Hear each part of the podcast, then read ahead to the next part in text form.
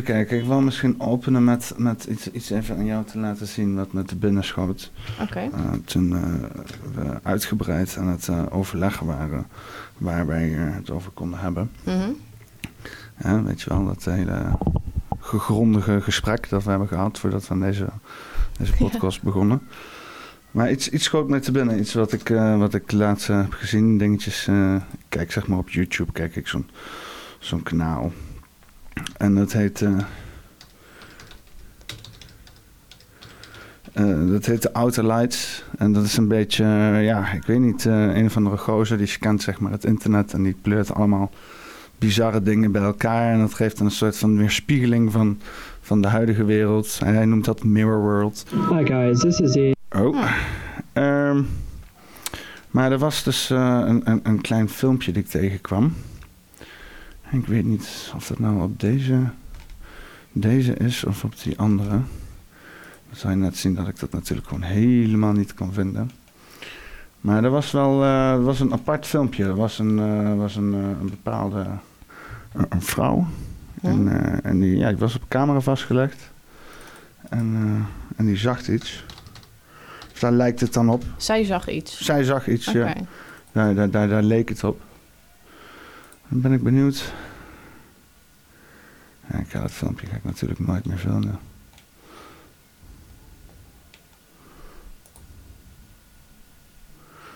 Hmm.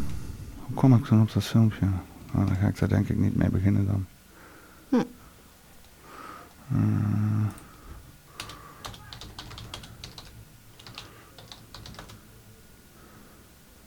Ja. Ja, ja, ja, ja, ja. Oh, ik zie niet eens. eh, dit, is dus, nou, dit is dus inderdaad viral gegaan, dit filmpje. Mhm. Op, op, meerdere, op meerdere zaken. En mensen zijn er toch wel eh, lichtelijk door eh, gefascineerd, zeg maar. Over wat, ja, wat, ze, wat ze hier zien.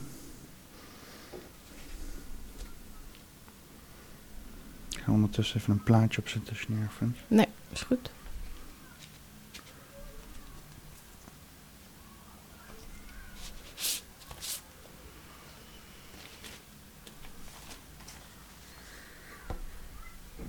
Voor de luisteraars die hier niet kijken, we zien hier een vrouw in een lift. En eh, ja, ze lijkt eh, toch wel bezorgd te zijn over eh, iets wat, wat zij waarneemt op een of andere manier. En zij staat een beetje bang vanuit de lift te kijken de hal in. Vervolgens aarzelt ze in de deuropening om, om ja, dan toch maar de hal te betreden. Hiervoor heeft ze al een paar keer op de knoppen gedrukt van de lift, maar de lift die wil niet gaan. Dus dat is op zichzelf is al eigenlijk een vrij vreemd fenomeen. Hm. Eh, ja, zij, eh, zij wil daar dus schijnbaar heel graag weg, Ja? maar het lukte niet. Dus ja, nu zien we haar dus inderdaad op de gang staan. Eh, je ziet een heel klein, alleen een stukje van haar arm. Je ziet een beetje bewegen. Maar ja, je ziet in ieder geval dat ze, dat ze niet echt comfortabel daar is.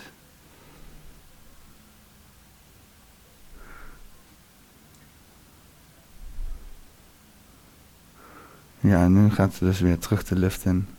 Ze is een beetje lijkt verbijsterd of zo. Ze probeert nog een keer de knoppen in te drukken, maar... Maar dit, eh, ja, er gebeurt, eh, gebeurt niks. En die vrouw die komt daar niet weg. Die lift die wil niet meewerken. Hm. En eh, zij begint ook wel een beetje gehad te hebben met die lift. Dus Is er geen trap? ja, ja, dat vraag je af. Dat zou je, ik denk het wel, inderdaad. Ze doet hier een beetje rare handbewegingen.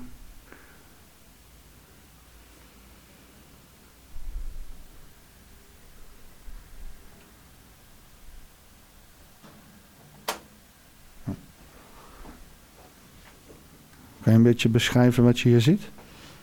Ja, ik zie een vrouw die een beetje raar doet. Ik heb geen idee. Wat zie jij dan? Nou ja, wat het dus inderdaad... Kijk, normaal zou dit zo zijn van... Oké, raar, we gaan verder met de orde van de dag. And I still Oké, dat is misschien een beetje te veel van het goede. Maar deze vrouw die is dus eh, vermist daarna, verdwenen. En Oké. dat, dat was, dat was ja, ook wel de reden dat dit, dit filmpje een soort van eh, ja, viral ging. En is zij ook teruggevonden? Nee. Oké. Ja, nou, nou is je vraag aan mij wat er gebeurd kan zijn met die vrouw of zo? Nou, jij ziet dus gewoon... Jij ziet dit en jij denkt, ah, dat is gewoon, dat is gewoon raar gedrag. Mm, ja. Eigenlijk wel, ja. Je bent, uh, bent iets te nuchter daarvoor. Ja. Ja, ik denk dat ik daar iets te nuchter voor ben. Ehm, ik zie gewoon een lift die niet werkt. En een vrouw die een beetje raar in die hal staat en met haar handen wat bewegingen maakt. En ja, dat die vrouw daarna vermist is, zegt misschien meer over haar uh, psychische toestand dan uh, over de lift of over andere dingen. Maar dat is gewoon. En uh, die lift die niet wil werken, dat. Ja, dat gebeurt wel vaker, toch? Dat is gewoon. ja. Dus jij zegt zeg maar, een vrouw in een psychische nood kon niet dealen met het feit dat de lift niet werkte. Ik weet niet dat, of dat de reden is dat ze ook uh, weg is gegaan of vermist is of uh, weet ik veel waar ze naartoe is gegaan. Maar ja. Ik bedoel, uh, kijk, je kan wel zeggen van, van het is wel raar dat het allemaal samen gebeurt. Mm. Maar in, in, een zekere zin, juist bij deze vrouw zal het waarschijnlijk dan waar allemaal samenkomen, weet je wel. Dat is zeg maar een, een rare situatie die, die wacht om te gebeuren. En dan vervolgens stapt ze die lift in. Die lift werkt niet, waar normale mensen dan zouden zeggen: ik pak de trap. Ja. En, en zij gaat hier op een of andere Ghostbuster-achtige situatie op de gang. Uh... Ja, want zij is uiteindelijk niet met die lift naar beneden gegaan. Of naar boven, ik weet niet waar ze is. Nee, nee, die lift, zij wou dus, zij kwam aanlopen. Hè. Zij wou uh, daar weg, hm. maar die lift die, die werkte niet mee. Jij zegt niet vreemd. Nee, ja, liften werken soms niet. Mensen raken vermist. Ja, ja. Mensen doen rare dingen. Dat zeker. Ja. Ja, ja daar, moet, daar moet je het mee eens zijn. Ja. Nou ja, nou, dat zet dan wel een beetje de toon hier. Want uh, ja, ik bedoel, uh, ik weet niet of ik hem erbij kan pakken. Uh, ja, ik, ik, jij bent wel zeg maar een, een ontvanger van fenomenen misschien. Uh, onverklaarbare dingen die misschien uh, ja, niet voor iedereen uh, zeg maar, goed, goed te plaatsen zijn. Ja. En jij, jij probeert jezelf daar een beetje door te navigeren, zeg maar. Ja, ik ben over het algemeen wel fan van dingen die andere mensen niet kunnen verklaren. Um, maar ik ben wat dat betreft ook wel weer heel nuchter. Ja. Ik vind mezelf niet zweverig. Nee. Nee, ik denk dat andere mensen dat misschien wel vinden. Maar um, nee, ik vind mezelf absoluut niet zweverig. Mm. Mm. Want um, ik had vanmiddag een voorval. Ik probeer heel even mijn, mijn WhatsApp hier erbij te halen. Mag, dat, mag, ik, dat filmpje, ja. mag ik dat filmpje laten zien? Ja. Um, ja, kan, kan, kan, je, kan je wel eens voorbeelden, kan je wat voorbeelden noemen over, over, over zaken die je wel eens hebt ontvangen die niet per se meteen verklaarbaar waren? Die, waar, waarvan je dacht van, oh, dit, dit heeft misschien betekenis of er zit, hè? heb je misschien wat dingetjes wat je zo uh, als voorbeeld kan noemen? Um, ja, eigenlijk is mijn leven er vol van. Ik heb heel vaak dingen die voor mij wel verklaarbaar zijn of wel normaal. Of soms hoef ik het, hoef ik het niet eens te verklaren. Uh, maar die andere mensen misschien vaag zouden vinden of um, niet, niet geloven omdat het niet te bewijzen valt. Oké. Okay. Um, ja, zo'n voorbeeld wat je nu gaat laten zien, zoals vanochtend, dat is, dat is natuurlijk een super vaag voorbeeld wel.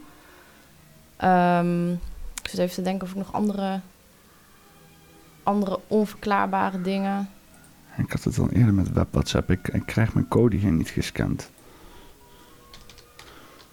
Misschien kan ik mijn telefoon eraan hangen. Ja. Maar ja, dan heb je natuurlijk weer geen beeld.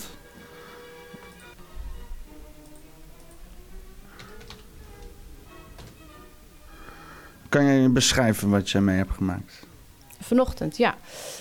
Um, ik zat vanochtend in de auto en um, ik ging naar een cursus toe.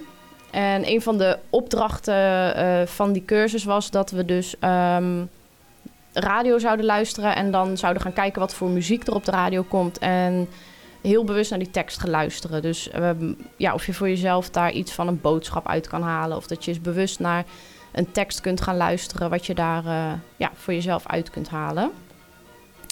Nou ben ik niet iemand die eh, graag naar de radio luistert, omdat ik één, geen nieuws wil horen. En twee, ik heb echt een scheidhekel aan reclames.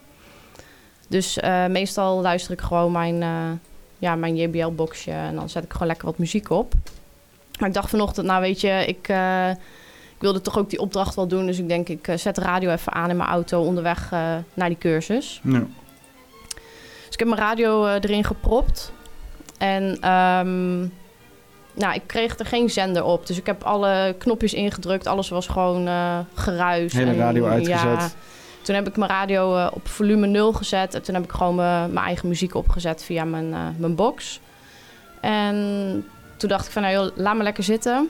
En toen reed ik op de snelweg. En toen kwam er in één keer, ja, standje, volume, weet ik het, hoe hard klassieke muziek uit mijn radio uit het niets. En uh, ja, dat was toch wel uh, vaag. Op zijn minst vaag? Ja. ja. en um, toen heb ik mijn box zachter gezet. En toen ben ik naar die klassieke muziek gaan luisteren.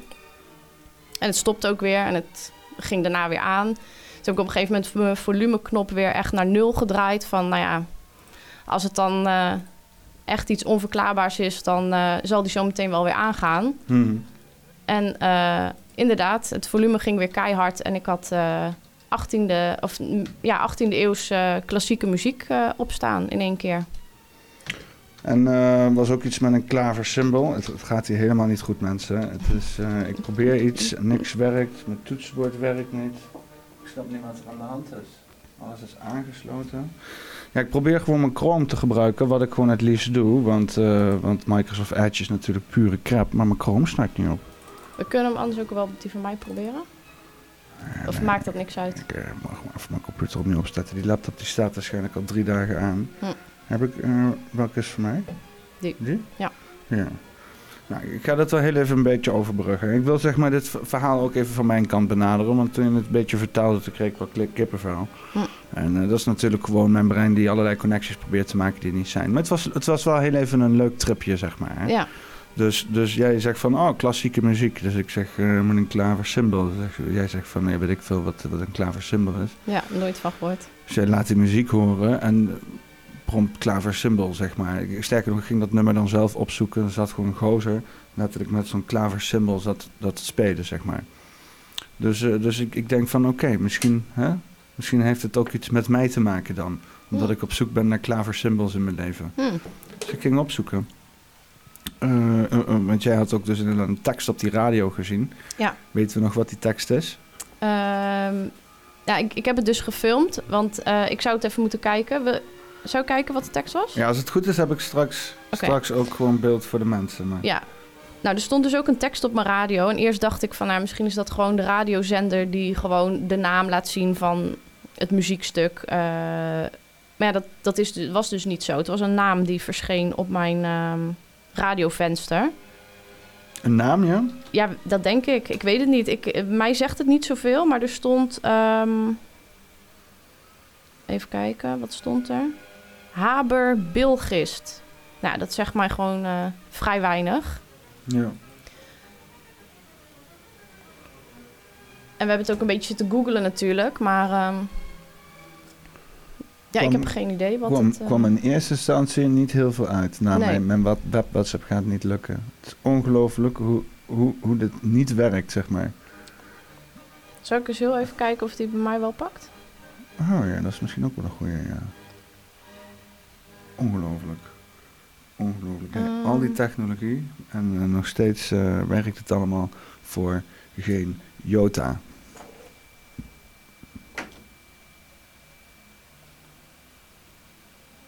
Ja, het is echt vreemd. Een pijltje er even afhalen.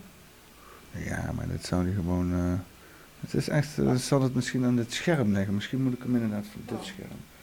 Misschien... Of de lichtval of zo? Misschien heb ik de code gekraakt. Of misschien uh, wil het wel niet uitgezonden worden. Dat kan ook nog.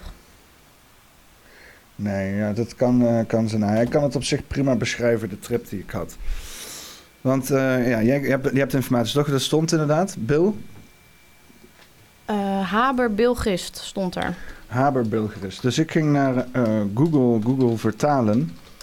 En dan kan je dan zeg maar gewoon dingen intypen. En, en dan, dan geeft hij zeg maar een. een, een, een, een, een dan zegt hij van: Oh, dit klinkt dat je dat wil vertalen uit, uit deze taal. Dus ik, ik typ in Haber Bilgrist. En ja, dan staat zonder, er dus Translate from Turkish. Zonder. Oh. En dan vertaalt hij dat dus naar New News Information. Of New Information.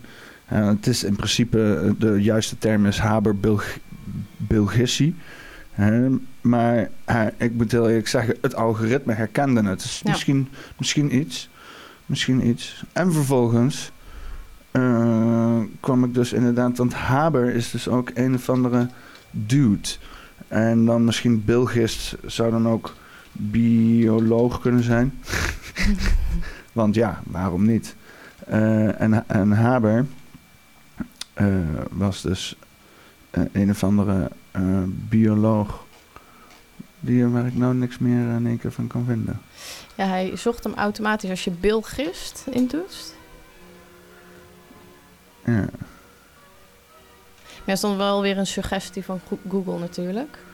Ja, inderdaad. En Google die, die, die suggereert heel wat dingen. Ja. Nee, nee dit, eh, maar dit kwam dus uiteindelijk, uh, om dit, ja, jouw verhaal exact te maken, exact nergens op uit. Van mijn kant. Dus, nee. voor jou wel een bijzondere ervaring? Ja, voor mij is het meer een bevestiging dat wat ik eigenlijk al weet, dat dat kan en dat dat bestaat. Dus dat er gewoon veel meer is tussen hemel en aarde. En um, dat dat voor ons mensen soms misschien onverklaarbaar is. Um, Misschien moet het zich nog uitwijzen waar het, waar het precies heen gaat of zo. Ja, ik zie het gewoon weer als een soort van klein tekentje op mijn pad. Uh, een een fenomeen, fenomeen hoeft niet per se iets te betekenen of zo. Ja, en, en, soms kan het zijn dat je er na verloop van tijd in één keer achterkomt van... oh ja, die keer dat mijn radio zo hard aanging... en dat je misschien die naam ergens tegenkomt of mm, het muziekstuk... of dat het er in één keer ergens in je leven wel weer oppopt. Ja. Uh, soms duurt dat even. Soms zijn dat weken, soms uh, een jaar. Misschien dat ik volgend jaar ergens zit en dat in één keer uh, het kwartje valt, laat maar zeggen. Dus dat. Um... Bijvoorbeeld, bijvoorbeeld een, een, een soort van déjà vu-achtige ervaring? Of? Ja, ik zie het eigenlijk meer als soort van puzzelstukjes. ik zie sowieso heel veel dingen in het leven als, een, als eigenlijk als één grote puzzel. Dus dat je gewoon. Um, ja, gedurende je reis dat je hier bent, gewoon dat soort dingetjes op je pad komen. En ehm, op een gegeven moment maak je het plaatje compleet of zo. Dus dan vallen er gewoon puzzelstukjes op hun plek. En soms moet je daar een beetje geduld voor hebben. Hm. En ik kan het dan ook wel weer naast me neerleggen. En denk ik, nou ja, dit was bijzonder. Ja, ik kreeg ook wel behoorlijk kippenvel. Want ik reed midden op de snelweg. En mijn armen waren echt helemaal... Mijn haren stonden recht overeind. Um, ja, ik, toen jij het vertelde, toen kreeg... Nou ja, toen ik dus inderdaad... Jij vertelde dat en toen deed ik dus die, die Habes Bulger in, in, in, de vertaler. En toen stond er dus nieuw information. Toen kreeg ik ook wel kippenvel. Toen dacht ik ook, hey, hey. Maar dat is meer... Het is ook wel... Ik, weet ik heb altijd het idee van dat je iets gevonden hebt of zo. Dat is ook al een soort van... Ik weet niet.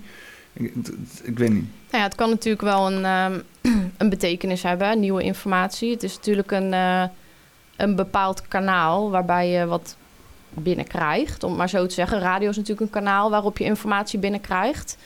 Um, maar ja, als we het dan even wat, uh, wat vager maken, dan is natuurlijk de, de zielenwereld, waarin ik geloof dat je daarmee kan communiceren, is ook een soort kanaal um, waarbij je informatie binnen kan krijgen. Ja. En um, ja, misschien was dit gewoon even een, uh, een random teken van iemand om mij eventjes uh, te laten bevestigen van ja, je zit op de goede weg of het, het bestaat echt.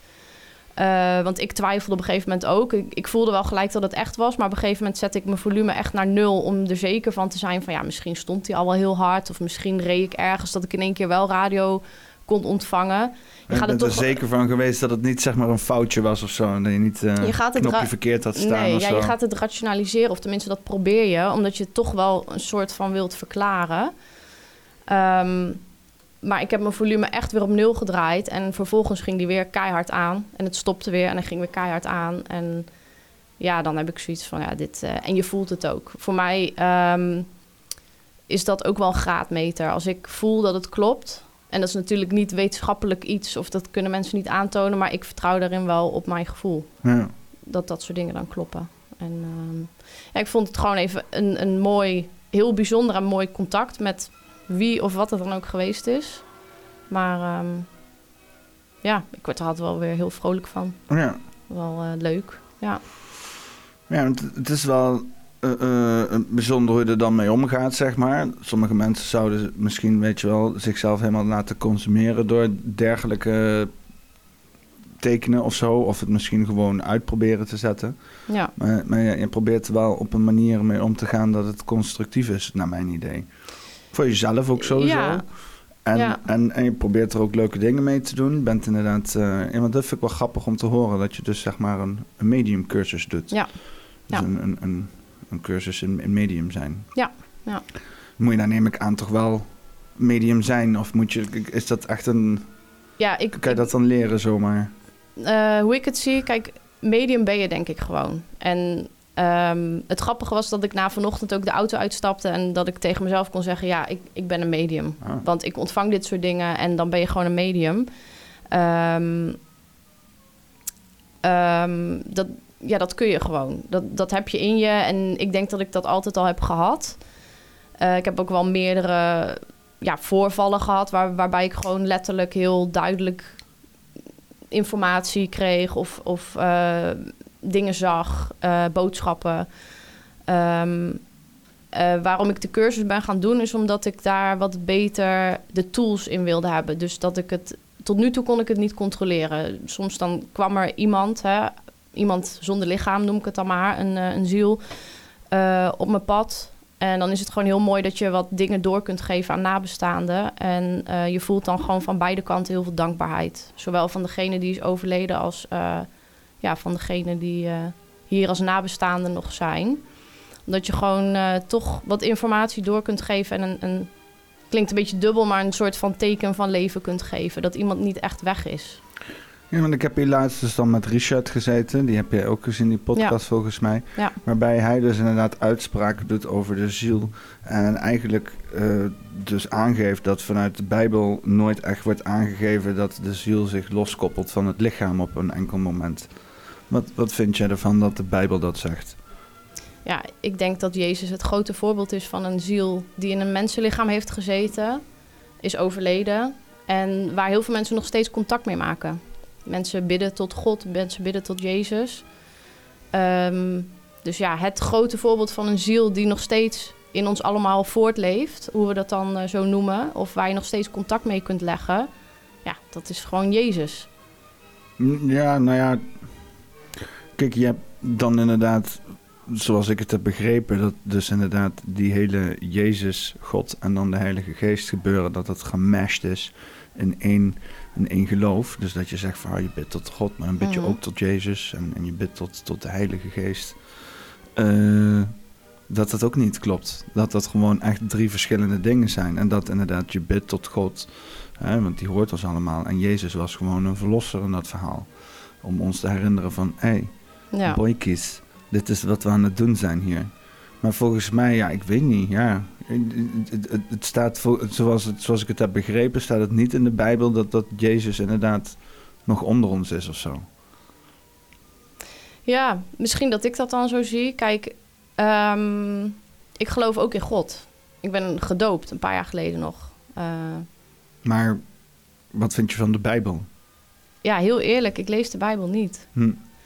Ook geen Ehm, interesse in of zo, dat je denkt van, oh, ik heb hem wel staan en ik heb meerdere versies staan. En ook van die, eh, ja, hoe noem je dat? Van die vermakkelijke versies voor mensen die... eh, Bijbel voor beginners. Ja, dat.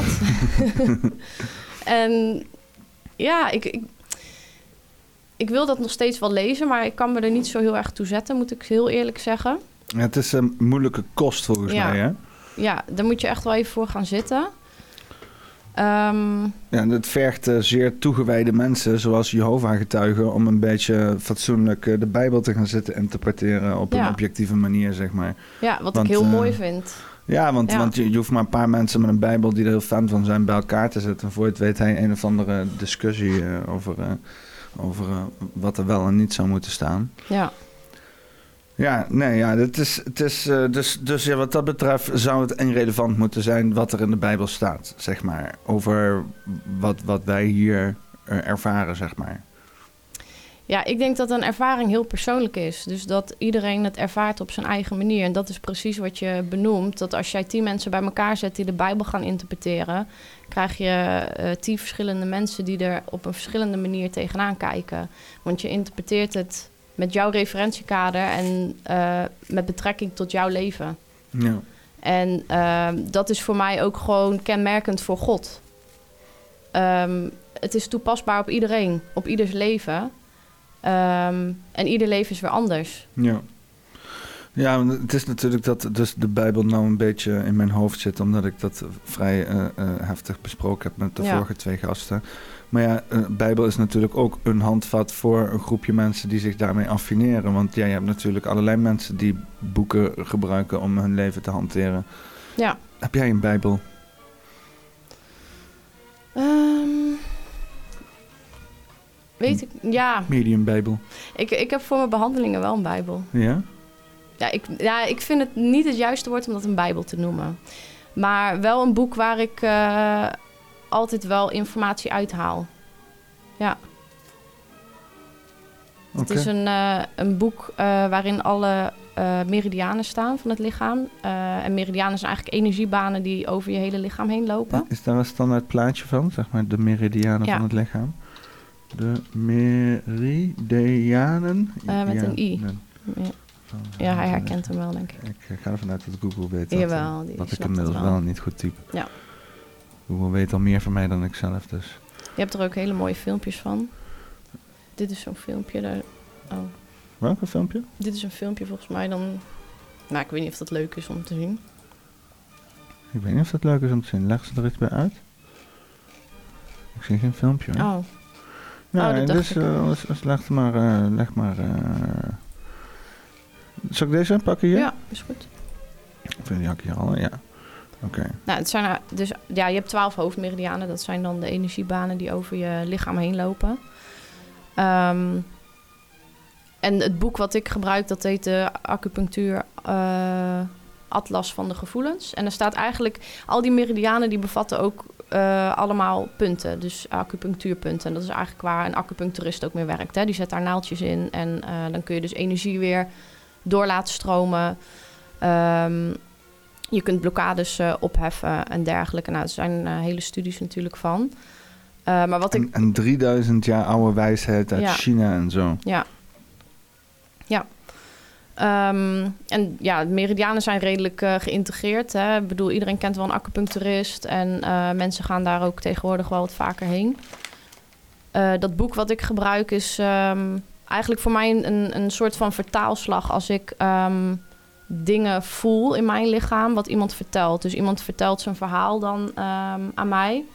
Ik geef energetische behandelingen en dan heb ik meestal een intake. En dan vertellen mensen wat dingen. En dan voel ik dat in mijn lichaam ergens ehm, ja, oplichten. Of ik voel een bepaald punt, voel ik dan prikken, steken. Of uh, Je ontvangt ja, eigenlijk mijn lichaam leest dan eigenlijk um, de informatie af van de ander. Oké. En dan sla ik dat boek open en het punt wat ik dan voel, dat zoek ik dan op. En uh, dus dan is het meer een soort ja. van encyclopedie, zeg maar. Ja. En daar staat dan een betekenis bij. En um, ja, ik heb tot nu toe eigenlijk nog nooit gehad dat het niet klopte. Het klopt uh, bizar uh, vaak. Altijd eigenlijk.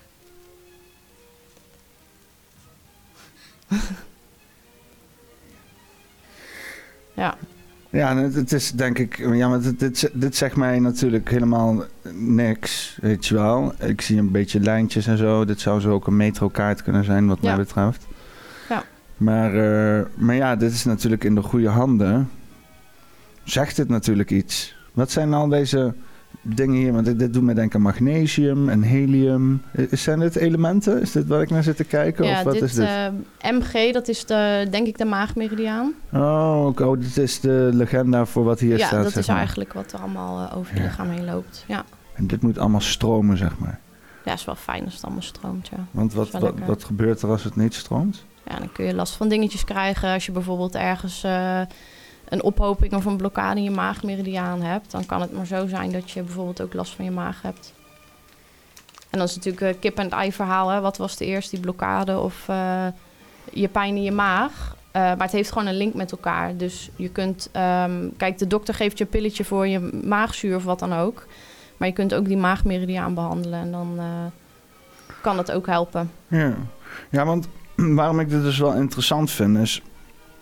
Ik, ik bedoel, ik, ik, ik, ik, geloof heel sterk dat dus inderdaad bepaalde dingen in het leven voor jezelf een, een goede mindset moeten zijn. Als je inderdaad iets wilt bereiken of Mhm. eh, als je een bepaalde manier wil voelen, dan, dan begint dat gewoon bij het ook het zo te denken, zeg maar. Dat Ja. je dus inderdaad. eh, het klinkt misschien heel erg eh, als die documentaire met Oprah Winfrey. weet je wel. ehm, eh, de, ach, weet dat, heet die documentaire? Weet je wat ik bedoel? Ik ken Oprah Winfrey wel, maar eh, nee, haar documentaire niet. Eh, eh, The Secret, The, the, the Secret ja. heet dat. En dan vertellen allemaal van die, van die beroemde miljonairs en zo... Dat, hoe ze hun, hun rijkdom en zo in, in, in werkelijkheid hebben gemanifesteerd vanuit hun gedachten. Is natuurlijk een beetje flauw. Heel Amerikaans. Een beetje flauw. Maar, ik, maar ik, ik, ik, snap wel waar je naartoe wilt. ik, ja, ik, En- ik, ik vind daar een kern van waarheid Ja. in zitten. Dat Ja. je dus inderdaad jezelf in een staat van denken brengt. Die dus ook bepaalde zaken kan materialiseren, weet je Ja. wel. En je kan dat heel nuchter bekijken als in van als je vaak genoeg tegen jezelf zegt. Dit moet je doen, dan eh, ga je dat op een gegeven moment ook gewoon doen. En als je dingen vaak uitspreekt naar mensen, dan zullen ze dat ook, ook bewust worden. eh, Of in die bewustwording komen van wat jij wil, zeg maar. En dan Mhm. eigenlijk hoe meer je mensen in die bewustwording betrekt, hoe exponentiëler iets gemanifesteerd zou kunnen worden. Omdat het meer mensen daarmee bezig zijn, zeg maar. Eh, eh, maar je kan het inderdaad ook op een hele holistische manier eh, zien, waarbij je gewoon inderdaad echt eh, eh, eh, door gewoon echt eh, een plaatje elke keer in je hoofd te zien, dat dat op een gegeven moment dus, dus, dus realiteit wordt, omdat je daar naartoe werkt op een of andere manier. Ja, en het hoeft niet eens heel holistisch te zijn, want het is gewoon, ehm, het werkt gewoon zo. Gedachten zijn krachten en je kunt je eigen werkelijkheid meer creëren dan dat je denkt. We zijn gewoon echt tot veel meer in staat dan dat we beseffen. Ja, want er zijn gewoon veel mensen die dan meteen, als je zeg maar eh, zegt van eh, je kan iets, eh, iets vanuit, je, vanuit je hoofd manifesteren, het echt dat ze dan denken dat je dan denkt aan een ijsje en dat er dan een ijsje verschijnt, hè? zeg maar een beetje. Ja, Maar dat is niet waar we het over hebben, hè? nee. Nee, om een, ehm, nou, om een grappig voorbeeld te noemen wat ik een tijdje geleden had, als we het dan weer over dat soort dingetjes hebben. Ehm, ik had een vriendin bij mij thuis en die, ehm, die werkt met eh guasha stenen. Wat, wat zijn guasha Ja, dat zijn edelstenen, van die platte schijfjes waarmee je dus op het lichaam kan werken. En eigenlijk maak je een soort van schraapbewegingen waarmee je dus afvalstoffen kunt afvoeren. En ehm, dat heeft ze een keer bij mij gedaan. En toen hadden we het over die steen die ze had meegenomen. En toen zei ik van, oh wat leuk. Ik heb, ik heb er ook zo een liggen, maar dan een, een ander soort steen. En ik had hem eigenlijk nog nooit gebruikt. En ehm, zij vond die steen zo mooi. Ze zei, oh wat mooi, die zou ik ook wel willen hebben. En toen bedacht ik me, oh ze is volgende week jarig. Ik ga die eh, voor haar voor haar verjaardag geven. Dus ehm, nou ja, ik ben vaak eh, met plannen een beetje laks. Dus ik zat al een paar dagen van, oh, ik moet die steen gaan bestellen. Want eh, maandag is ze jarig en dan heeft ze hem op tijd. Dus ik heb dat echt avond na avond tegen mezelf gezegd en gedacht, maar niet gedaan. Ehm, totdat ik op een gegeven moment van haar een appje kreeg met een foto van, heb jij dit gedaan? dus ik zei, wat? Eh, heeft ze dus een pakketje gekregen met eh, precies die guasha-steen die ik voor haar wilde bestellen. Ehm, en ze zei, ja, ik weet zeker dat dit van jou is. Ik zei, nou, ik vind het wel een kutstreek van degene die dat eh, voor jou besteld heeft en jouw cadeau heeft gedaan. Want dat was mijn idee. Dus ik had zoiets, iemand heeft mijn idee, die is mij voor geweest. Nee, heeft je idee afgepakt. Was het niet toevallig jij die aan het slaapwandelen was of zo? Nee, nee want als het goed is, doe ik dat niet. Tenminste, nooit wat over gehoord. Hm. Ehm, maar het grappige was dat ze dus iedereen heeft eh, afgegaan en gevraagd van wie haar die steen cadeau had gedaan. En er was gewoon niemand die die steen voor haar had besteld. Helemaal niemand. Niemand. Nee. Ehm, dus zij heeft gewoon een steen gekregen die ze niet had besteld. Maar wat had ze nou wel besteld bij bol.com? Een blafband voor de hond.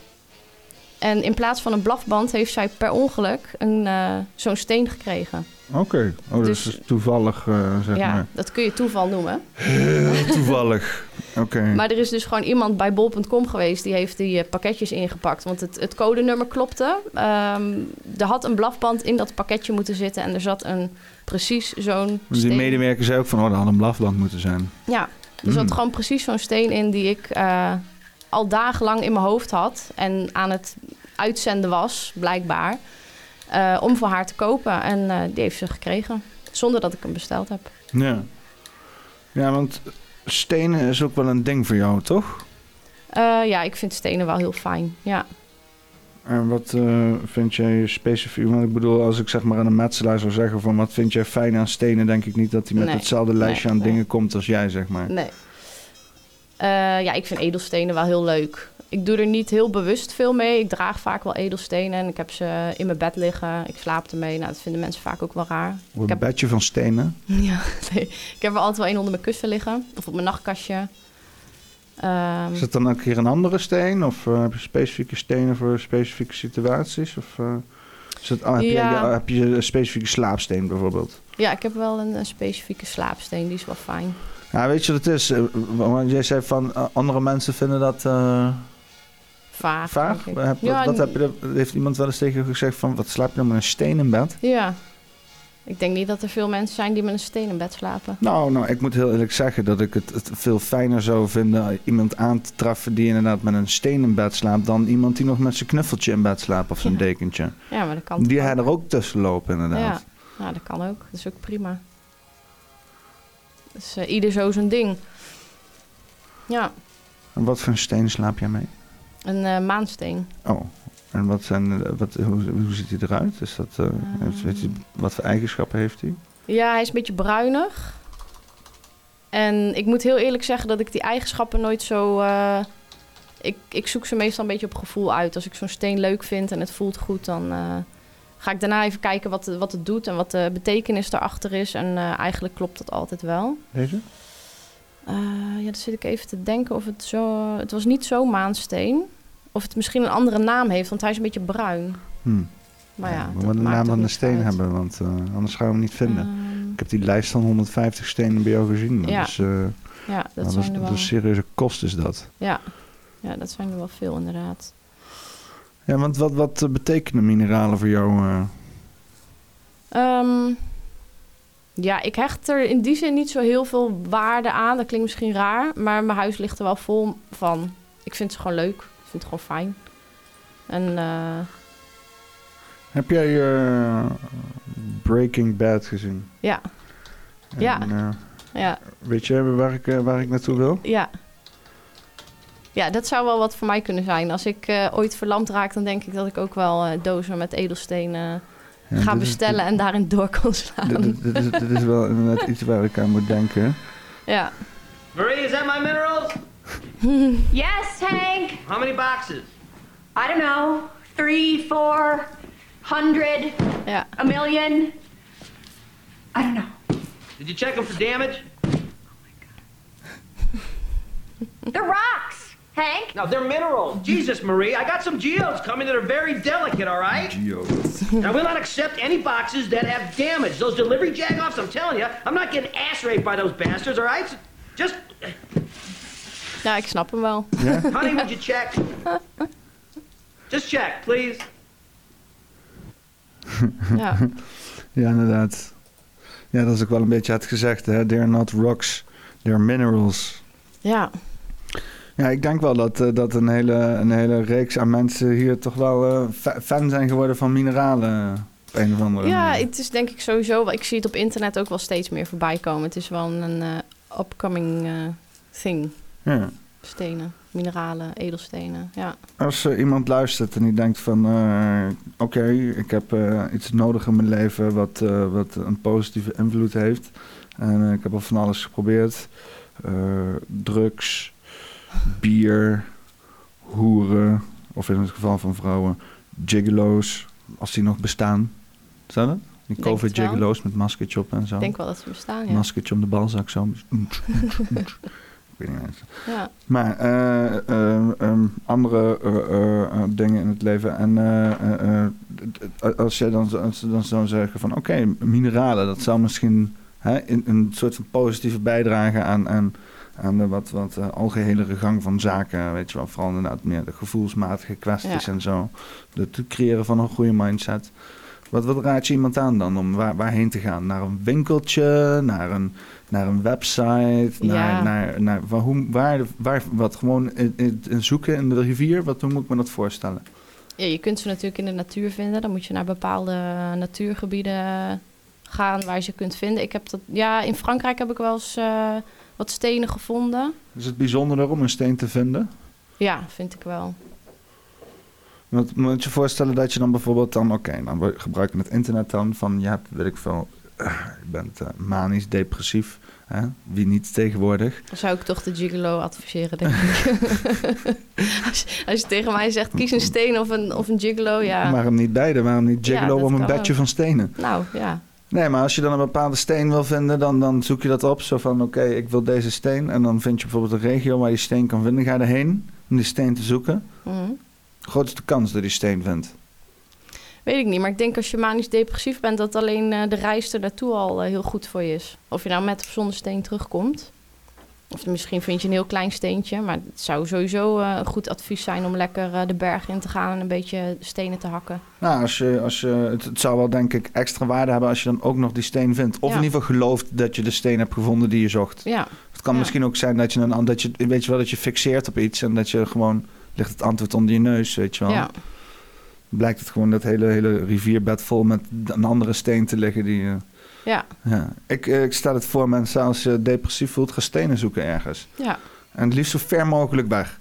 In een land wat warm is. Heb ja, dat is nog beter. je wel eens in Griekenland stenen gevonden? Ehm, ja, ik heb één mooie edelsteen gevonden, maar ik denk niet dat dat echt een steen was die daar in de natuur lag.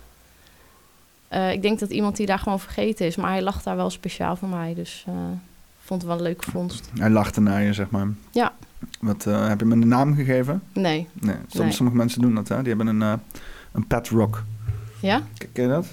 Nee. Een huisdier als steen. Eh, ja, dan, dan adopteren ze een steen en die geven ze dan eh, ja, een naam. Je hebt ook allemaal mensen die eh, stenen beschilderen en zo, hè? How to care for your pet rock. Zullen we eens kijken? Hello, and congratulations on your new purchase from iwannarock.com. You are now the proud new owner of your very own pet rock. Like any pet, your rock needs specialized care and lots of love. I'm sure that you can handle the love, so I'm here to teach you how to properly care for your new pet rock.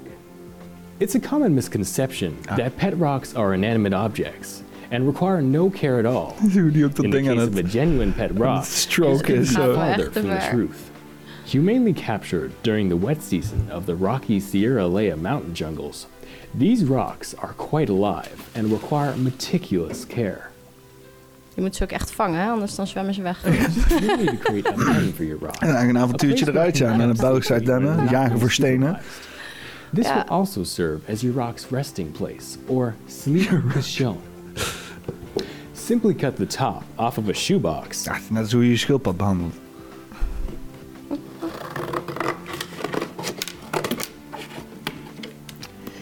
And spread a thin layer of Goed, oh, zo aan de- sand or aan de wijn zo, hè? potting Ja, ik heb soil twee over wijntjes the bottom meegenomen. of your box. Z- Zullen we, wat, wat gaan we, gaan we, gaan we, zullen we die, eh nou, dan For a zullen we die gewoon pet, wegzetten zo? sure Ja, we kunnen zo walls aan are plant geven. five Zullen we eens inches even delen voordat we nog As even most kijken nog rocks even dit cannot filmpje. jump this high. Your pen is pet finished. cannot jump if this you high. wish, paint your pen and add windows for that homey feel. Place your rock inside of his pen and allow him to get accustomed to his new surroundings. Ziet er een beetje uit als een He may appear nervous at first, Ja, ik, het but valt me ook once he tegen becomes dat het used to his new Japaner surroundings, he will soon feel right at home. petrok! Most rocks absorb their water through their outer shell. So if your rock is either sedimentary or metamorphic, simply provide several cotton balls or a handful of fresh foliage and spray with water daily. A true freak of nature, igneous rocks require no water at all. So if your rock is of the igneous species, there's no need to provide water. Another common misconception about pet rocks is that they are carnivores. Stemming mostly from ancient folklore and Hollywood, this is incorrect. In fact, rocks are cannibals. Hier kom je natuurlijk ook wel weer op een stuk. as such, a medium-sized rock should Wat je met fed edelstenen- approximately a quarter cup Wat ik me met edelstenen ook wel eens afvraag, want het is natuurlijk hot item. En dan heb je winkels vol met van die edelstenen, Ja. die dan uit hun omgeving zijn gerukt. Ik vind het ergens ook wel weer heel zonde. Ondanks dat ik ze ook graag in mijn huis heb. Maar dan zie ik echt zulke amethysten en dan, ja, dan denk ik zo'n steen komt het beste tot zijn recht waar die gewoon thuis hoort in de natuur. Is er een, zeg maar, ja, want er is een reden dat die steen daar ligt, zeg maar. Ja, om verkocht te worden. Nou ja, nee, maar ik bedoel, die, die is daar ontstaan of gevormd vanwege omstandigheden. Bepaalde Ja. omstandigheden. We hebben genoeg petrok eh, gehad. Kijk, en zo'n steen straalt natuurlijk een bepaald soort energie uit. eh, van dat gebied en van, van die steen. Ja, dat kun je in huis leggen. Dan kun je een klein stukje van die energie eh, ook in je huis hebben.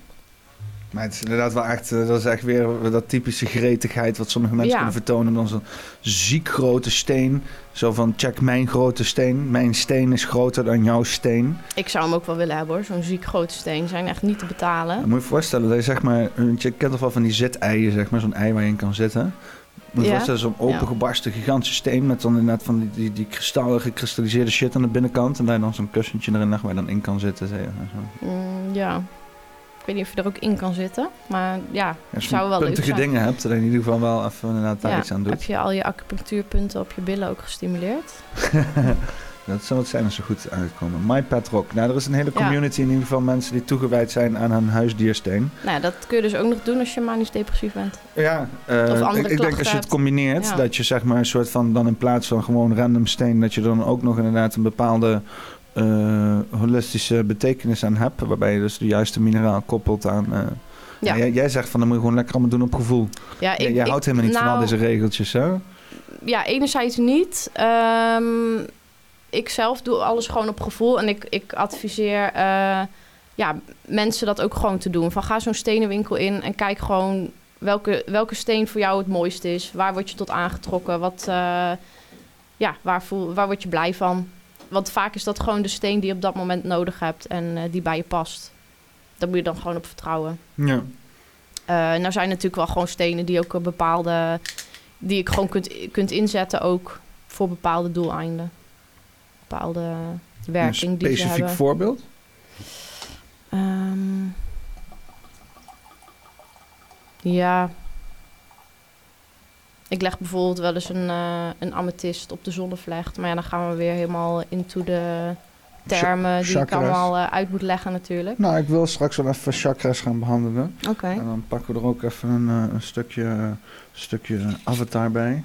En Oh ja, gezien, leuk. de, Ja. de, de Olympische Spelen ook gewoon een eigen avatar hadden. Dat is nog ook nog recent ook nog. Hm. Maar eerst, wa- eerst plaatje. Even, Ja. Ehm, En welke wijn heb je ingeschonken? de, niet met kurk, want ik Oh ja. dacht dus inderdaad leuk kurksessies hier te gaan doen en Ja. zo. Maar ik ben dat ding vergeten en ik kan maar weer opstaan. En, Ja. ja, maar laat maar. Ehm, Een Malbec. wat, eh, wat voor een muziek eh, gaan, we, gaan we? Gaan we verder op de, op de wat was dit? Glenn, Glenn Miller? Of gaan we misschien een beetje... Eh, dit heb ik ook met Stuart geluisterd. Boogie Woogie. Het Ja, best wel leuk trouwens. Ja, dit. doe maar wat. Dit Ik eh, trouwens vind het allemaal wel, goed. eh, Zou je dit voor mij heel even kunnen ejecten uit zijn hoes? You are my sunshine. Wat wil je bovenop? Kant 1 of kant 2? Altijd bij kant 1 beginnen. Die moet dan dus boven, hè?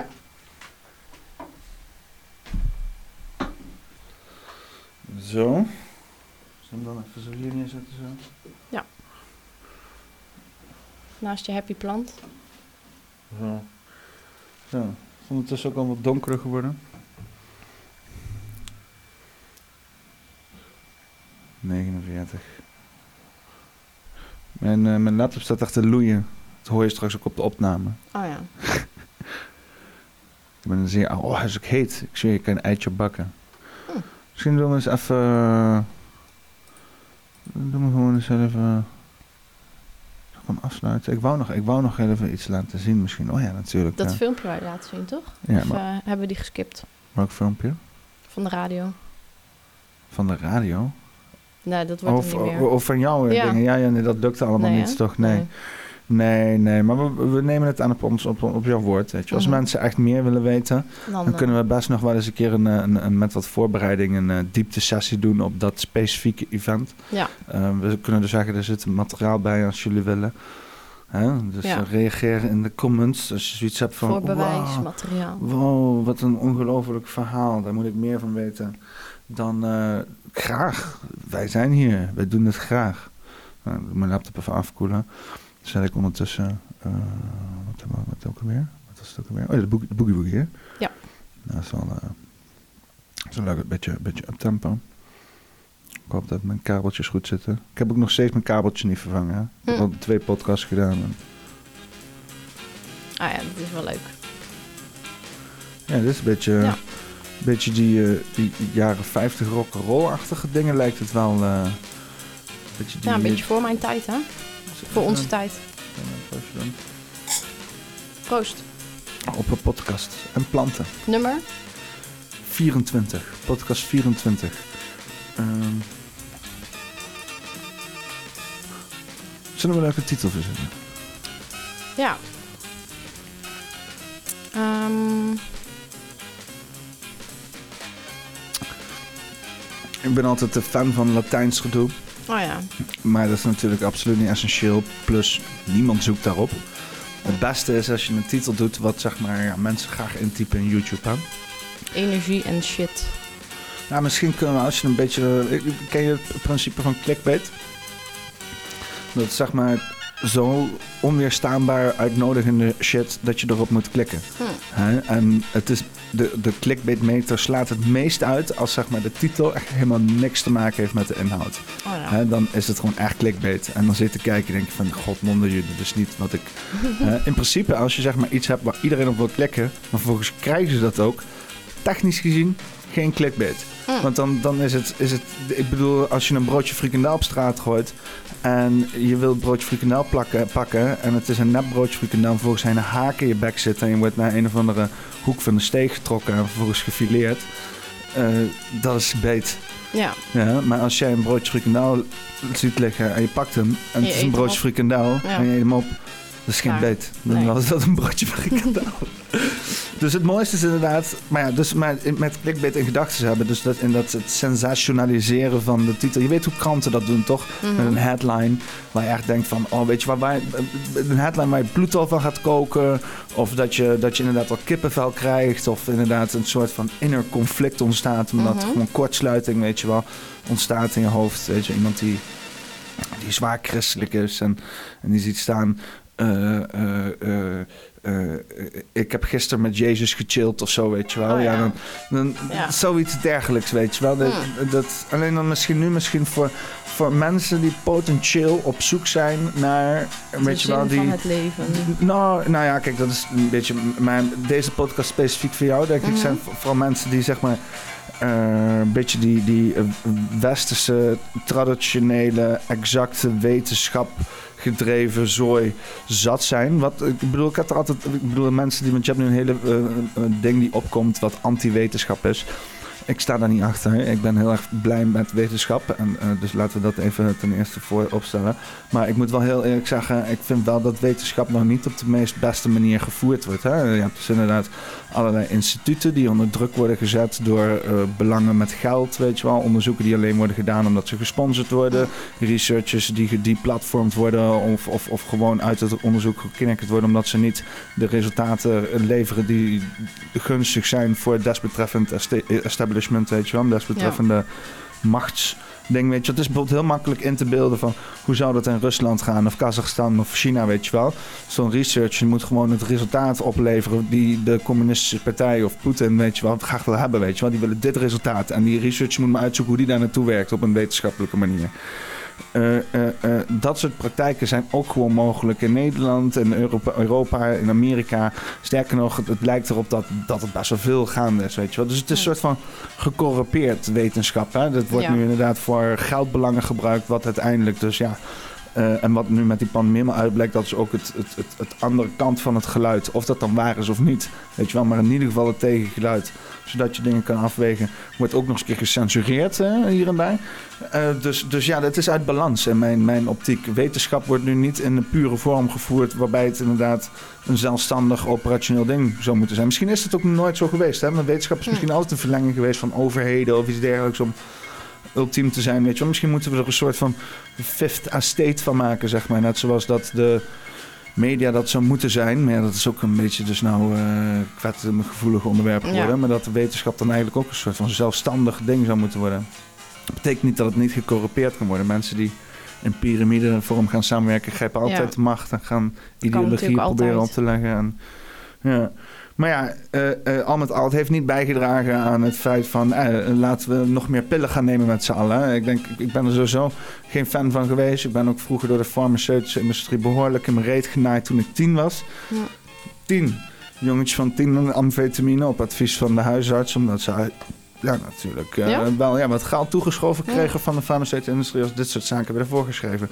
Dus ja, dan, dan, ja, dat, ja, dat zijn gewoon amfetamine die je dan eh, in je strot geduwd krijgen om dan een beetje eh, behandelbaar te zijn voor leraren en eh, dat soort zaken. Het, ja, het- als ik eraan terugdenk, dan denk ik echt van het, ik vraag me af of het beter is geworden, weet je wel. Want volgens mij is, wordt er wel Ja. iets kritischer nu gekeken door huisartsen of er wel of niet Ritalin in moet. Maar eh, volgens mij, eh, de wereld is niet veranderd. Als ik nu kijk hoe ze met de pandemie om is gegaan, met die vaccins, ze draait allemaal om geld. Om geld, geld, geld. Zoveel mogelijk geld binnenharken en dan is het allemaal goed, dan is het allemaal geoorloofd. Iedereen doet mee, politie doet mee, de politici doen mee, de, de eh, media doet mee, weet je wel. Als iedereen maar geld toegeschoven krijgt, dan hoor je niemand klagen. En, eh, en de mensen die voorkomen dat het geld binnenkomt, die worden op alle mogelijke manieren tegengewerkt, zeg maar. Ja, weet je, medicijnen zijn op zich natuurlijk niet eh, heel slecht. Hè? Het is gewoon heel goed dat het er is. En ehm, heel veel medicatie is ook gewoon wel eh, helpend. Dus ehm, ik ben helemaal niet iemand die zegt van ja, je moet nergens eh, meer pillen voor slikken. Of eh, je moet niks behandelen met medicatie. Maar ik denk dat, ehm, dat je ook een hele mooie combinatie kan maken. Kijk, om, om dat voorbeeld te noemen van jij als tienjarig jongetje wat Ritalin voorgeschreven krijgt. Ehm, ik heb daar laatst toevallig over na zitten denken, hè? ADHD. Ik vind het heel erg kwalijk eigenlijk dat daar van jongs af aan... dat dat ehm, eigenlijk min of meer de kop in wordt gedrukt bij kinderen. Ehm, ADHD is gewoon ehm, een bepaald soort energie wat iemand heeft. En wat je eigenlijk zo'n kind gaat leren... is om zijn eigen energie niet te accepteren en te onderdrukken met medicatie Hm. of met regeltjes. Ja, Ja, het dan- past niet in de mal, hè? Ja, je er is een bepaalde mal waar je als kind in moet gedrukt worden. Ja. En als dat moeilijk past, als je echt niet in die mal past... Want ik bedoel, ze proppen toch wel kinderen in die mal of het nou past of niet, zeg maar. Hè? ja. Maar sommige kinderen zijn flexibel en die kunnen zich wel een beetje buigen zo om in die mal te gaan zitten.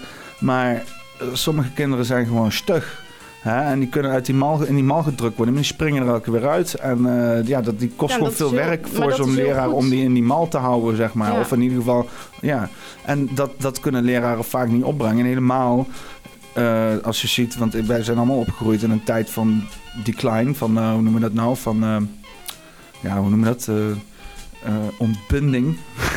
ontbinding. Ontbinding. In een, en wij zijn opgegroeid in een tijd van ontbinding van de educatieve structuur in Nederland. Vind je dat, vind je dat een mooie zin? Ehm, voor deze podcast.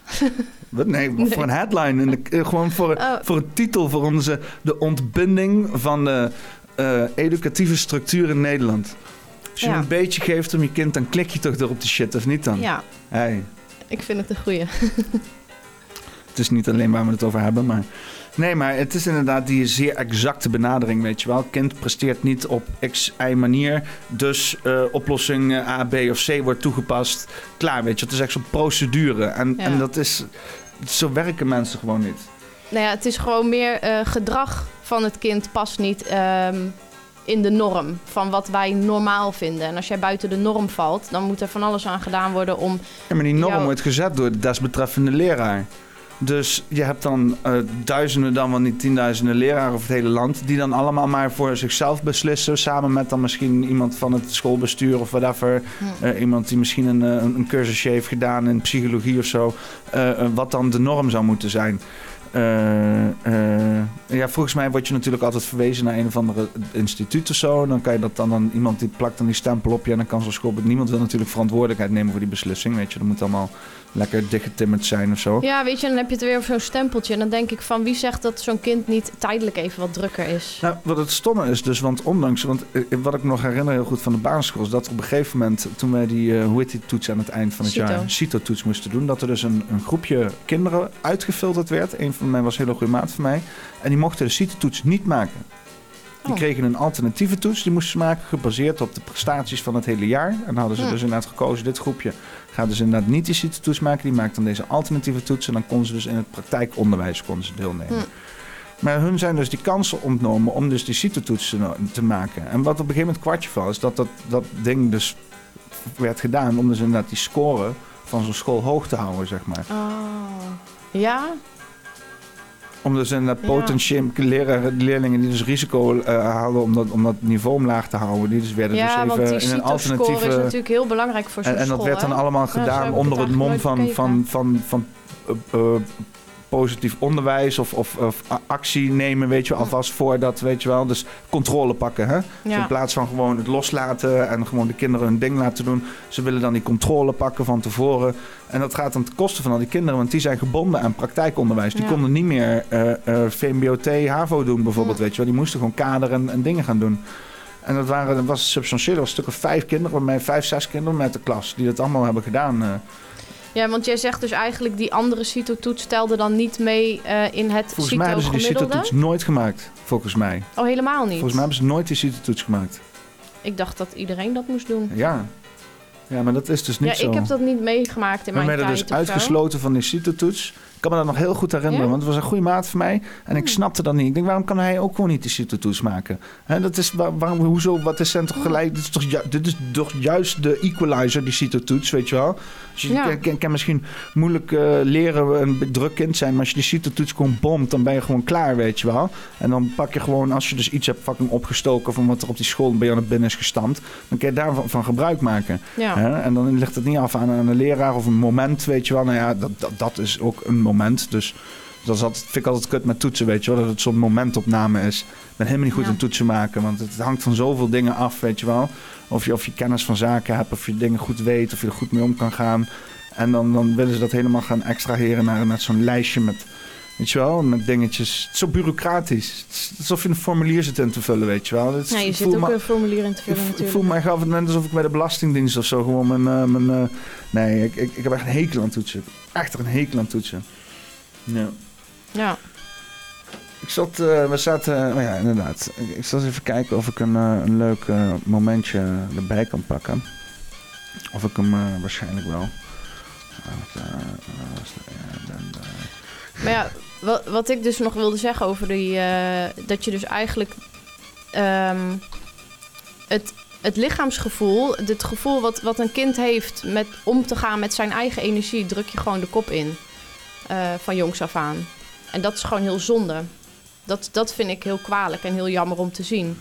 Want eigenlijk zeg je op, op jonge leeftijd al tegen zo'n kind dat dat niet goed is. En niet goed is om zichzelf te zijn, inderdaad. In ieder geval, want ik, ik vind ook wel dat het bij de studie, of bij, en dat is eigenlijk de basisschool ook, het is het, eh, het eh, opleiden van, dat met hele kleine kinderen dan, maar Ja, het is wel een opleiding. ja, Eh, eh, eh, maar dat dat dus inderdaad dan ook in, in die, die vorming van kennis moet zijn, of met het uitbreden van, van, van, ja, van kennis, denk ik Ja. toch. Hè? En wat, wat die kennis is, want dat gaat bij een, bij een kind gaat die kennis er makkelijker in dan de andere. Dat, dat moeten ze zeg maar een soort van uit gaan vinden daar. Maar ja, daar heb je toch gewoon betrokken personeel bij nodig. En dat is, dat is ver te zoeken. Nou, En- vind jij de leraren niet betrokken dan? Ik vind niemand betrokken in de hele maatschappij. Zowel niet in het ziekenhuis, zowel niet op de scholen, zowel niet in de winkels, zowel Hmm. niet eh, eh, eh, op straat, ni- niet in de bus, niet in het openbaar wel leuk, vervoer. Alle, nu- iedereen, iedereen is zo gecompartmentaliseerd. Ja. Helemaal niet in de, in de politie of de handhaving. Zelfs de dingen die ik op tv zie. Het lijkt wel alsof iedereen in zijn eigen bubbeltje zit, weet je. En iedereen die, die, is, die, die kan niet verder kijken dan zijn, zijn eigen neus lang is. En loopt vanuit daar die wijsheid alles te bekritiseren. Hè. Dus we horen alles van, van iedereen, maar niemand, niemand zegt echt daadwerkelijk iets wat betreffing heeft op, op, op iemand. En ik zie dat heel erg. En ik zie dat ook, Ja. je ziet het ook in de winkel. Je ziet iedereen zichzelf Nou, ik bewust afsluiten van ik dingen. vind het wel leuk dat je, dat je dit zo zegt. Want eh, eigenlijk komen we nu weer terug op dat punt dat je dus je eigen werkelijkheid creëert. Ik zie het namelijk heel anders. Wat jij nu schetst, zie ik helemaal niet. Nee? Ik zie een hele betrokken maatschappij. Ik zie om me heen allemaal betrokken mensen. In vergelijking met wat? Waarmee moet ik het vergelijken dan? Iets.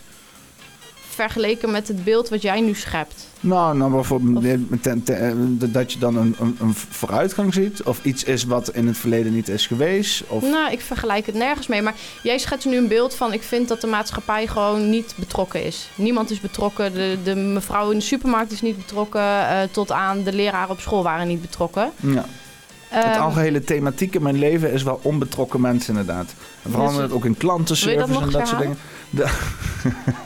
de algemene De thematiek. alge, algehele thematiek in, In mijn, in leven. mijn leven is eh, eh, eh, onbetrokkenheid. Ja. Oké, maar ik zoek, ik, zoek, ik zoek daar dan ook naar inderdaad. Ja. Hè? Ik zoek ook Wat, inderdaad wat, wat jij dus de lucht in gooit, kom je tegen. En dat, dat is ook waar we het eerder over gehad hebben. Ehm, nou ja, wat jij heel mooi zei, gedachten zijn krachten. Of tenminste, jij, jij zei van als je maar heel hard dat denkt... dan komt het ook op je pad en dan kom je het tegen. En dan, je creëert je eigen waar, waar, Dus zie jij waarheid, helemaal geen onbetrokkenheid in, in deze maatschappij? Natuurlijk wel, maar zie jij helemaal geen betrokkenheid in deze maatschappij? Nou, nee, ik ben, om, ik ben daarna op zoek, dus ik zie het wel, ja. ja. Maar het, kost me altijd wel moeite, Ja. zeg maar, om, om dat eh, te blijven hebben, zeg maar. Ja, en dat, En dat, het hele stomme is dus als je er zeg maar echt zelf heel erg mee bezig bent, dat je altijd het over verwacht bij andere mensen. En dan word je altijd teleurgesteld, dat soort onzin. Dus je moet het ook Hmm. een beetje loslaten hier en daar. Maar ja, weet je, je het- zou het ook is- kunnen is- kijken is- of je kunt... Ik zeg altijd, ik- een betere wereld begint bij jezelf. Je Ik, kunt, ik, ik zit meer te denken, ik zit meer te denken ook in systematiek, zeg maar. Hè? Dus echt de onbetrokkenheid van de manier hoe wij met elkaar nu eh, maatschappelijk en eh, eh, vooral ja, ja, gewoon eigen systemen met elkaar omgaan. En aangezien alles steeds meer systemen worden, ik heb eigenlijk het gevoel gehad dat mijn school, je- mijn jeugd op school, dat het echt het verdwijnen in systemen was. Naarmate ik ouder werd, Mhm. werd het ook meer systematisch. En natuurlijk omdat als je dus die... de Systematisch leren. ja, nee, nee, nou, in die hoger onderwijs komt, dan, dan wordt het ook systematisch. Hè? Dat wordt dan een soort van van je verwacht dat dat dan. Eh, dat, je dan daar eh, eh, mee weet te communiceren met zo'n systeem. En dan op lager niveau is dat wat minder. Ehm, eh, maar ook in de tijd, zeg maar. Dus dat toen ik nog jong was, was er inderdaad computers was een soort van novaliteit in de, klas, in de classroom, waar iedereen een beetje soort mee kon spelen en Mhm. ouwehoeren, maar was nog niet een benodigdheid. Tot op het punt dat als ik geen laptop had, ik niet aan die studie kon meedoen, zeg maar. Ja. En- en dat is inderdaad de bijkomstigheid daarvan. Dus dat ook die hele digitalisering van. Ehm Kijk, we lopen nog steeds. Ja. die hele digitalisering, wat natuurlijk ook in zekere zin toegankelijkheid creëert, omdat iedereen heel makkelijk bij bepaalde data komt. Dat is het idee dan. Maar ja, ik, ik, ik heb misschien ook in die overgang gezeten. Hè? Maar Mhm. eh, eh, de, de realiteit was dat het gewoon één grote chaos was online, weet je wel. Wij, wij kregen te leren op school hoe je gebruikersvriendelijkheid creëerde. En vervolgens waren onze systemen op school waren precies dat niet wat wij te leren kregen. Ja. Dan dacht ik van, ja, je, je, je zit het hier zelf te preken. Waarom, waarom, waarom gebruik je het zelf niet? Als je iets wilt leren, is het wel de juiste omstandigheden dan. Ja, nou ja, oké. nou, ik heb er wel wat van geleerd van inderdaad alle, alle, alle nadelen van, van, eh, van de Han, inderdaad, ja. Nou ja, maar wat het is, en je merkt het dat het bij heel veel grote organisaties, dat het inderdaad gewoon zo'n. Want al die systemen zijn opgezet met inderdaad mensen die bepaalde deeltjes hebben gemaakt met organisaties, die ze iets hebben aangeboden. Die komen dan met zo'n systeem en die zeggen: Oh, we hebben iets nieuws, iets innovatiefs, dit wordt veel makkelijker voor jullie. En dat wordt dan gekoppeld hieraan, wordt gekoppeld daaraan. En bij heel veel organisaties is het inmiddels gewoon een kluwe geworden van systemen, van, van programma's, van websites, van, van eh, kleine dingetjes die eraan toegevoegd zijn. Eh, de ene afdeling gebruikt dit weer, De andere afdeling gebruikt dat weer. En dan heb je een netwerkbeheerder die een beetje eh, eh, standaard overspannen is. Omdat de hele dag zijn mailbox vol staat met mensen van shit, werk, nee.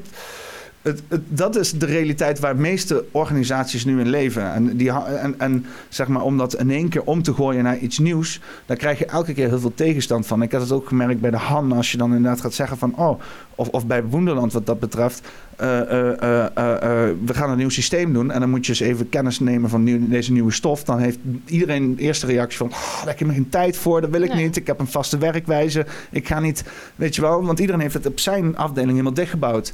En zolang dat op zijn afdeling goed gaat, dan kunnen ze hun, hun werk verantwoorden. En dan degene die dan de, de, de boel bij elkaar houdt, weet je wel, wat dan vaak iemand in de IT is, die wordt, die wordt helemaal overdumpt en, door verschillende systemen. En dan moet het allemaal maar eh, werkbaar maken op elkaar. Ja, dat is. Het, het, is, eh, het, is, het, het loopt vast. En ik merkte dat, en ik merk dat bij dus inderdaad heel veel systematiek, organisatoren, waarbij dus inderdaad iedereen werkt met systemen. En dat het ook op een gegeven moment, vooral ook bij de gemeente, dat stukje persoonlijke wegneemt. Sowieso. Die hele coronacrisis heeft daar helemaal nog aan bijgedragen. Dan zijn we nog afhankelijker geworden van systemen die weer gekoppeld zijn aan dingen. Mensen die een noodbeslissing moesten maken en snel maar iets nieuws moesten implement- implementeren en zo. En het is inmiddels inderdaad, ja. ehm, Wat zou voor jou de oplossing zijn?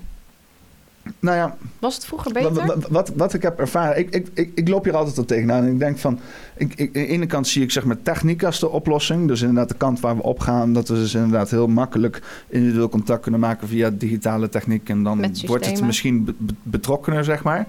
Eh, maar aan de andere kant eh, heb ik bijvoorbeeld in Duitsland iets ervaren met de Duitse overheid. Hm. Eh, als je daar bijvoorbeeld iets moet voor elkaar krijgen, je, moet, je hebt een formulier, die je, je moet iets, iets doen bij de gemeente, je weet niet echt precies wat het is, dan krijg je gewoon letterlijk, of je krijgt bijvoorbeeld een brief van de gemeente of een boete wat dat betreft.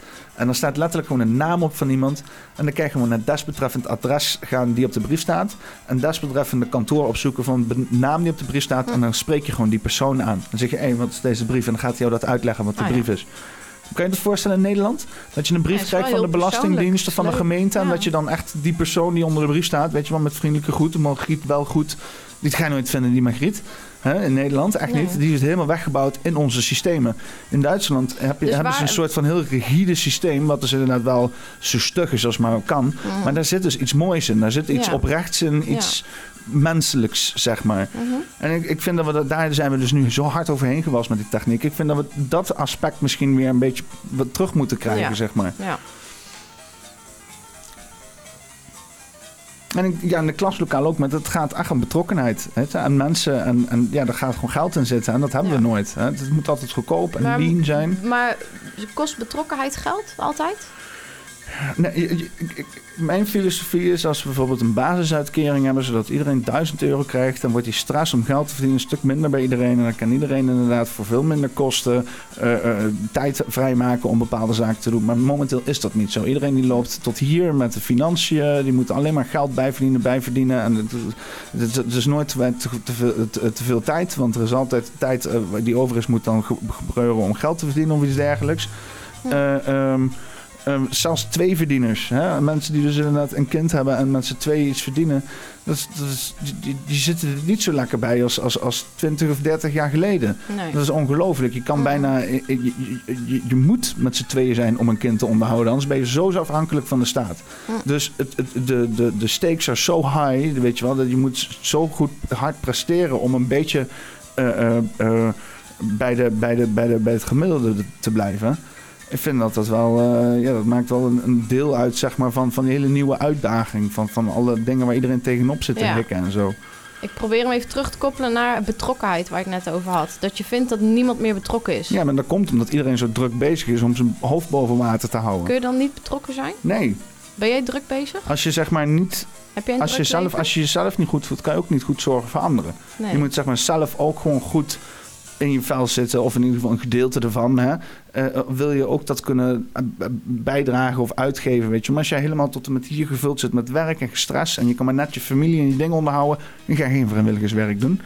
Als je 40 uur per week werkt Oh, en je, weet je... Maar is dat voor jou definitie van betrokkenheid als je vrijwilligerswerk doet? Of ben ik Eh, ook eh, gewoon een, heel... Een maatschappij die heel veel vrijwilligers heeft... is een betrokken maatschappij, vind Oh, ik ja. wel. Hm. Je kunt hem ook gewoon wat kleiner maken? Ben jij een persoon die betrokken is? Bij je familie, je vrienden? Ik probeer het, maar het Ja. is wel heel lastig. Omdat je tot in je oren toe in het werk zit? Of eh, komt het door de maatschappij? Dat je niet betrokken kunt zijn? Het, het is ook een mindset. Hè? Je kunt gewoon kiezen om, om betrokkenheid te tonen. Ook als je niet... Moet ik helpen met iets? Nee, ja, het is, het is, ik kan natuurlijk een, een zekere eh, een mate van betrokkenheid hebben, maar het is nooit stabiel, zeg maar. Hè? Eh, ik, ik heb zelf ook een, een, een, een, ding waar, waar ik doorheen ga altijd. Er is, er is iets aan de hand of niet. En in goede periodes kan ik inderdaad veel geven, kan ik Ja. veel er zijn voor mensen en soms heb ik dat niet. Eh, maar dat betekent niet dat mensen je niet nodig zouden moeten hebben of zo. En, en eh, vooral als je eh, bijvoorbeeld vrijwilligerswerk doet of, of, of je doet voor niet al te best salaris lesgeven ergens of Ja. zo, weet je, maar, maar uit je goedheid van het hart. Omdat je graag kinderen iets wil meegeven op een, op een objectieve manier of whatever.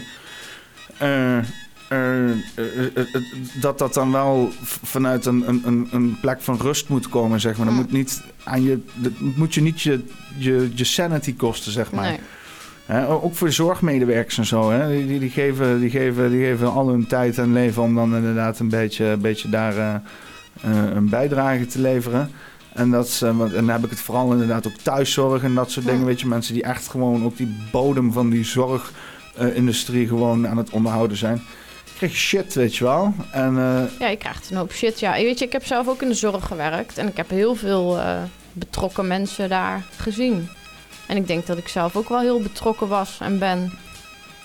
Maar En denk je als je is dat- 20 jaar in de zorg werkt, dat je nog steeds die betrokkenheid hebt? Want vooral in de afgelopen tijd, waarbij dus a- wordt weggechipt aan je geld. En dus, Mhm. dus hoe meer moeite die mensen doen, hoe meer er wordt gepakt, weet je. wel. Dan zien ze dat van, oh, oh, dus je kan dit zelf ook uit de goedheid van je hart. Nou, dan moet je dat nu maar lekker in je eigen tijd gaan doen, weet je wel. Dat soort shit. Da- daar word je toch gewoon bitter van, van dat Nou, soort praktijken. Ik denk sowieso. Ik denk als jij sowieso met alles wat je 20 jaar lang doet, dan stomp je af. Wat je ook doet. Of je automonteur bent, of dat je in de zorg werkt, of eh, timmerman bent of schilder.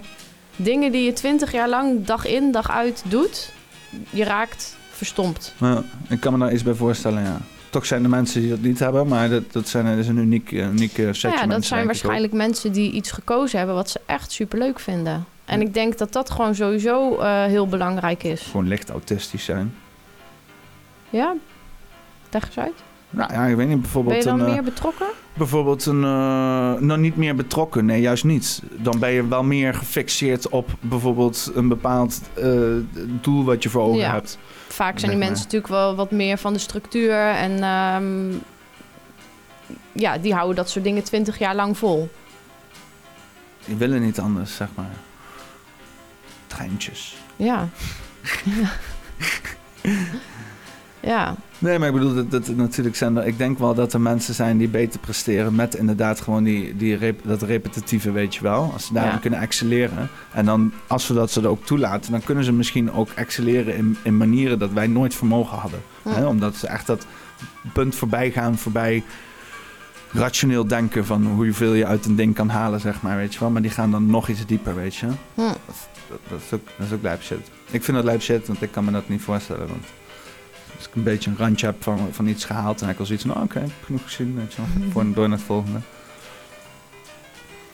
Ja. Nee, ja, ik, ik, ik, vind, eh, ik, ik, vind wel dat, dat inderdaad eh, de betrokkenheid in de maatschappij nu weg is. Ik denk dat dat wel door technologie kan bijgeschaafd worden. Ja. Maar ik vind dat dat op de manier hoe mensen daar nu mee omgaan, politiek gewijs en ja, gewoon dat het in die kapitalistische markt allemaal wordt gesmeten. Dus dat je gewoon een soortje bedrijven hebt die gewoon allemaal hun eigen winst... eh, ehm, hun eigen, hoe noemen we dat nou, eh, winstmodel hebben. En dat eh, loslaten op, eh, op, op de, de, zorgindustrie. dat is denk ik niet de meest vruchtbare manier om, om daar iets van te maken waar iedereen het meest van heeft. Weet je? Daar hebben alleen die bedrijven het hebben er het meest aan. Die proberen dat natuurlijk op de meest kapitalistische manier maar uit te melken, de winst maximaliseren. En als dan ook nog de overheid komt en die trekt alle subsidies in, ja, dan wordt het één grote magere bende Ja. van mensen die alleen maar met handen in de haar zitten en op een gegeven moment zo afgevlakt zijn. Niet eens binnen 40 of 20 jaar, maar al binnen misschien 5 of 3 jaar. En die allemaal rondlopen met de schouders zo hoog dat je de oren niet meer kan zien. Van, ik weet het Ja. niet meer, weet je wel. En, en dat is wel echt... Ik, ik, Ik heb dat meegemaakt met, met, met, met mijn vader een verzorgingstehuis krijgen, met mijn oma een verzorgingstehuis krijgen. Eh, ook met de hele trip uh, door het ziekenhuis met mijn pa, die, die dikke maand duurde. Uh, het is zo gecompartmentaliseerd en iedereen loopt allemaal zijn eigen eilandje te uh, bewandelen, wat ik ook heel veel op school heb meegemaakt. En niemand denkt echt na over het grote geheel. En ik moet heel eerlijk zeggen, ik neem het ook niet kwalijk, want ze krijgen de kans niet. Ze zijn allemaal druk, administratie moet allemaal hun eigen tijd, alles moet allemaal op, efficiënt, optimaal, weet je wel. Ja. Informatie wordt nu ook nog eens een keer uh, heel beknopt gegeven vanuit, vanuit enkele kanalen en zo, weet je wel. Mensen kunnen niet zomaar eigen stappen gaan doen om weet je wel, wat individueel onderzoek te gaan doen. Het moet allemaal uh, helemaal dichtgetimmerd zijn. Want oh, iemand zal maar eens verantwoordelijk zijn voor iets. Hoor je dat? Ja, wat is dat? Ja, dat is de verwarming. En Oh. als dus iemand hier Heb in je de het gebouw... verwarming aanstaan? Nee, nee. Dit Ik is, wou zeggen, dit het is warm genoeg hier. Nee, nee, nee. Dit is als iemand in het gebouw tegen de verwarming aanslaat. Dus als ik hier Oh. nu eens met een hamer op die verwarming ga tikken... hoort iedereen onder mij, zeg maar, dit geluid. Dus ik weet Nou, niet wat ze zou, aan het wat, doen. zou, wat zou, zijn het voor signalen? Nou, ik, ik denk dat iemand, eh, iemand gewoon eh, vastgeketend ligt aan een verwarming ergens. Met handboeitjes. Leuk. Dit uh, gebouw kennende. Nou, Nee, ik weet niet. Ja, is zijn, eh, ik, ik hoor het wel eens vaker, ja. Hm. Dat was, eh, ja, ik had gisteren een, een, een openbarende ervaring met substanties. Ik zal het een beetje vaag houden. Hm. En toen kwam dit ook voor. hè, Waarbij ik dus inderdaad wel heel even vreemd zat te zoeken naar dat geluid. oh, Waarbij ik op een gegeven moment een beetje zelfs gefrustreerd was dat het zo'n oh. zo, zo lauw was. Het is echt vervelend dat tegen een live opname dit. Dus het triggert frustratie. Ja, toen. Nu en, ook wel. En nu? Ja, nu ook. Want ja, ik heb er geen controle over. Ik wil graag gewoon Ja. een single opname doen, weet je wel. Zo min mogelijk knippen erin en dan wat niet kan. Ik zit zelfs met die camera's te kloten en dan gebeurt dit soort dingen. Ja. ja, soms moet je dan het grote geheel een beetje loslaten. Hè? Net als met die hele maatschappij. En dan is het gewoon de kunst om eh, in het klein te beginnen. Als jij een beetje betrokkenheid kan bieden in jouw omgeving... Ik, zat nog te denken aan dat geluidje. Maar Ja. verder. dan... ehm, Ja, Ja. in, in ieder geval, eh, als je betrokkenheid als thema kan voeren, dan, dan is dat eh, dan is het iets. Ja, iemand zei het ooit eens een keer tegen mij en zegt, eh, het was op school, weet je wel, en eh het moest ze, weet ik veel, ik weet niet wat voor een therapeutische zooi dat was, maar we moesten even met z'n allen uitspreken aan elkaar wat we waarderen. En eh, toen kwam inderdaad bij mij betrokkenheid naar voren, weet je wel. Dus dat zeiden van ja, het, het- in ieder geval zit er altijd bovenop, weet je wel. En ik zag het ook altijd een beetje als kwam dat bij jou naar voren dat ze dat van jou vonden? ja, ja. Oh. Ik had er toen nog nooit over nagedacht. En, eh, en het was een Sindsdien is het manier. een thema geworden. Nou, het is een manier om op een andere manier naar mezelf te kijken. Want ik dacht altijd gewoon dat ik, dat ik gewoon vervelend was. En, en het op mijn manier wou, weet je wel. En weet ik veel dat soort Mm. dingen. En ik probeer ook altijd, ik ben, ik ben er ook bewust mee bezig. Dus ik probeer dan ook als ik iets probeer door te drukken, zoveel mogelijk te luisteren naar wat andere mensen ook te vertellen hebben. Maar heel eerlijk gezegd, andere mensen praten echt onzin af en toe, weet je wel. Dus ja, dan, dan krijg je dat ook gewoon van mij te horen. Dat het gewoon nergens over gaat. Ja. Maar ja, dat is, het wordt wel gewaardeerd soms in elk geval. Dus dat is, dat is fijn, denk Ja. ik dan. Ja. Nou, Ja, dat is dus- grappig, hè? Je keek eerst heel anders naar jezelf. En iemand zegt dan toch dat je toch best wel betrokken bent. Hij was wel even een mindfuck. Was, Ja. Ik dacht wel even van, hè, wat, ik betrokken? Want ik heb altijd van mezelf dat ik altijd zoiets van, ik ben altijd laks en nonchalant. Mm. En eh, ik probeer het altijd een beetje soort van van me af te vegen. Van, eh, eh, het zelfverdedigingsmechanisme. kan je er ook niet te veel gekwetst eh, over raken als het allemaal geen reet inter- interesseert, weet je wel. Maar eh, eh, achteraf blijkt ik dan toch best betrokken te zijn. Ja, En het was onder invloed van behoorlijk veel jointjes. Dus daar raak je ook eh, behoorlijk eh, betrokken van. gedisassocieerd van. Zo van eh, nee, ja, juist niet. Hè. De Oh. meeste mensen die veel smoken, die hebben zoiets van, krijgen vrij weinig emoties. En het is allemaal prima. En, weet je wel, als je veel rekeningen hebt, dan rook je een dikke paver. En dan moet je daarna nog kijken hoeveel het je interesseert dat een dikke rekening. Zo, fik erin. Het is maar papier. Een dikke jonker van rook van zo'n rekening. Zo van belasting, van zo'n blauwe envelop. Oh zo ja, ja. dikke hees inleggen in die belastingpapier, gewoon oproken zo. Hartstikke slecht voor je. Vooral als je die envelop gebruikt met een beetje plastic wat Zo erin zit. zonde, zo. hè? Die belastingdienst zo betrokken bij jou en je steekt gewoon de fik erin. Die motto. Leuker kunnen we het niet maken. Makkelijker wel. Ja, wel makkelijker. Voelt dat, is dat een betrokken zin? Klinkt meer Ze als... proberen het. Ja, ja, zo klinkt het ook Ja. inderdaad, ja. Eh, we willen wel iets doen, maar eigenlijk... Ik vind dat de Belastingdienst moet heten... eh, Nationaal Budget Management of iets dergelijks. In ieder geval zoiets belastingdienst is let, de, de, het, het nare woord zit hem in de naam. Belasting. Dienst? Oh. De dienst. Ja, Nee, nee. ze zijn wel dienstbaar. Nee, betrokken, belasting. Betrokken, dienstbaar. Belasting. Ze maken het leuk. Niet makkelijk, maar wel leuk. Belasting. Ja. Belast. Je Mhm. wordt belast met deze dienst. Dit is een belastende dienst. ja. Het is de dienst die je niet wil hebben, weet je. Want dienst is geen probleem mee, maar het gaat over het belastende deel. Een belastende En het dienst. moet, het moet een soort van, van, van, van maatschappelijk budget of zo moet het worden, weet je. Zodat mensen ook de indruk krijgen van ik betaal, er, ik draag ergens aan bij. Hm. En want nou heb je alleen maar zoiets van ik gooi al mijn geld in een zwart gat. En vervolgens krijg je een hoop gezeik terug via de Tweede Kamer waar je niks mee kan. En iedereen... eh, en, eh, ja, wat moet je dan? Ik kijk er ook niet naar. Je stemt toch ergens op, dan wil je toch iets weten? Nou, ik moet zeggen dat ik eh, best positief in het leven sta. Mede doordat ik nooit het nieuws kijk. Stem je? Ja. En dan heb je zoiets van... Just, poep, en dan hoef je er niks meer van te weten. Ik, Ja, ik eh, dat- ik stem omdat ik wel wil dat mijn stem eh, ja, geldig is. Dus ik, ik vul wel wat in.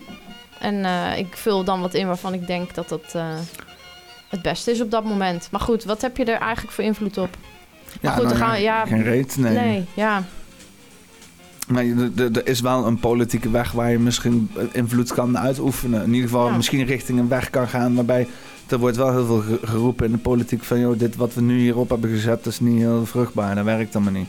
Dus dan stem ik op dat soort partijen zodat er iets nieuws komt. Dat dan beter is of niet. Dat, ik geloof, ik geloof Ja. niet dat het, dat het goed of slecht zou zijn wat hierna komt. Maar in ieder geval nieuw en klaar voor de fucking volgende eeuw. Want we zitten nog steeds dezelfde politieke shit te doen als 300 jaar geleden. Ja. Briefjes rondsturen, en kamers samenkomen en, een beetje, iedereen ai roepen en zo, weet je wel. En dan kan er wel inderdaad uitgezonden worden met een leuk displaytje erop, waarbij er wat vinkjes staan en kruisjes, zo van deze partij hebben wat gedaan. Super modern. ja. Maar dat kan ook gewoon allemaal een app zijn, in mijn mening. Alles, alles kan nep zijn. Maar volgens Of mij kan echt? Jesse Klaver zou een app kunnen zijn. Een? Jesse Klaver, bijvoorbeeld, ken wel toch? Ja. Die, die, die, Die zou nep of een app? die, die Marokkaan met die groene, groene belang allemaal. Ja, Zo je zei, Windmolen Marokkaan. die kan een app zijn? Die, hij kan een app zijn, ja. ja. Oké. Een, een app, ja. Mm. ja gewoon, Ja, ik eh, verdiep me dus ook niet zo in de politiek. Dus daar eh, heb je bij mij niet zo'n goede gesprekspartner aan, denk ik. Nee, maar toch is het eh, interessant, eh, mensen die ehm, betrokken zijn, want ik vind jou ook wel een betrokken persoon, Ja, eh, maar inderdaad niet zichzelf kunnen verdiepen in politiek. ja het ik is wel vind een dat soort echt van, heel lastig. soort van, soort van probleem is dat eigenlijk. Ja? Ik denk het wel. Ja, ik ben ook wel een Ja, beetje want een weet, je, weet, je, weet je wat het is? Die mensen van die politiek, weten donders goed dat jij niet hun gaat lopen achter het volle nalopen zitten. Weet je. Die weten dat jij aan je eigen problemen hebt. Hè? En dus die houden even een le- leuk luchtig verhaaltje waar je een goed gevoel bij kan hebben. En dan vervolgens doen ze maar wat de fuck ze zin in hebben. En een klein handje mensen die Doen dan loopt te wel. roepen. Ja, maar je hebt een klein handje mensen die dan loopt te roepen, dat kennen we niet. En die worden dan vaak weggezet als gek of zo, of iets dergelijks. Want als het echt belangrijk is, dan gaat er genoeg, eh, genoeg mensen gaan er bovenop. Ja. Dus wat jij dan meekrijgt, en helemaal als je nieuws niet krijgt, is misschien iemand die eens een keer zegt van, eh, die kut voer politici in, weet je wel. En dan, dan nou ja, al meer zoiets, hij al vaak zoiets van, ah, maar goed dat ik er niet eh, eh, dingen over meekreeg, want het is alleen maar drama. Ja, Ze weten dat. Ze weten dat, dat niemand zit te wachten op dat, op dat gezeik en dat gedoe, weet je wel. nou ja, sommige zouden mensen gewoon- zitten er ze natuurlijk wel op te wachten. En eh, weet je, daarom vind ik het zo mooi dat we allemaal verschillende mensen zijn. Ik, ik zat daar vanmiddag nog over na te denken. In dit leven ben ik gewoon niet iemand die in opstand gaat komen. Ik heb er gewoon helemaal geen zin in. Het is niet mijn levensdoel. Het is niet mijn weg. Eh, past niet bij mij. En er zijn mensen waarbij, waarbij dat wel heel erg past. Hoe weet je dat je al niet in opstand aan het komen bent? Weet ik niet. Ben ik in opstand aan het komen, denk je? Nou, ik vind niet dat jij nou echt eh, iemand bent die eh, zich heel erg laat meeslepen door, door de grote massa, zeg maar. Dat klopt. Maar kom ik dan in opstand? Ik doe Ik- gewoon mijn eigen ding. Ja, dus in zekere zin is dat een opstand. Ja. Een opstand tegen Maar de... ik maak me er niet zo druk om. geheel. Ik denk dat dat een groot verschil is. Ja, maar dat is ook een kunst, inderdaad. En- Ik denk dat ook het meest efficiënt is als je er niet te veel over nadenkt. Nou, dat. Weet je, een, een van de universele wetten is... je moet geen energie verspillen. Dat is gewoon doodzonde. Je hebt, eh, je hebt een heel leven... en het is gewoon zonde om, om dat te verspillen aan negatieve energie, vind ik. Nou, je hebt ook inderdaad eh, de, de weg van het, het minste weerstand. Hè? Dat is ook een natuurlijk principe, wat natuurlijk eh, eh, de bliksem bijvoorbeeld pakt. Hè? Die, die, nou, hoe die naar beneden gaat en die vertakking en zo. Dat komt omdat dus inderdaad bepaalde atomen in de lucht minder weerstand bieden voor die elektriciteit om doorheen te gaan. Hè? Gaat ook altijd naar het hoogste punt waar het het eerst kan inslaan. Dus de weg van het meest, minste weerstand is ook een natuurlijk fenomeen. Ja. Wat, eh, wat gewoon evolutie bijvoorbeeld heel succesvol heeft gemaakt. Hè? Dus eh, Maar het klinkt een beetje, het heeft een beetje een negatieve toon, vind ik. De weg van de minste weerstand. Want dat lijkt dan net alsof je ehm, altijd maar de makkelijkste weg kiest en geen confrontaties aangaat. Ja, maar- En dat is niet wat ik daarmee probeer te zeggen. Ehm, ik bedoel meer dat je een keuze kunt maken in welk. Ik wil ook nog wel een slokje. Oeh, zo. Zuidland. Ehm, Nee, maar ik, ik, dat je een keuze hebt in welke weg je bewandelt en wel, eh, choose your battle. Ja, maar daarom. daarom. Dat, Als, jij, als jij, als jij een, eh, een, een is- pad ziet en de een loopt door een beboste oerwoud slash mangrove slash bos, eh, brandnetelbos en de andere is een eh, mooie wandeling langs de dijk en ze komen uiteindelijk op hetzelfde pad aan, dan... Kies ik misschien wel voor het, voor het oerwoud. Ja, echt? Weet je, ik ben echt niet iemand die, die zegt van ik ga voor de makkelijkste weg. Zolang ik er zelf maar wat aan heb. Ik, eh, ik pas er gewoon voor om me druk te maken over dingen waar ik eh, in mijn kleine wezentje hier op aarde eh, gewoon weinig tot niks geen invloed op kan uitoefenen. En wat mij persoonlijk heel veel energie kost, waar ik me niet beter van voel, ja, daar pas ik gewoon voor. Ik heb gewoon helemaal geen zin in. Wij hebben een, een gedeelde kennis slash maat slash boonknoot die eh, te pussy is om op camera te verschijnen. Echt? Silvan. Ik weet ook nog niet of ik dit uit wil laten zenden. Ik, ik blijf first name basis, weet je wel. Heeft hij wel een vrij unieke naam, maar uh, dat had me, dat zijn ouders maar niet zo'n unieke naam eh, moeten geven. Nee, eh, en ik, ik, ik, moet hem hier, ik wil hem hier krijgen, want eh, ook al dit is kan een die, eh, oproep, dus. ja, Silvan, ja, ja. dit is een oproep. Hij kan, hij kan lekker ratelen, ehm, maar hij is een, ik, weet niet, een, ook, ook mensen die denken zoals hem, weet je wel, hebben ook een, een, een bepaalde manier van dingen opbrengen wat, Hm. ja, naar mijn idee wel interessant is. Dat ik denk van, Kijk, Van, hey, Silvan soms- is zo'n strijder. Die is een... een, een ja, die zoekt meeste weerstand. Ja, Die ziet dus inderdaad de, de vol de, bosjes induiken en zo, maar ja. ja. En, en dat ligt waarschijnlijk ook gewoon in zijn aard. Om, om daar wel vol in te gaan. En in mijn aard ligt dat gewoon niet. En dan kun je zeggen van ja, eh, weet je... eh struisvogelpolitiek en nee, dat, dat vind ik niet. Maar ik, ik snap ik maak het- gewoon mijn keuze wel overwogen. Het grappige is, ik, eh, ehm, dat, dat hele verhaal inderdaad, het dingen niet focussen waar je, of niet op focussen waar je geen invloed op hebt, dat is zeg maar zo'n eh, gedachte waar mijn moeder, mijn moeder die had het dus inderdaad, eh, die, die ging naar zo'n cursus toe, Avatar. En het was eh, een beetje erg verlichtend wat mij betreft. Het Hm. kost ook geld, dus dan beginnen bij mij wat belletjes te ringen, rinkelen. Maar ik ben een keer meegegaan en het was een ervaring. En, eh, maar daar was dus inderdaad dit ook zo'n thema, dat je dus inderdaad... eh, wat wil ik nou zeggen? Ik ben wel benieuwd naar die cursus. Wat houdt dat in dan, Avatar? Want ik weet dat je iets wilt laten zien van Avatar. Ik weet niet of het aansluit. Oh, dit is iets heel anders inderdaad trouwens. Ja. Dat was nog de grootste mindfuck inderdaad. Ja, is, misschien moet ik even een sidestep maken, maar dit is op zich wel interessant. Het is... eh, ik ben nog eens van plan om mijn ma hier op de podcast te doen. Dus, ja, dus eh, bij, bij, bij deze sleep ik er gewoon bij de, met de haren bij. Bij deze, dit is een uitnodiging. Gaan we nog meer mensen uitnodigen?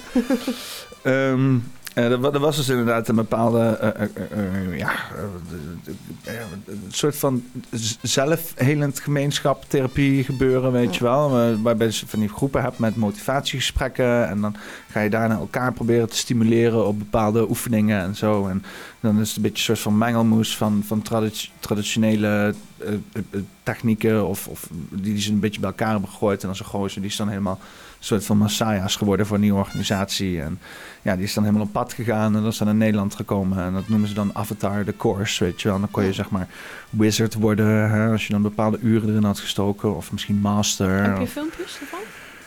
Of gaan we dan te ver afwijken? Hmm, ik weet niet of ik het kan vinden. Nou, ik, ik zal je zeggen, er is een. een eh, ik, ik, ik, ik kan wel iets erbij pakken. Wat, eh, maar dit is misschien best wel. ehm, hoe noem je dat? Eh, brengt het best wel een negatief daglicht. Maar het had ook wel een beetje die duistere kant. Omdat het zoveel geld kost. En omdat je dan inderdaad die. Het heeft die pyramid scheme, weet je. Mm. Waarbij je dus hoe verder je geïnvesteerd raakt. hoe moeilijker het is om er weer uit te komen, zeg maar. En dat had het ook op een. Zowel op een financieel niveau, omdat je daadwerkelijk geld spendeert. Maar je hoeft er niet opnieuw in te kopen. En zo sterker nog, je kreeg kortingen naarmate je er verder in zat. Maar ja, kortingen op wat. Dat is dus juist dat piramide gebeuren. Het is net als bij Tupperware. Ja, ja mis- misschien. eh, En, eh, ehm, maar, maar die was parties. sowieso emotioneel gigantisch ge, ge, ge- geïnvesteerd, weet je wel. Ja, Ik, ja. ik, ik denk, als ik, als ik tegen mijn moeder zeg, Avatar is een scheme, weet je wel, dat ze nog steeds zegt van nee, dat was het niet. Het heeft heel veel bijgedragen aan mijn leven. En dat geloof ik ook dat het heel veel heeft bijgedragen aan heel veel levens, weet je. Want er waren heel veel mensen die daar rondliepen en die daar echt heel veel betekenis aan hebben. Ik heb er alleen een probleem mee dat er dan dat geld wordt voor gevraagd en dat er, ah, dat er Want je mag daar geen Nee, ja, nee er zit een, inderdaad, er zit een, een, er zit een winstmodel achter. En, daar, daar, zit, daar zit voor mij, mij een hele moeilijke ethische... Het, het is bijna als zeg maar, de kerk rond zou gaan en, en geld zou vragen. En dat is ook Dat een soort van wat ze doen ook, ja. Maar is dat cool? Dat is niet cool, toch? We leven toch in een systeem, om Ja. weer even terug te komen op systemen waarin geld gewoon een rol speelt. Ja. Weet je, ehm, of jij nou dokter bent en je consulten betaald krijgt, of je bent een avatar, eh, wat het dan ook mag betekenen. Die mensen stoppen er toch tijd en energie in. Ja, dat mag wel. dat niet uitbetaald worden dan? Eh, eh, nou ja, het is dus de, want mijn ma die betaalt dan bijvoorbeeld om daarbij te zijn. Dan vervolgens leidt zij zo'n groepje van nieuwkomers om dus inderdaad dan iets te doen. Daarvoor Ja. krijgt ze korting op het geheel en dan zou ze dus zelf ook. eh, ehm, ehm, ehm, eh, dus inderdaad, dat, dat, dan maken ze dat deel uit van het heel proces. Dus inderdaad, een soort van bijna geforceerd vrijwilliger zijn, zeg maar daar. En dan ondertussen inderdaad heb je dan zo'n hoofd, zo'n bijna zo'n gozer met een messiahsachtig complex, weet je wel. Want zo wordt hij ook een beetje gepresenteerd, weet je wel. Het is een beetje, beetje creepy. Eh, die dan inderdaad met al het geld er vandoor gaat. Dus, dus het, het, het, heeft, het heeft iets... ik, ik ga het even opzoeken. Dat is dus zondag met Lubach. Zondag met Lubach. Die had er een stuk over gedaan. Ik weet niet hoe lang dat is. Oh, zes minuten, dat valt dan mee. Ik zat laatst RTL Boulevard te kijken, eh, gewoon voor de interviews hoor. En, eh, en toen zag ik dit. Een heuse secte zorgt vandaag voor opschudding in Nederland. De afsplitsing van Scientology zou in ons land zelfs kinderen proberen te overtuigen zich bij hen aan te sluiten. Ja, er is een vrij nieuwe secte actief in Nederland en dat is een afsplitsing van Scientology. Dus dat zijn mensen die bij Scientology zaten en dachten, dit kan nog beter. En die secte die heet Avatar en er zijn, steeds meer scholen in Nederland waar leden van Avatar rondlopen. En het, het klinkt een beetje eng, maar oké, iedereen krijgt van mij altijd een Eigenlijk eerlijke zeg je nu dus gewoon dat je moeder bij secte Nee, nee, gezeten. sorry. Ja, Nee, dat is wat nee. hij- dat is wat hij zegt inderdaad, ja. Ik ben benieuwd of ze nog eh, Avatar wil is komen. opgericht in 1986. Net als de kernramp in Tsjernobyl. Nee, ai, nee. Neutraal, neutraal. De oprichter was Harry Palmer. Wat klinkt als een goedkope Chinese rip-off van Harry Potter. Weet je, zo, ik kocht laatst in Taiwan een dubbel-cd van Marco Borst Plato. Bekend van het nummer Ik weet niet meer van K. Was binnen een paar dagen kapot. Dat is een grote hit. Maar goed, Harry Palmer dus. Waarschijnlijk zo'n oplichter. Oprichter. Oprichter. Ik bedoel, oprichter. En volgens de website is Avatar vooral een zelfhulpcursus. Dat heeft dus helemaal niks met tovenarij te maken, toch, Harry Palmer? I'm here to introduce you to wizards. Oké, wel tovenaars. Wel tovenaars. En zelfhulp klinkt onschuldig. Tovenarij klinkt supercool. Maar als je het combineert, wordt het toch een beetje eng. Het is een inkijkje in een bizarre wereld. Een cursus die beweert dat ziektes geesten zijn die je kunt uitdrijven. Dus als jij op een gegeven moment denkt, ik, ik krijg een pijntje in mijn zij of zo, hè, Ja. dan moet je daar aan gaan denken en dan ga je gaan inbeelden dat dat een, een entity is, een geest, Ja. die dat doet. En dan En uit... dan ga jij zitten met die entity zitten praten. Dus als die entity denkt dat die kanker is, dan vertrekt die en dan is die kanker weg. Dan komt het eigenlijk gewoon neer. Wow. Je kan kanker genezen door ermee te gaan zitten kletsen. Want, welkom bij Kletsen met Kanker. Aangeschoven is leukemie. Welkom. Hoe openen we de week?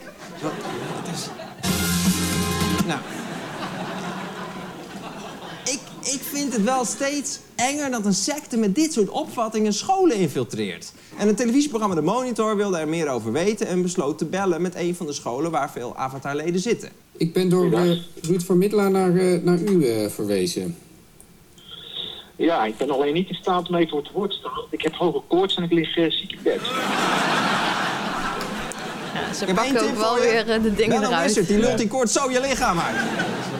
Nou, dit was dus een van de scholen waar Avatar geïnfiltreerd is. Eh, een moeder heeft haar kind van die school gehaald... omdat de hersenspoeling van Avatar zeer aanwezig is. En op een andere school wordt zelfs gelobbyd om mee te doen met Avatar-cursussen. Waarom wordt er zo actief gelobbyd? Want je moet telkens een nieuwe cursus doen om daar dan Precies, te komen. Een soort piramidespel is dat. En je moet ook andere mensen bekeren, zodat zij ook die dure cursussen gaan doen. Ja, precies. Die leraren verdienen er geld mee als ze mensen werven. Een avatarcursus kost duizenden euro's en het wordt steeds duurder als je hoger komt. En na een tijdje kun je ook zelf les gaan geven en dan ga jij dus cashen. En die piramide die stijgt nog wel een beetje door. Krijg je er niet genoeg van en wil je het hoogste niveau bereiken... dan kun je voor 7500 euro de wizardcursus doen. De cursist heeft dan al bijna 13.000 euro betaald... zonder reis- en verblijfkosten. Cursisten betalen voor hun cursussen aan de masters... die weer een percentage afdragen aan Stars Edge... het bedrijf van Harry Palmer. Ja, dus Avatar opereert in het geheim. Ze claimen kanker te kunnen genezen zonder de medische wetenschap. En het is een klassiek piramidespel. En scholen zijn niet de enige plekken waar Avatar zieltjes probeert te winnen.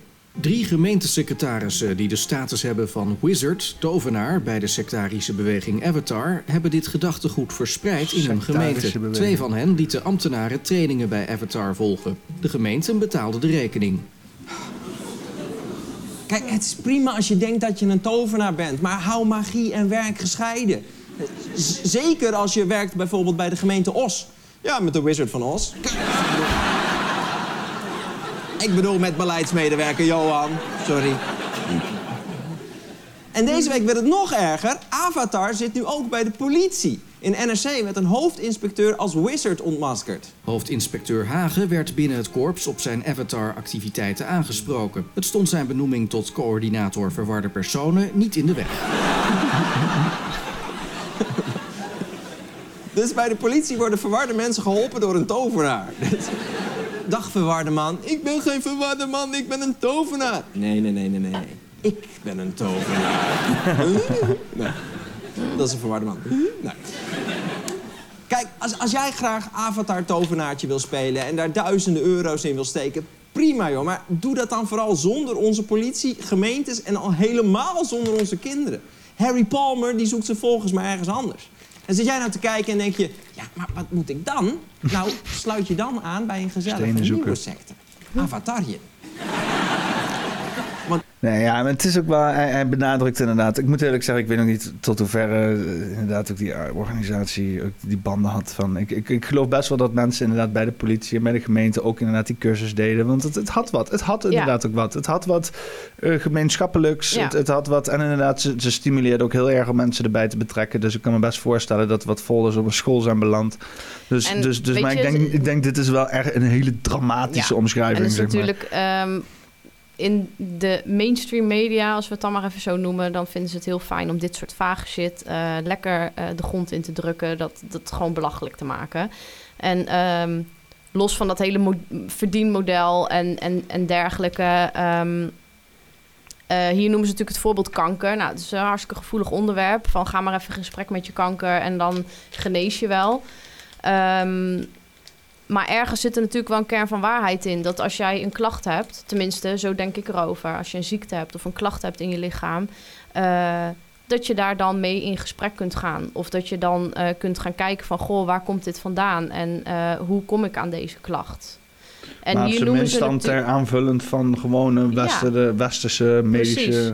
Precies, maar kijk, en noemen- helemaal als medische westerse dingen ophouden, zeg maar. Dan, Nee, niet als het ophoudt. Ook daarvoor. ja. Weet je, ik denk dat je je altijd af moet vragen als je ziek wordt of als je iets hebt van ehm, wat, wat, wat mankeer ik nu? Hoe kom, hoe kom ik hier aan? En wat, ehm, wat kan ik hier zelf aan doen? Want je lichaam is zoveel intelligenter als dat je zelf denkt. En ze pakken hier natuurlijk nu het meest heftigste, kanker. Want kanker is natuurlijk gewoon super ingewikkelde ziekte die ook de, de, de medische wereld niet kan uitroeien. Hmm. Want hoe je het ook went of keert, ehm, chemotherapieën, bestralingen, ja, weet je, de een geneest ervan, geneest, die redt het, en de ander niet. Maar ehm, ja, dit is gewoon een ziekte waar niemand grip op heeft. Nee. Zowel Avatar niet als de medische wereld niet. Nee. En ik moet heel eerlijk zeggen, ja, ik, nou ja, ik, ik heb ook niet heel veel tijd daar gespendeerd, maar ik had ook niet het idee dat die mensen eh waanideeën hadden in de zin van dat ze niet erkenden dat er gewoon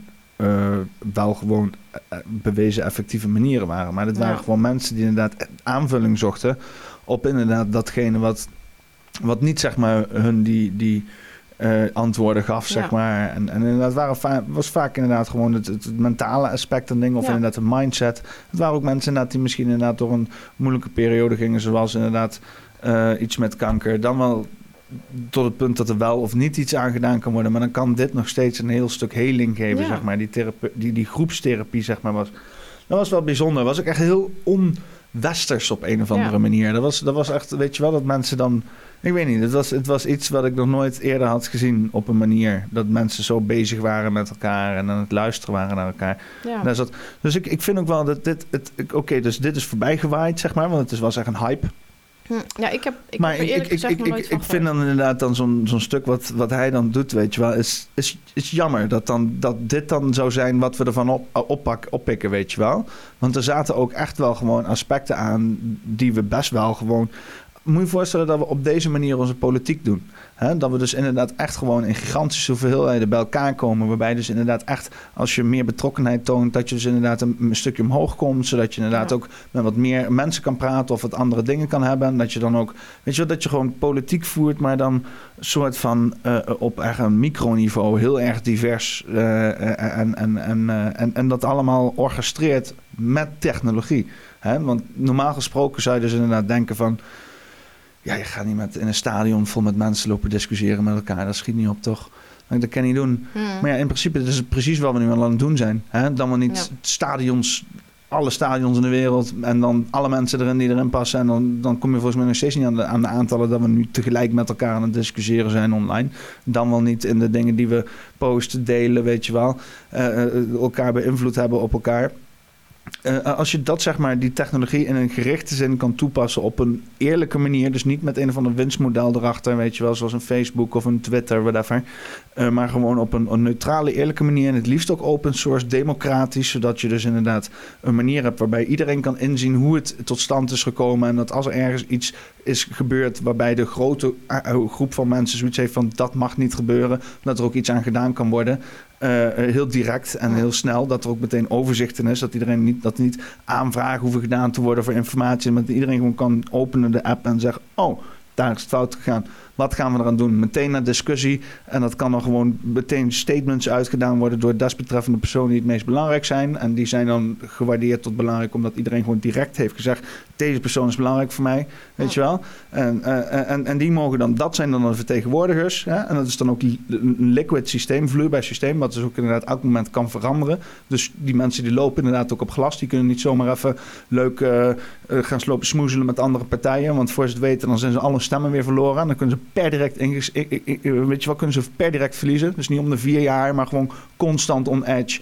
Eigenlijk gewoon... ben jij niet zo heel erg tegen systemen als ik je zo hoor. Nee, ik ben, ik ben voor systemen, maar goede systemen. goede systemen. En ik hou van systemen, weet je wel. We hebben het ook nodig, vooral als we met zoveel mensen dealen. Maar onze, het, is, die systemen zijn zo wack allemaal. Het is allemaal zo... zo eh, niks werkt. Ik heb het idee alsof niks werkt. Ook, ook die overheidswebsites. Het, en het is ook logisch dat het zo in elkaar zit. Want er is geen incentive voor de overheid om iets gebruikersvriendelijk te maken voor jou. Hè? Ze moeten het gewoon een soort van allemaal aanbieden. En als het er allemaal staat, we dan is het een klein prima. beetje af, hè? We zitten nu bij de overheid. Maar Ja. waarom hebben we dit filmpje ook weer opgezet? Hier was je met je moeder geweest. Ja, ja. Nou, maar Ja. kijk, op deze, dit soort dingen is ook wel goed. Het is jammer dat daar dus nu naar gekeken wordt door de, inderdaad. Nou- Want dit, dit, hij, deze gozer hier, dat is voor mij wel zeg maar. eh, als we het hebben over het systeem, hè? nu zeg maar het systeem waar wij in leven, de, de, zeg maar de dominante politieke orde en de dominante financiële orde. eh, dit is zeg maar een soort van, was even voor een periode de, de, de outlet voor hun, weet je wel, naar, naar een, een, een nog nieuw aangebroken publiek, zeg maar. Dit was eigenlijk een soort van megafoon voor hun om shit in te gooien. En ik denk dat deze avatar naar hem is gegooid. Van check deze belachelijke shit. Maar wel met Ja. een heel duidelijk idee om dit soort dingen de kop in te drukken. Ja, want dat. ze kunnen dit gewoon niet gebruiken. Dit Nee. soort samen zijn, Ja. weet je wel.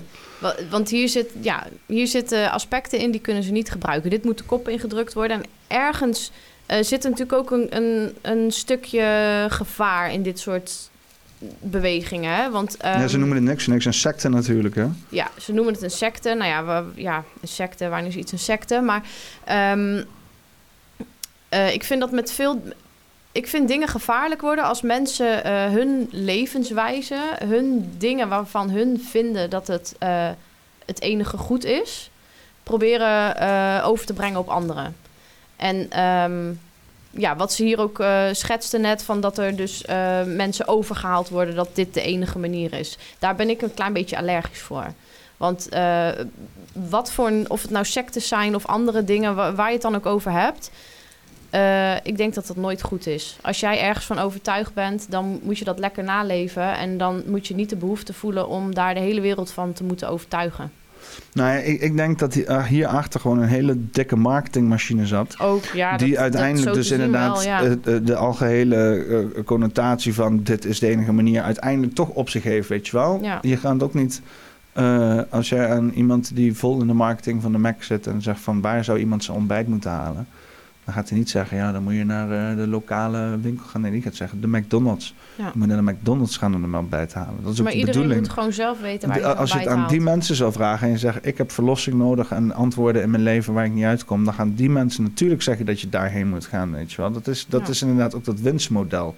Waar ze dus nu Ja. inderdaad heel erg grof gebruik van maken. Zeggen van ja, hun zeggen dat ze alle antwoorden hebben. Ja, maar toen ik daar was, dat was niet, dat was niet, het, dat is niet het idee wat ik kreeg. Hm. Sterker nog, ik ben daar volgens mij kritischer weggegaan dan dat ik daar kwam. Nou, dat is juist goed. Ik heb daar in die, in die hele situatie zelf hebben mensen tegen mij gezegd van ja, hè, dit is ook maar gewoon iets hè, waar mensen iets proberen, weet je wel. Er was Ja. helemaal niemand dat hele secte idee waarbij je dus zeg maar een soort van ehm, ah, misschien kan het ook gewoon zijn omdat ik zo in elkaar zit, weet je wel. Dus dat al- als mensen tegen mij zeggen van, eh, van eh, "Nou, blijf hier, dan ga ik er sowieso vandoor. Snap je? Dat is, zo zit ik ook al wel snel in elkaar. Maar ik heb niemand ik had al vrij snel de gest van het. En ik, oké, weet je wel. eh, het idee is inderdaad van die hele. Want inderdaad, wat ze zeiden van dat is inderdaad kwade geest, die emotie en dat soort dingen. Daar hebben ze inderdaad een heel visueel Ja, eh, verhaal hebben ze daarvan. maar de les die ik daarvan heb geleerd, en dat is echt iets wat echt nuttig is. En dat ik ook echt aanraad voor iedereen om, om, om, om dat eigen te maken.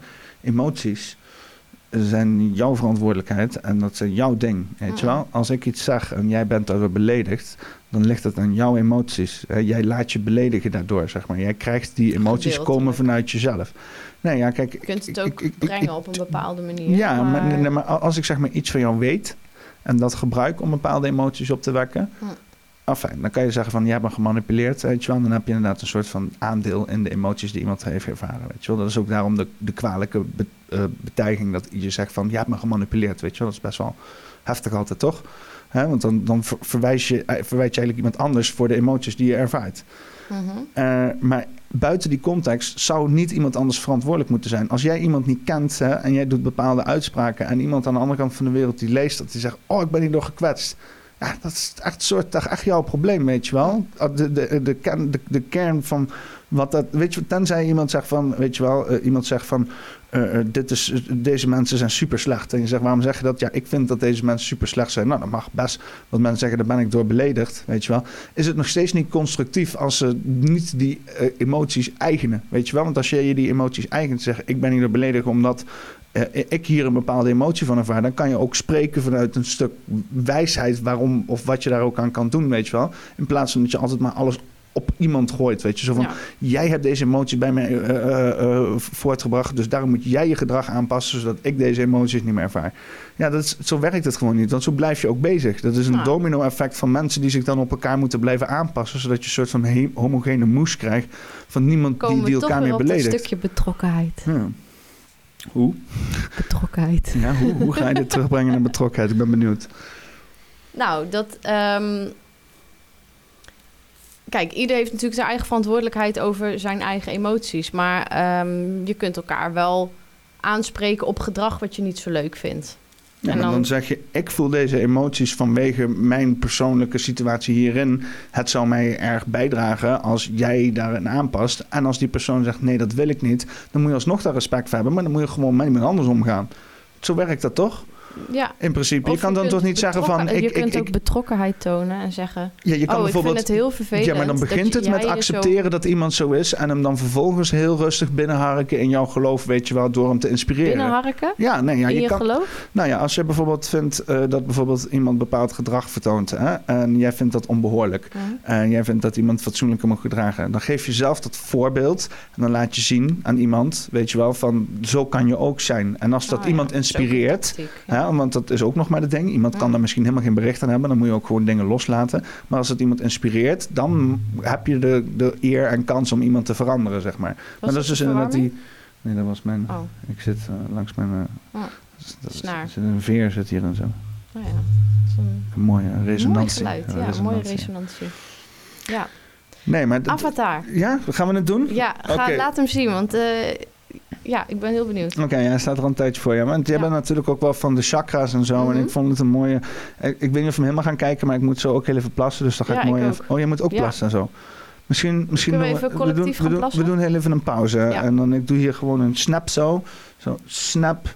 En dan eh, zien we een flits. En dan gaan we door. Of een veeg. Of een leuke animatie. Een. Sterretjes zo. zo.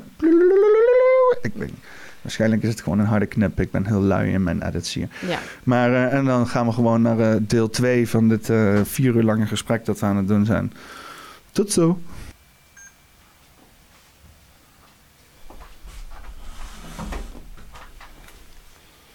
Zo, daar zijn we, daar zijn we weer. Yes. Is goed, er staat alles erop. Misschien kunnen de kleuren een beetje veranderd zijn. Met kurken En eh, le trekker du kurk.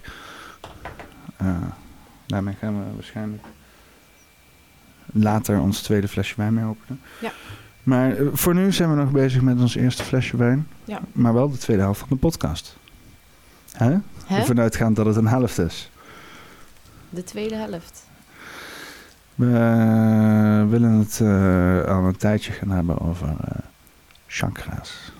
Jij wil het graag hebben over chakra's. Oh. Jij niet? Ja? Nou dan. Zit je me dan hier een beetje voor de bus te gooien? nee, ik, eh, we, hebben het al eens hierover gehad. En toen zei ik van, oh, ja, dit, dit doet me denken aan een, aan een cartoon die ik ken. eh, visualiseert het leuk. Dus eh, ja, ik wil het even kijken met jou. eh. Met In Guru order to Patrick. master the avatar state, you must open all the chakras. Ik heb hem al eens And gezien. Ja. Tell me everything you know about chakras. What are chakras? Oh, I see. I guess we'll start with the basics. The water flows through this creek much like the energy flows through your body. As you see, there are several pools where the water swirls around before flowing on. These pools are like our chakras. So chakras are pools of spiraling energy in our bodies? Exactly. If nothing else were around, this creek would flow pure and clear. However, life is messy and things tend to fall in the creek. Ja. And then what happens? The creek can't flow?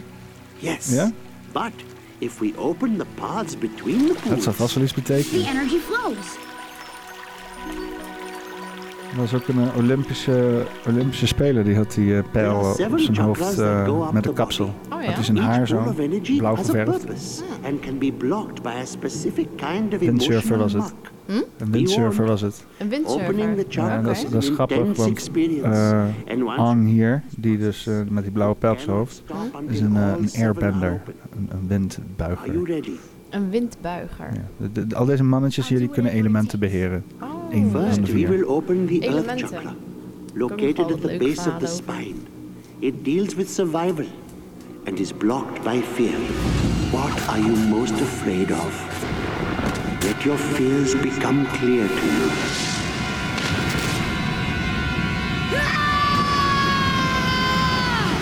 And your vision is not real. You are concerned for your survival. Het is wel heel But leuk, you ik heb must daar nog aan zitten surrender denken those vandaag. De, de vijf elementen Mhm. met betrekking tot angst. Ja? Ja, ik heb daar ook een paar eh, gekke gebeurtenissen mee. Oké. Vertel. Ehm, het duurde even voordat ik door had dat ik met de vijf elementen te maken had. Maar ik heb op een gegeven moment alle elementen doorlopen met betrekking tot mijn angst. En dat begon ehm, toen ik in het vliegtuig zat naar Griekenland. Eh, Toen ik ervan overtuigd was dat het vliegtuig echt neer ging storten. Ik dacht echt dat ik dood ging. Oké, hoezo? Eh, omdat in mijn hoofd had ik alle reden toe eh, om alle signalen had ik, dacht ik, ontvangen dat het helemaal mis was. Want ik ging naar de wc en de crew die stond achterin, dus de, de bemanningsleden van het vliegtuig, hoe noem je dat? Die stewards, de stewardessen. En die waren een beetje serieus in gesprek en eh, die zeiden dingen van, eh, ja, ik heb hier geen goed gevoel over. En die waren een beetje gestrest en zo. Er hing een hele gestreste sfeer. En ehm, we gingen bijna landen, dus ik ben nog gauw naar de wc gegaan. Toen kwam ik terug.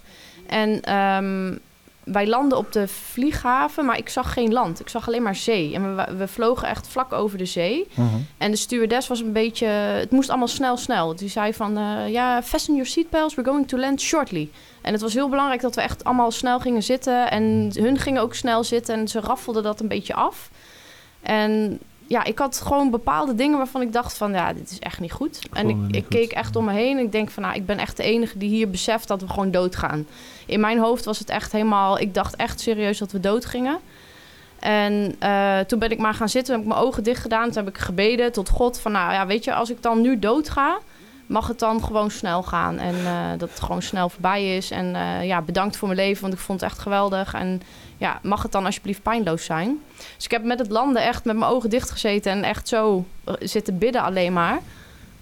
En we landden gewoon op de landingsbaan. En ik was gewoon op aarde en er was helemaal niks aan de hand eigenlijk. Maar in mijn hoofd dacht ik echt dat we dood gingen. Het was echt, eh, ik zag geen, geen landingsbaan, alleen maar water. En het was een hele vage situatie. Maar ik heb echt eh, doodsangsten uitgestaan. Hoe had het betrekking op de elementen?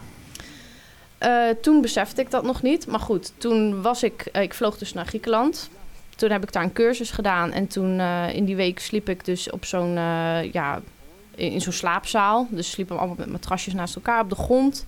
En toen werd ik in één keer midden in de nacht abrupt wakker... door een best wel hele heftige aardbeving. Dus echt, het hele gebouw ging heen en weer. En wij waren ook allemaal echt super bang. Dus wij zijn naar buiten gerend. En... ehm, eh, ja, wij dachten, eh, in, je wordt gewoon wakker. Je wordt gewoon wakker geschud uit je slaap door een aardbeving. Volgens mij was die 5, 4,6 op de schaal van Richter. Nou, hij was best wel echt behoorlijk heftig. Voelbaar. Ja, heel heftig. Ja. Shit verplaatst? Ehm, Spullen in de kast nee, en zo? Niet, er waren geen dingen Porseleinen kopjes? ehm, echt ingestort of zo, dat niet. Maar het was wel, ja, het was wel best wel een heftige aardbeving. Ehm, dus dat was weer zo'n moment dat ik echt wakker geschud werd en dat ik dacht van ja, ik, ik, dit is het. Ik ga dood. Dit is het einde. Eh, vervolgens ben ik in die zomer in Griekenland ook ehm, op een zeilvakantie geweest. Een week op een zeilboot met eh, wat mensen. En eh, toen kwamen wij in een storm terecht. Ehm, wij hadden s'avonds in een baaitje gelegen. Nou, was allemaal hartstikke leuk en eh, flink wat gedronken. Volgende ochtend wilden we ontbijten. En toen hadden we zoiets van, nou, we varen even een stukje verder. En dan gaan we daar lekker eh, ontbijten. Toen kwamen we op de open zee en toen bleken we dus in een gigantische, de Meltem-storm te zitten. Die schijnt heel eh, bekend te zijn eh, daar ieder jaar. En ehm, ja, dat was ook dusdanig zo heftig dat, dat wij dachten dat we dat niet gingen overleven. De, de zeilen waren helemaal gescheurd en wapperden alle kanten op. En eh, dat, dat reddingsbootje hadden we niet goed vastgemaakt. Die zijn we kwijtgeraakt onderweg. Ehm, heel de boot was vol met water. Alle spullen allemaal kapot. Ehm, dat heeft zo'n vijf uur geduurd. Toen heb ik overigens ook weer eh, alleen maar zitten bidden tot God dat ik het eh, zou overleven. En als ik dood zou gaan, dat het dan gewoon een beetje snel en pijnloos zou kunnen. Eh, maar die hebben we dus ook overleefd. En ehm, toen ging ik daarna naar een vriendin in Griekenland. En Vuur krijgen we nou, hè? ja, je raadt het al. Ehm, Wij zouden naar haar ouders gaan ehm, aan ergens midden in Griekenland. Zij woonde in Athene en we gingen naar Larissa met de auto. En ik zat haar deze verhalen te vertellen. Hè, van, nou ja, weet je, eerst had ik dus mijn doodsangsten in het vliegtuig. Eh, ja, lucht. Toen had ik mijn doodsangsten ehm, op aarde, een aardbeving. Daarna had ik mijn doodsangsten ehm, op het water. Lucht. Moet het wel op de goede volgorde Ja, is een beetje jammer dit. Ehm, en toen zei zij ook van, nou, dan is er dus nog maar één over, vuur. Toen dacht ik, ja shit, daar heb ik helemaal geen zin in. en ehm, wij reden dus op de snelweg en in Griekenland heb je allemaal tolwegen. En wij stonden dus, eh, wij kwamen in zo'n tolpoortje dat we moesten betalen. En we hadden net dat gesprek en ze had het nog niet gezegd. Of die man in dat tolpoortje die zegt... ja, jullie moeten even oppassen, want verderop is echt een enorme brand. Dus ik weet niet of je wel verder kunt rijden. Bosbranden? Ja, Nou, net zoals die er nu gaande zijn. nou, minder heftig toen, maar ehm, dat komt dus nog. Wij moesten dus door een brand heen rijden. Dus toen zei ze, nou, hier heb je je, je, je brand. Het was wel weer een heel toevallig moment. Was je Ehm, angstig ook? mm, Nee, op dat moment viel het mee. Die andere drie waren echt doodsangst. Ja, op dat moment viel het mee. En eh, toen zijn we verder gegaan. De, de brand viel uiteindelijk ook mee. Dus toen zei ik van, nou ja, weet je, als ik het hiermee gehad heb, prima. Dan, eh, dan eh, zijn we daar ook maar vanaf. Eh toen hebben we haar ouders Makkelijk bezocht. gedacht natuurlijk. Het was te makkelijk bedacht. Want we kwamen terug bij haar in Athene. En ehm, dat was dus die zomer dat er eh, ook overal in Griekenland alles in de fik stond. Dus wij kwamen terug van dat bezoek bij haar ouders. En eh, zij ging werken de volgende dag. En eh, toen braken overal branden uit. En ik zat in haar appartement en we moesten ook ramen, deuren sluiten. En ik zag voor me aan de ene kant waar ik over het balkon uitkeek. Ja, net als dat je hier naar buiten kijkt, dat gewoon daar... dat je een berg voor je ziet die gewoon helemaal in brand staat. Aan de achterkant stond alles in brand. En we zaten gewoon tussen de vuren in. Het is niet echt een berg, hè? Nee, maar ja, ik zie dat dan voor me, weet je wel. Ik, ben heel Stel je voor, ingesteld. stel dat je platte Nederlanders, voor dat dat er een berg is. zit. Dat is zeg maar een heuvel omhoog. Ja, dat die helemaal in de fik staat. Ehm, en wij zouden die week gaan kamperen op een plek die ook helemaal in de fik stond. Dus het thema vuur kwam ook wel behoorlijk eh, eh, naar voren toen. Maar was je doodsangstig? Ehm, nee, niet heel erg. Heb je ook Wat niet in het verleden al doodsangst, doodsangst met vuur gehad? Ik bedoel, het is best wel... Best wel... Ik, ik heb wel eens dromen gehad over vuur. Nou, ik heb laatst nog gedroomd dat, eh, dat ik paarden ging redden uit een brandende stal. Dus dat thema vuur is- komt zo af en toe nog wel eens om de hoek kijken. Misschien is het dus nog niet afgesloten. Nou, Misschien is dit nog geen eh volsluit vierluik Ja. geweest. Hoe lang over wat voor tijdsbestek hebben het? Waren die andere drie dingen vrij, vrij ja, recentelijk waren, achter elkaar? waren vlot op elkaar. En dat is al wel vier, vijf jaar geleden. Zijn dat het, eh, nou, toevallig is met, eh, met Avatar uh, struggelt dus het main eh, character eh, aan, ook met inderdaad zijn vuurkant. Wat, oh. Want hij, is een heel, hij komt vanuit de luchtnatie en dat zijn dus monniken Oh. die dus heel vredig en zo. En vuur is dus inderdaad heel, heel actief en passievol Ja. en, en daar struggelt hij mee, weet je wel. Want hij kan mensen echt pijn doen met, met zijn vurige kant, zeg maar. Dat is, eh, Iemand heeft mij, toen ik dit verhaal vertelde, wel eens gezegd van... is het niet de, de vuurkant in jezelf waar je misschien heel bang voor bent? Hmm. Eh, het grappige was toen ik terugkwam in Nederland... dat er ook een aantal vuurelementen... Het lijkt alsof het een beetje zo... ehm, de vuurelementen op een eh, wat subtielere manier... ehm, zo af en toe de hoek om komen kijken. Want ik kwam terug uit Griekenland en... ehm, toen ging ik in een restaurant werken, wat eh, bijna een keer eh, afgefikt is, Mm. per ongeluk. En eh, dat viel al mee hoor, dat is niet gebeurd. wat zou een situatie zijn waarbij een restaurant expres affect? Ja, dat is een goeie. Ik denk dat het altijd wel per ongeluk is misschien. Nou, hier in Nederland weet je maar nooit inderdaad. En ik kreeg een relatie met een brandweerman, dat is ook wel grappig. Toen dacht ik, nou ja, dat weet je, dat vuurelement, dat kwam wel hier en daar wel om de, om de hoek kijken. Maar goed, ik ben heel benieuwd naar zijn angst eh, met, het, eh, met betrekking tot het thema vuur. Want misschien kan ik er nog wel wat eh, uithalen. Is hij wel eens in een vuur gedoken dat je dacht van nou, dat moet ook allemaal maar goed gaan. Wie? Ik? Je, had een relatie met brandweerman. Ik neem aan Oh. dat het enigszins affectioneus was, zeg maar. Als dat een echt woord is. Affectioneus. Vast niet. Dat mag je even uitleggen. Affectie. alleen dan in in een Met soort- brand of in met- met hem? Nee, als hij dan in zo'n brandende keet duikt, dat je wel zoiets hebt van, dat moet maar goed gaan. Of hij, wel zoiets van, nou, dat komt wel goed. Of- Ja. Of dookt hij niet zo vaak in een brandende. Jawel, hij, dat ding ging wel vaak af. ook s'nachts. Eh zit ik me even te denken. Ja, hij had veel oefeningen ook waar hij echt... eh, weet je, een brandend huis komt gewoon relatief niet zo heel veel voor als je brandweerman bent. Eh, het zijn vaak de, de mensen die voor de trein springen, auto-ongelukken. Je moet van alles doen natuurlijk. Ehm, Alles behalve brand. Ja, en als er een keer een brand is, zijn ze wel heel blij, laat maar zeggen. Want dat is wel, ja, dat is waarvoor Dat je al die tijd zijn. oefent. Ja, inderdaad, ja, ja. Dus eh, nee, nee, was ik echt inderdaad. bang? Nee, niet. Ik, eh, ik had altijd zoiets van... Zo moet je het eigenlijk zien. Als er, dan, als er dan een brandje is hè, en je denkt van, eh, oh god, waar gaat deze wereld heen? Alles staat in de fik. Moet je denken, er zijn er een setje Die brandweermannen, die hebben daar de hun dag van hun leven, leven weet je wel. Die zitten er eindelijk een ja. keer, oh god man, nu moet ook eindelijk een keer geen lijken uit de auto slepen en Ja. shit, weet je wel. Gewoon lekker brandje blussen. Ja. Dat is ook wel... Zijn, denk je dat er veel mannen bij de brandweer zijn? In plaats van vrouwen? Ehm, daar was één vrouw bij de brandweer. De rest allemaal mannen. Pittige dame, gezien ook eh, Ja, die vrouw? Pittige ja. dame of eh, was het gewoon... eh, Gewoon tof mens, ja, leuk mens. maar gewoon een vrouw, niks... eh, Een, een gewone vrouw, het Gewoon was helemaal een vrouw. geen ja. Keno of zo, Nee, of, eh? nee, het was wel echt een vrouw. Gewoon, eh, Ja. ja. En ik denk dat het wel van is mannenwerk, toch? Brandweer. Ja. Ja. Maar als je het zo hoort, van het is inderdaad ook met, eh, met al die zijdingen die je hebt, dan kan je best wel volgens mij wat vrouwen gebruiken daar. eh. Ja, weet je, ze worden natuurlijk ook heel vaak opgeroepen voor de eerste hulpdingen. Want ehm, vaak als er een ongeluk gebeurt op de snelweg, wordt er gewoon zo'n 112-melding uitgedaan. En degene die eh, het dichtstbij is, eh, die het eerst ter plaatse is, die moet gewoon de eerste hulp eh, bieden. Eh, maar de brandweer is bijvoorbeeld degene die mensen uit autovrakken knipt en zo. Ja. Ja. Maar ik ben heel benieuwd naar de, het vuurelement van deze avatar. Oh, ik wil net mijn laptop uitzetten. Ja, dat dacht een ik beetje, al. Omdat ik een beetje gek word van dat gezoom. Als mensen een hoge piepen horen, wat klinkt als... Dan is dat mijn crappy laptop die een beetje staat aan te stellen. Nou ja, ik denk dat ze er nu al aan gewend zijn en anders is het Anders is het verpest het deze hele vier uur lange podcast. vanaf nu, want nu letten ze erop. Ja, nu, nu weten ze wat het is. Nee. En, en nu open mijn Chrome ook weer niet. Ja, deze laptop, hij is echt overspannen. We, we moeten even weer, ik ga hem gewoon weer even afsluiten. Oh. Ik heb mijn eh, computer heb ik hier klaarstaan om eigenlijk aangesloten te worden. Ik moet even mijn studio eens even een volledige upgrade gaan Ja. geven. Tillen naar dat volgende level. Want dit is eigenlijk nog steeds soort van mijn node setup waar ik mee begonnen ben. Zo van om de boel maar gewoon aan te slingeren. Hè? Gewoon niet wachten tot, tot alles perfect was. Gewoon gewoon gaan. Ja, En, goeie. eh, dus, dus een beetje zo gedaan. Het werkt, weet je wel. Kabeltjes werken half. eh, de computer loopt te suizen als een idioot. Whatever.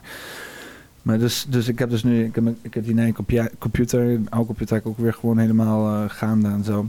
Om die dus inderdaad aan te sluiten, goed muziekelement hier aan te maken, dat ik ook gewoon een beetje met eh, geluidjes kan, eh, weet je, van die jingles zo. Chim chim, radio 5, tap, jump, jump, jump, pow, give it go, sex, sex, yeah, yeah, yeah. Weet je wel, dat soort shit. Dat is leuk, alleen dan misschien iets meer eh, 2020 in plaats van jaren in 90. 21. Gewoon zo'n vette dubstep geluiden tussendoor. Wom, wom. Voorstellen, mensen zitten er tegenwoordig met een koptelefoontje te luisteren, weet je wel, in de bus zo. Die Spotify luisteraars. Die gare geluiden tussendoor doen. Nee, ja, ik weet niet. Ik, ik heb nog wel ideeën met, met, met meer dingen. Maar daarvoor moet ik even die upgrade gaan maken. Hm. Maar ja, wa- wat voor vragen heb je? Want ik weet alles over deze serie. Ik weet alles. Ik heb deze serie twee keer gekeken in zijn volledige totaliteit. En nog veel meer andere. Ik heb al sommige afleveringen heb ik vijf keer gezien. Ik weet zes keer. Zeg het maar. Wat, wat wil je weten? Ja, ik ben benieuwd naar dat vuurelement. Nou, je hebt dus zeg maar eh, eh, eh, vier naties. Naties? Ja, naties. Eh, met een T. Oké. Mhm. Vuurnatie, waternatie, luchtnatie en grondnatie. Je hebt eigenlijk natuurlijk ook nog metaal, maar goed, die hebben we nu even overgeslagen. Nou ja, in serie nummer twee, met een ander personage, gaan ze dus, de grondnatie, die heeft zich dus inderdaad wat uitgebreid. En dan komt inderdaad metaal ook Oh. eh, te passen. En elektriciteit bij vuur, weet Mm. je wel. En ijs ook bij, bij, bij water was ook al wel in het begin. Mm. Maar in ieder geval inderdaad de wat complexere structuren. Maar inderdaad in het begin is het gewoon die vier elementen. En, nou ja, de waternatie, dat is dus de Noord- en de Zuidpool. Mensen die dus daar in de ijs zitten. En de Zuidpool is een beetje... eh, ja, ik weet het maar niet. Je had ook moerasmensen en zo. En er zijn altijd eindeloze toepassingen. Maar ja, eh, eh, grondnatie is een beetje een soort van hè, stabiele eenheid in het midden. China, ze hebben allemaal een soort van Aziatische koninkrijken. Ja. Dus eh, de vuurnatie, of de, de, de, de waternaties zijn een beetje een soort van die... ehm, ehm, Mongolische stammen, zeg maar, weet je wel. Jurt, Mhm. eh Genghis Khan. eh, in Vrieskou, een beetje een soort van achtige Eskimo-achtige tint eraan, zeg maar. Denk, eh, ja, denk toch wel een beetje Eskimo in de zin van Mongool, Mongolische Eskimo's, zeg maar. Eh, en dan heb je de, de, de grondnaties, een beetje een soort van mainland China, weet je wel. Obscure shit, totale controle, stabiel, hè? grond. En eh, eh, ja, die mensen kunnen dus een beetje met, met grond manipuleren en zo. Ze liftjes en zo, een hele werkende maatschappij gemaakt en zo met een beetje grond verschuiven en shit. En dan heb je dus de luchtnatie, die is een beetje uitgeroeid. Sinds de vuurnatie eh, is opgekomen, waar ik straks iets over ga vertellen. De luchtnatie waren dus zeg maar monniken, die hadden kastelen. En, eh, of, ja, Luchtkastelen. of nee, ja, ehm, ehm, wat, wat hebben monniken? Tempels. Luchttempels, inderdaad. Luchttempels, Ondersteboven aan een berg. eh, hele rare shit, weet je wel. Maar gewoon een plek waar dan niemand kon komen. Maar dan waren ze, want hun kunnen van vliegen met vliegen en shit. En zo een beetje de lucht manipuleren en alles. Maar hun waren dus heel verlicht, lichtvoetig. Weet je wel. eh, heel weinig zware dingen van het leven meedragen. Zeg maar. Heel, helemaal heel bevrijd, zeg maar. En dan heb je de vuurnatie, die dus inderdaad ja, heel dominant is. En ja, die is dus nu de wereld aan het veroveren. En dan heb je een soort van vuurheer, weet je wel. Die dus een beetje een soort van... Ja, wel een beetje Japanse rijk, weet je wel. Een beetje eh, heel dominant. En, eh, en eh, ze willen de wereld overheersen. En eh, alles eh, in hun weg moet wijken en dergelijke. En dat is een beetje dan zeg maar de hele wereld waar het zich in afspeelt. En dan heb je dus Ang. Is een... Ang? Ang. Is dat dat A- A- jongetje? A-A-N-G. Ja, Ang. A-N-G. Ja, is het die meneer of dat jongetje? Nee, dat is de jongetje met die pijl. Dat is dus Ja. inderdaad een, een, een, een jong jongetje die dus inderdaad opgegroeid is in de boeddhiste luchtwereld. En hij is dus ook een, een, een, eh, een luchtbuiger, een airbender. Maar dus eh, hij, is, hij heeft zichzelf ingevroren in een of andere situatie. eh, toen hij aan het wegrennen was. En in die tijd is hij Waar 100 rende jaar... die voor weg, weet je dat? Ja, weet ik veel. Hij was ongein aan het uithalen. En hij, was, hij heeft zichzelf in een situatie gekregen waarbij hij zichzelf ingevroren was. Hij, was de, hij is de avatar, gekozen avatar. Dat is een beetje geïnspireerd op het boeddhisme met, hoe, heet, hoe heet die gast ook weer? De Dalai Lama, zeg maar. En die wordt dan gekozen, weet je wel. Dus hij was nog gekozen als jong eh, kindje. En was hij een beetje stressvol van. En toen dacht hij van, hou je. En toen ging hij dus een beetje airbenden. En toen was hij, heeft hij zichzelf ingevroren. Gingen honderd jaar voorbij. Heeft dus de vuurnatie heeft dus de hele wereld overgenomen. Hebben dus ook al die luchtbuigers, airbenders, hebben ze allemaal afgemaakt. Dus hij is een soort van Oh. de last airbender. En eh, ja, hij gaat dus inderdaad door vier, vier seizoenen ehm, en dan weet ik veel talloze honderden afleveringen. Gaat hij dus inderdaad op zo'n reis om dus inderdaad, want hij is dan de, de avatar, dus de connector, die dus inderdaad ook iemand die dus al die vier elementen kan leren beheersen. Ja. Eh, ehm, om dus inderdaad die balans te veroorzaken. Hij is dus inderdaad geconnect met vorige levens en al dat soort shit, weet je wel. Eh, eh, het gaat super diep, het gaat super diep allemaal. Maar inderdaad, omdat hij dus, net zoals Pokémon, weet je wel, die hebben een, een zwakte. Water-Pokémon zijn zwak voor elektrisch. En, eh, Ik ben niet zo heel erg thuis in de Pokémon. Nou ja, je bent toch ook in ja, je bent jaren 80, nee, eind jaren 80. Weet je ook, ja, nou, je bent net, misschien net erna inderdaad, ja. Ik zat vol in die Pokémon shit, jongen. Jawel, ik ook, maar ik heb er niet zo aan meegedaan. Ik had... eh, Maar in ieder geval, elk element heeft zijn, heeft zijn counterzwakte, weet je wel. Dus, dus voor, voor luchtelement, wat het in die serie dan ook een heel erg persoonlijke ding heeft, is dus in dat vuur is dan zeg maar dat counter-element, weet je. Het element wat hij het moeilijkste beheersen Oh ja. vond. En hij kan dus in dat grond vrij makkelijk beheersen, hij kan water vrij makkelijk beheersen. Iedereen jaloers van, oh check hem, alle elementen Mhm, makkelijk mhm. beheersen. Maar dan komt hij bij vuur. En dan doet hij iemand pijn, weet je wel, iemand waarvan hij houdt. En dan is hij helemaal, heeft hij zoiets van, daar wil ik nooit iets mee te maken hebben. Dus vuur is dan altijd, zeg maar, zijn thema. Totdat je bij boek 4 komt. Vuur. Hè, boek, Boek? één- boek, boek 4. Want je hebt zeg maar vier seizoenen. Oh, maar het is wel een serie. Ja, een serie. Je hebt vier boeken. Boek 1, boek 2, boek 3, boek 4. Boek 1 is, weet ik veel, lucht, aarde, water, vuur, zoiets. Fiets in die trant. Ja. Eh, volgens mij begint het met water en dan, dan, dan aarde en dan lucht en dan vuur. En het laatste boek is dus vuur, omdat hij dan eindelijk die confrontatie aan Hmm. moet. En dan heb je dus die persoon, Prins Zuko, dat is de zoon van de alheersende vuurheer die de wereld aan het overnemen is. Die dus inderdaad eh, zoiets heeft van, eh, ja, ik moet deze, deze gozer, die dus inderdaad 100 jaar in het ijs gevroren heeft en de last airbender is, want het vuurrijk zou eigenlijk alle airbenders uit moeten ge, gebannen hebben. Mhm. Weet je, zoals China de Ti- Tibetanen behandelt, weet je wel. Eh, dat, dus hij, hij gaat op een soort van missie om hem uit te roeien, weet je wel. Dat zijn dan, is dan de antagonist eh eh, Ang, weet je wel. En dan Mhm. hij is een protagonist in het verhaal, dus zijn tegenstander, ultieme tegenstander. is dus die, die, die gozer die dus inderdaad hem achterna komt met vuur, weet je wel. En ja, dus dat, dat vuur is in, in zijn leven dan ook de hele tijd die tegenstrijd en waar die tegenstrijd. En uiteindelijk komt hij dus tot het geheel dat hij dus vrede moet stellen met dat vuur, dat leren beheersen, de liefde daarin weten vinden. En dan kan hij dus echt, zoals in boek 4 dan wordt uitgelegd van, door eh, met het afronden van zijn missie, weet je wel. Dus Ja. dat balans stellen weer in de hele wereld. Hij moet dus echt die confrontatie aangaan. Ja. Dat- Mooi. best- Nou, er zit ja. eh, wel een mooie boodschap in hoor. Het zit heel mooi in elkaar. Het, eh, ja, de confrontatie aangaan met hetgeen wat je lastig vindt of moeilijk vindt of eng vindt. Dat is wel... eh, Ja, of de dingen die inderdaad veel pijn hebben Ja. bezorgd in je leven, dat je dat toch dat moet leren beheersen, zeg maar, om eh, ja, die Ja. next level te behalen, weet je wel. next level. Next level. Pum, pum, pum. I'm ready for the next level.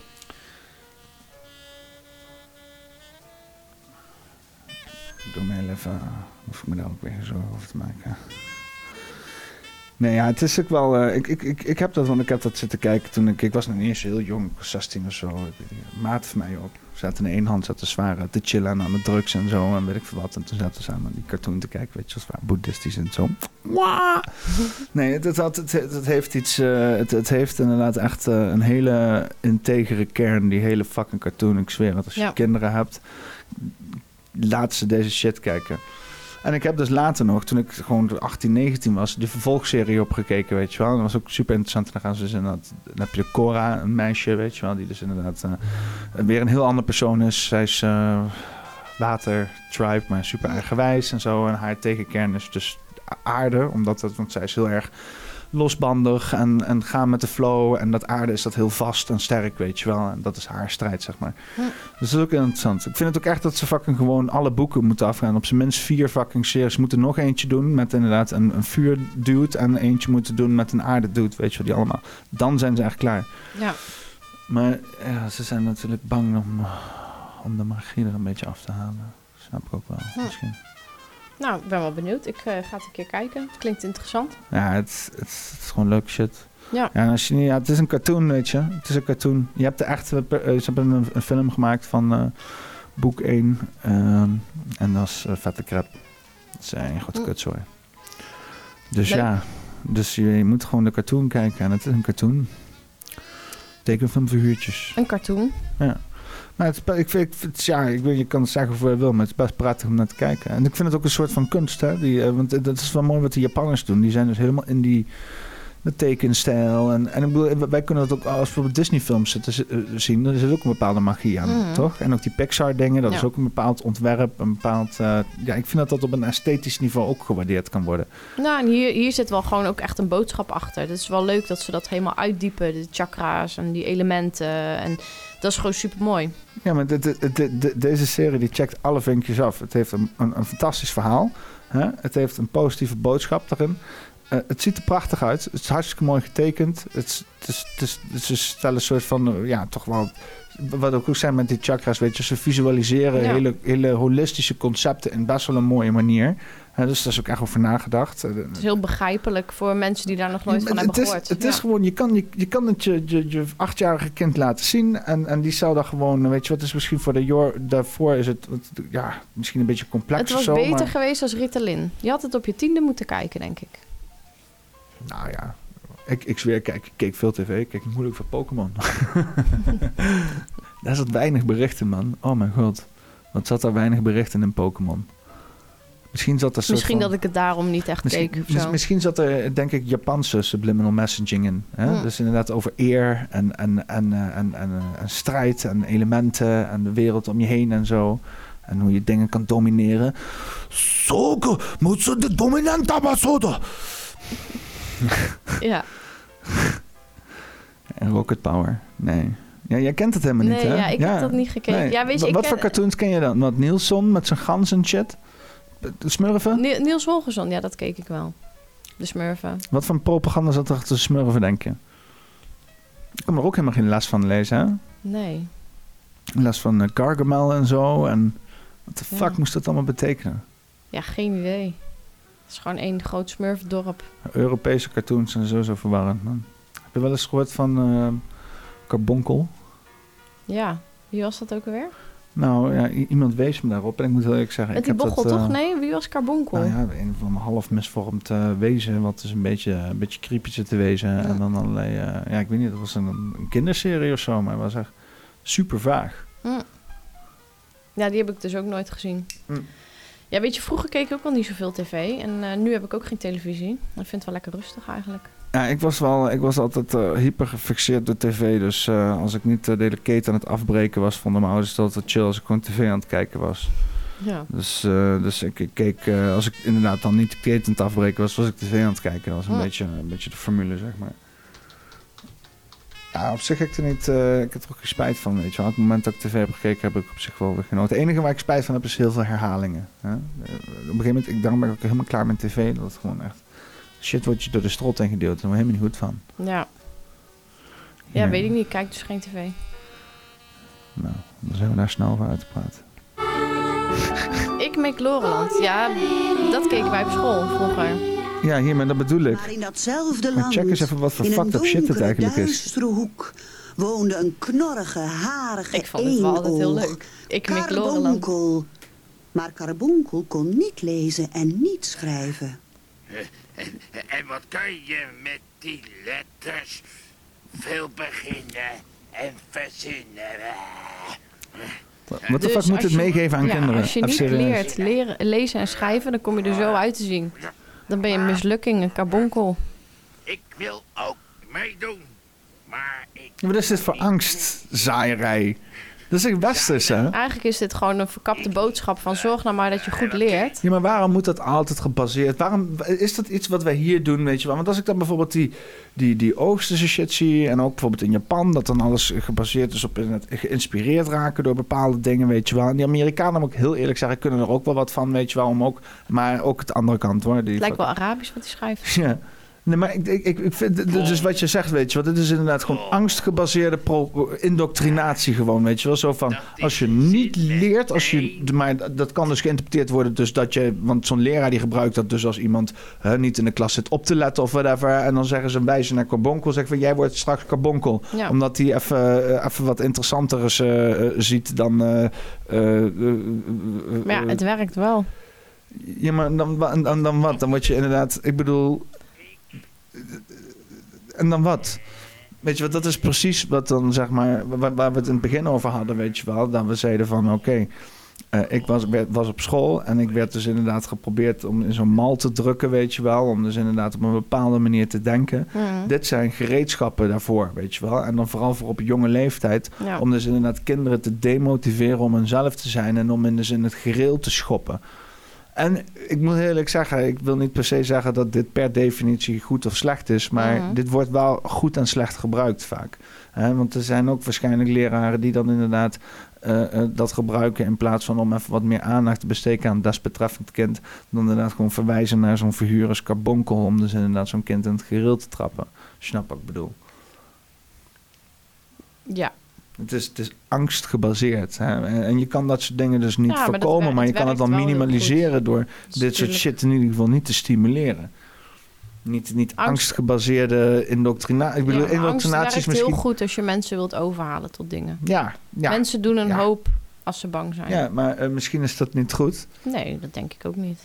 Misschien, weet je, ik snap dat het effectief is, maar het is een soort van lui.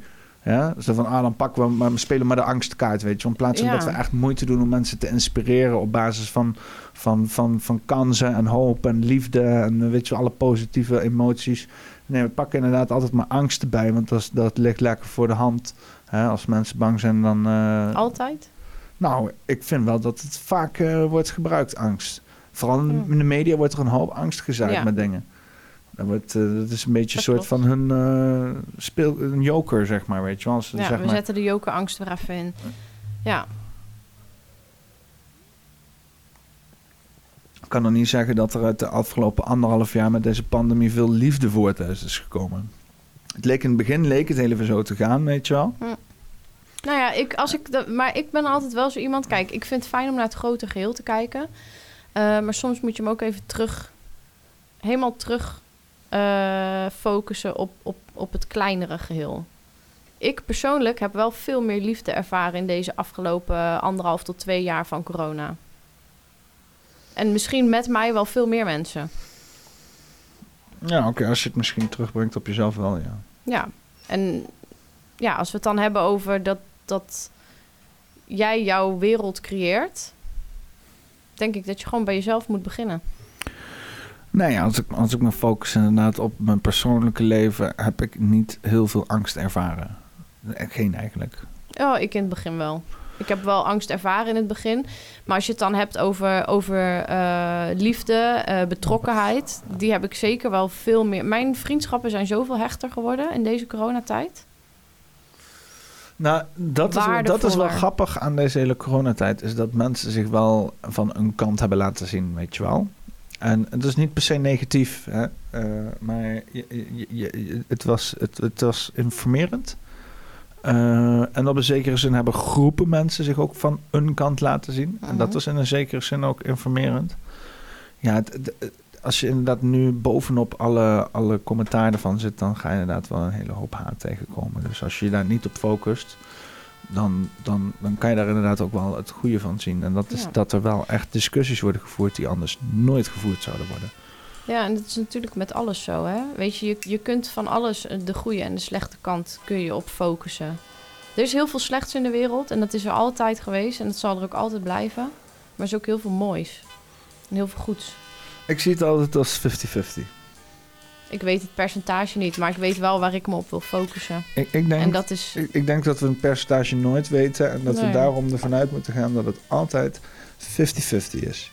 Hè? En dat is, eh, gaat, gaat een beetje gelijk aan Het met maakt ook yin-yang. niet zo heel veel uit. Nee, dat, het, het, staat een beetje, het staat een beetje in, in parallel met yin-yang. Ja.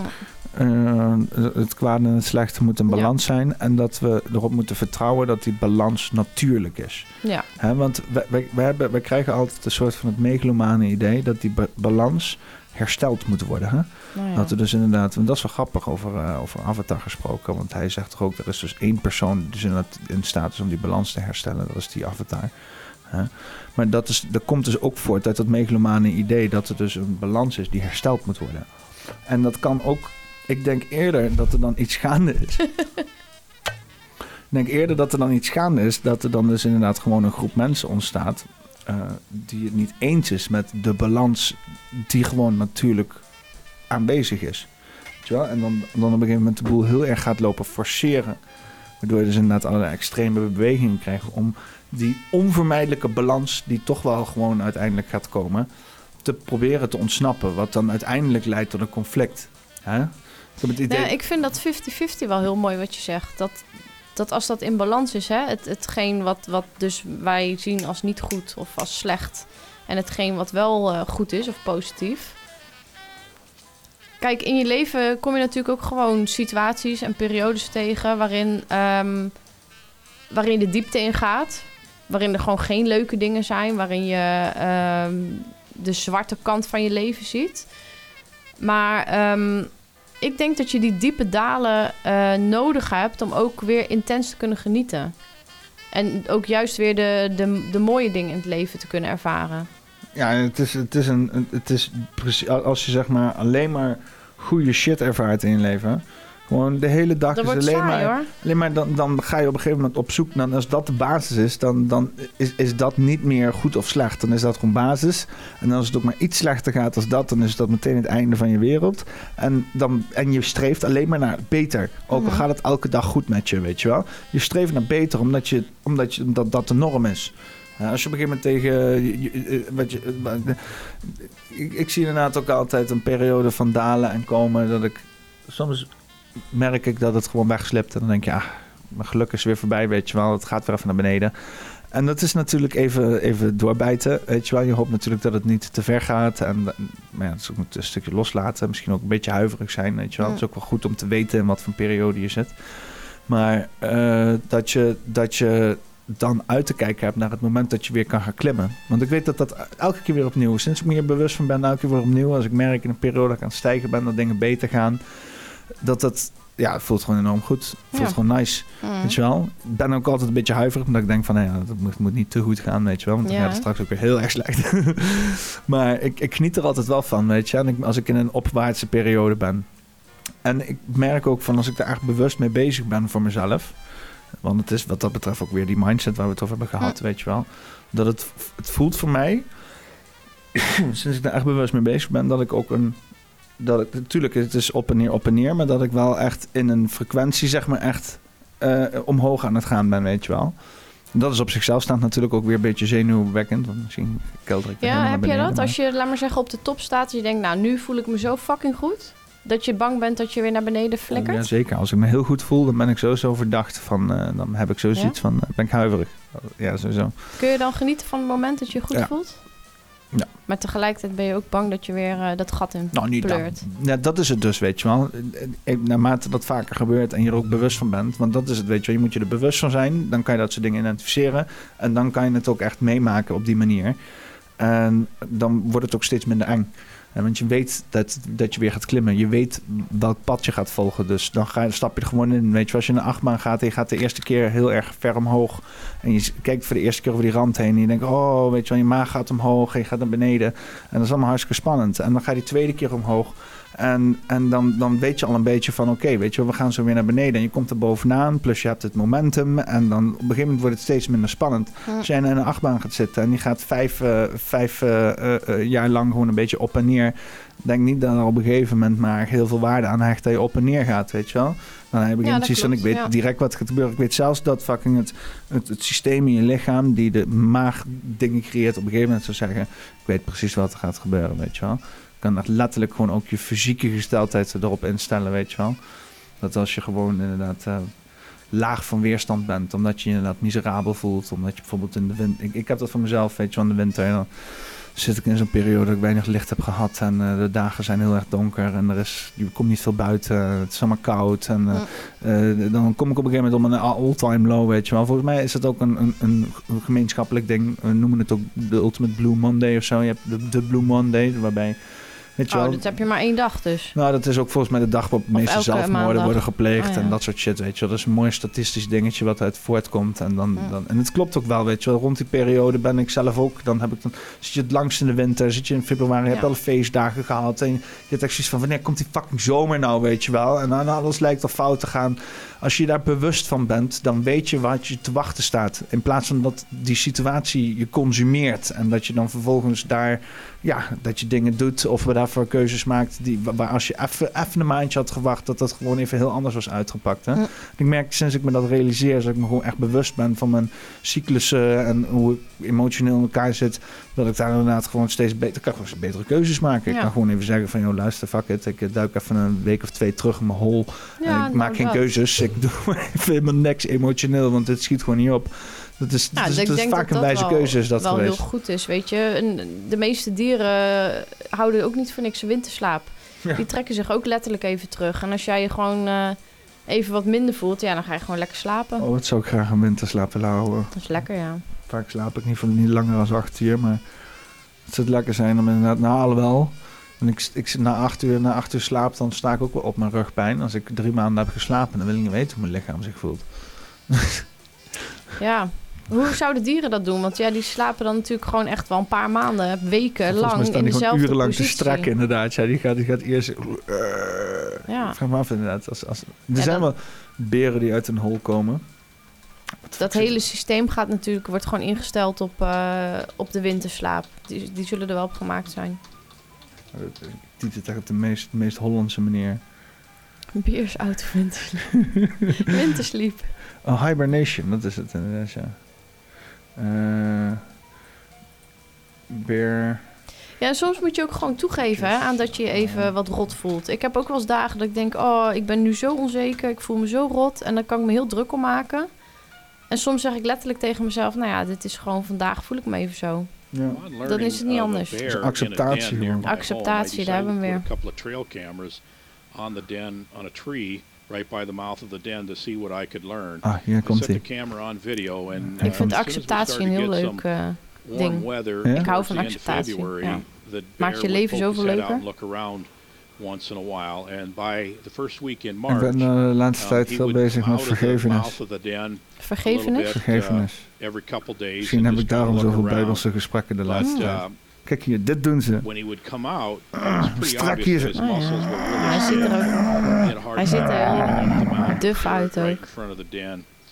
And uh, you know, he was just real Daarom noemen ze dat ook de bruine beer loslaten, Zag je zijn hoofd? for a few days there as he would come out and Ja, mooi man. Ja, ik weet niet. Ik vind beren Ja. ook een mooie dieren, man. Ik heb nooit een beer gezien, maar ja, misschien een dierentuin. Maar...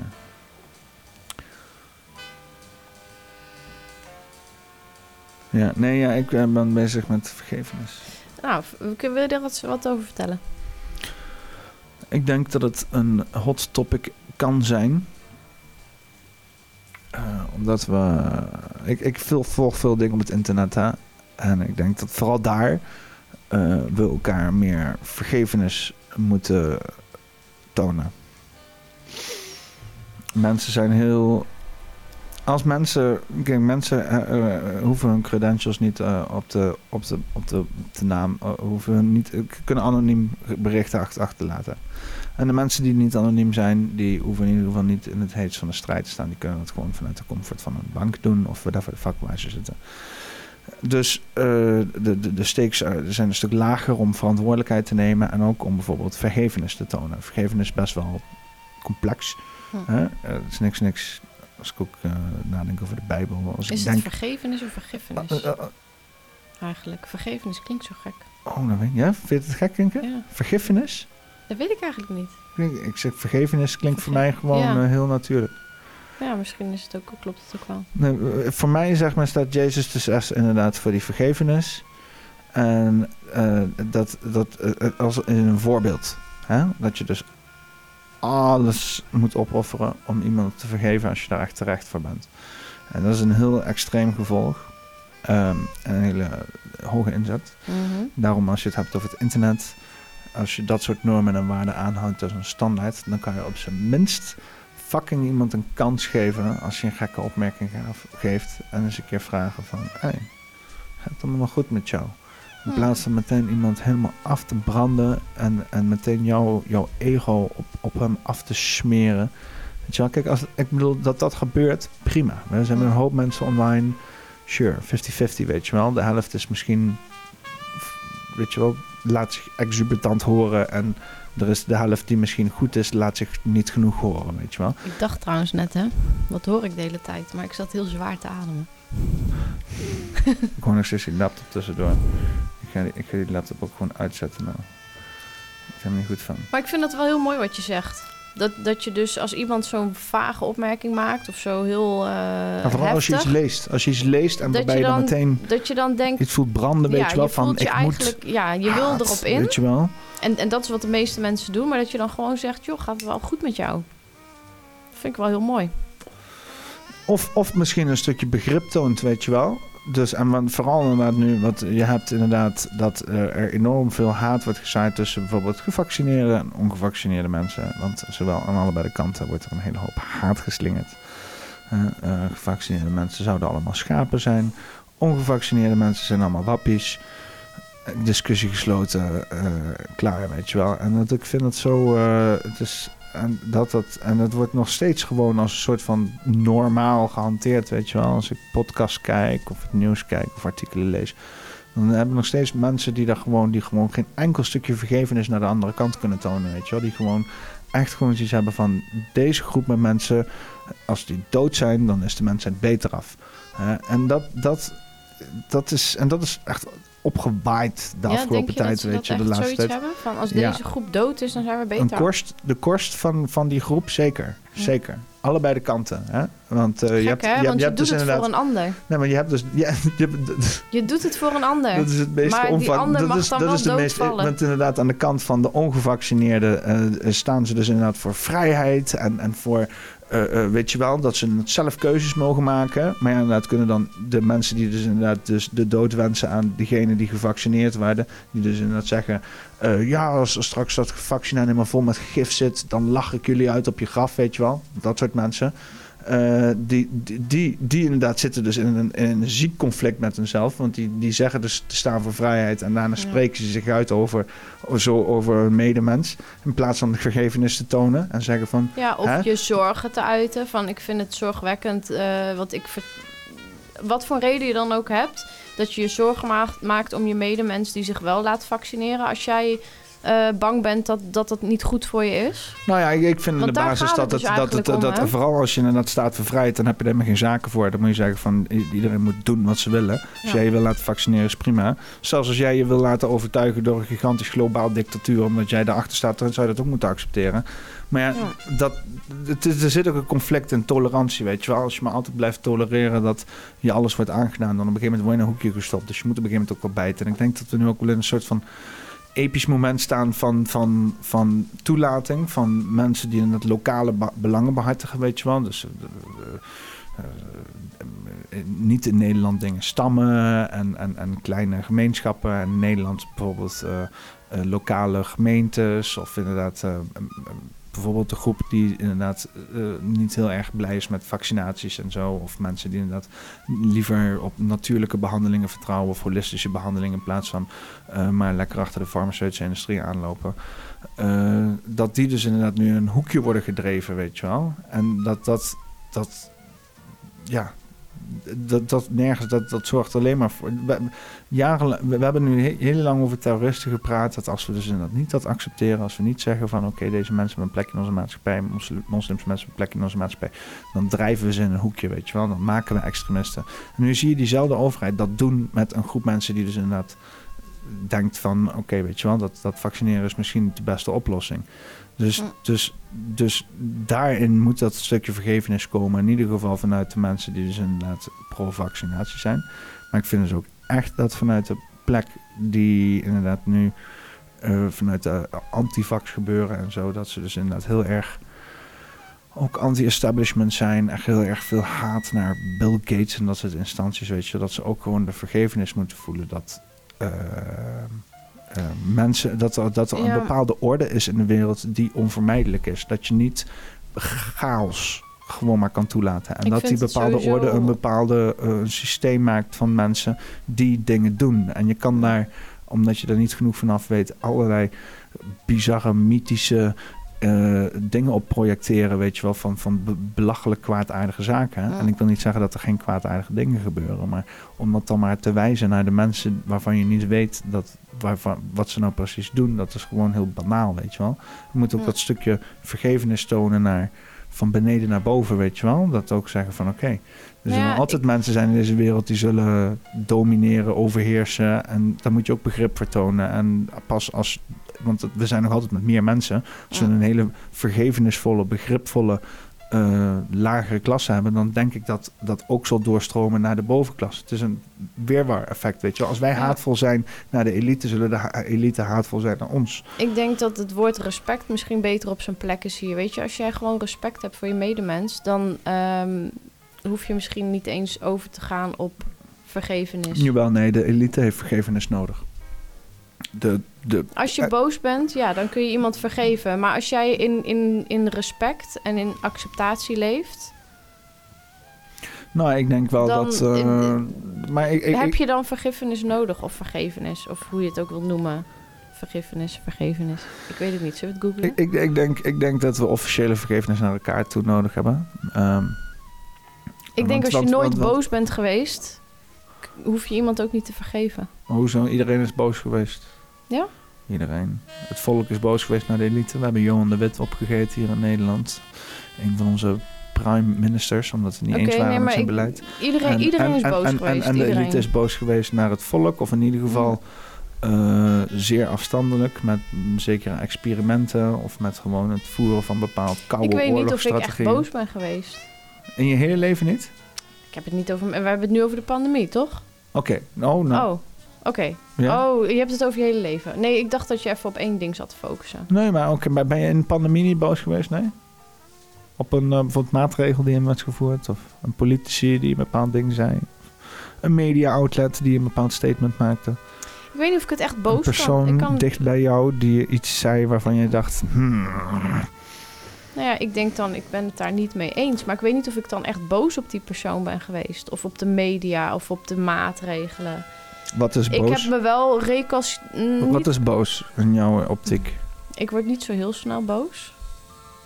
Nee, ik heb je ook nog niet boos gezien. Nee. Maar dan is dus dan een, gewoon een ander spectrum wat je hanteert. Ik heb dus als jij, een als jij eens een ander keer, spectrum als als jij een keer gromt en zo, dan ben je behoorlijk boos, zeg maar. Oh, ik kan, ik kan wel boos ik, zijn. ik grom standaard. Als ik, ik heb zelfs vrolijke manier om te grommen, zeg maar. Ik, ik, wel, ik, kan, ik kan wel boos zijn. Ehm, ik kan ook wel goed boos zijn. Eh, maar ik- dit, dit zijn geen dingen waar ik me boos om maak. Eh, het, het kunnen wel dingen zijn waar ik me over opwind. Ja, oké.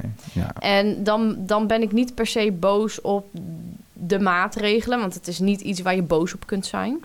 Eh, ik ben niet zozeer boos op eh, meneer Rutte of de politiek of wat dan ook. Ik zou niet weten op wie ik boos moet zijn over deze hele situatie. Maar Op als je nou wel zou weten op wie je boos zijn. Op wie moet je nu boos zijn over deze hele situatie? Eh, de mensen die ons monetair systeem beheren.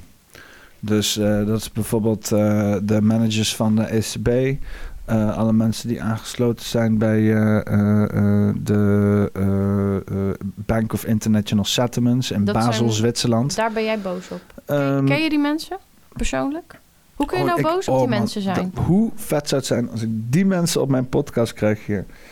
Nee, Dit maar is weer een uitnodiging. We hebben al drie, Drie uit- uitnodigingen. Drie Ik wil uitnodigingen. Mario Draghi hier hebben. Ik kan geen Italiaans, drie. maar ik kan een beetje Engels. Mario Draghi, de hele tijd hoofd van de ECB Mario, geweest. Is nu al premier van Italië. Dit is een uitnodiging. De- Deze man heeft eh, de afgelopen jaar heel eh, pro-Italië beleid gevoerd. Hè? Monetair systeem. uitnodigen?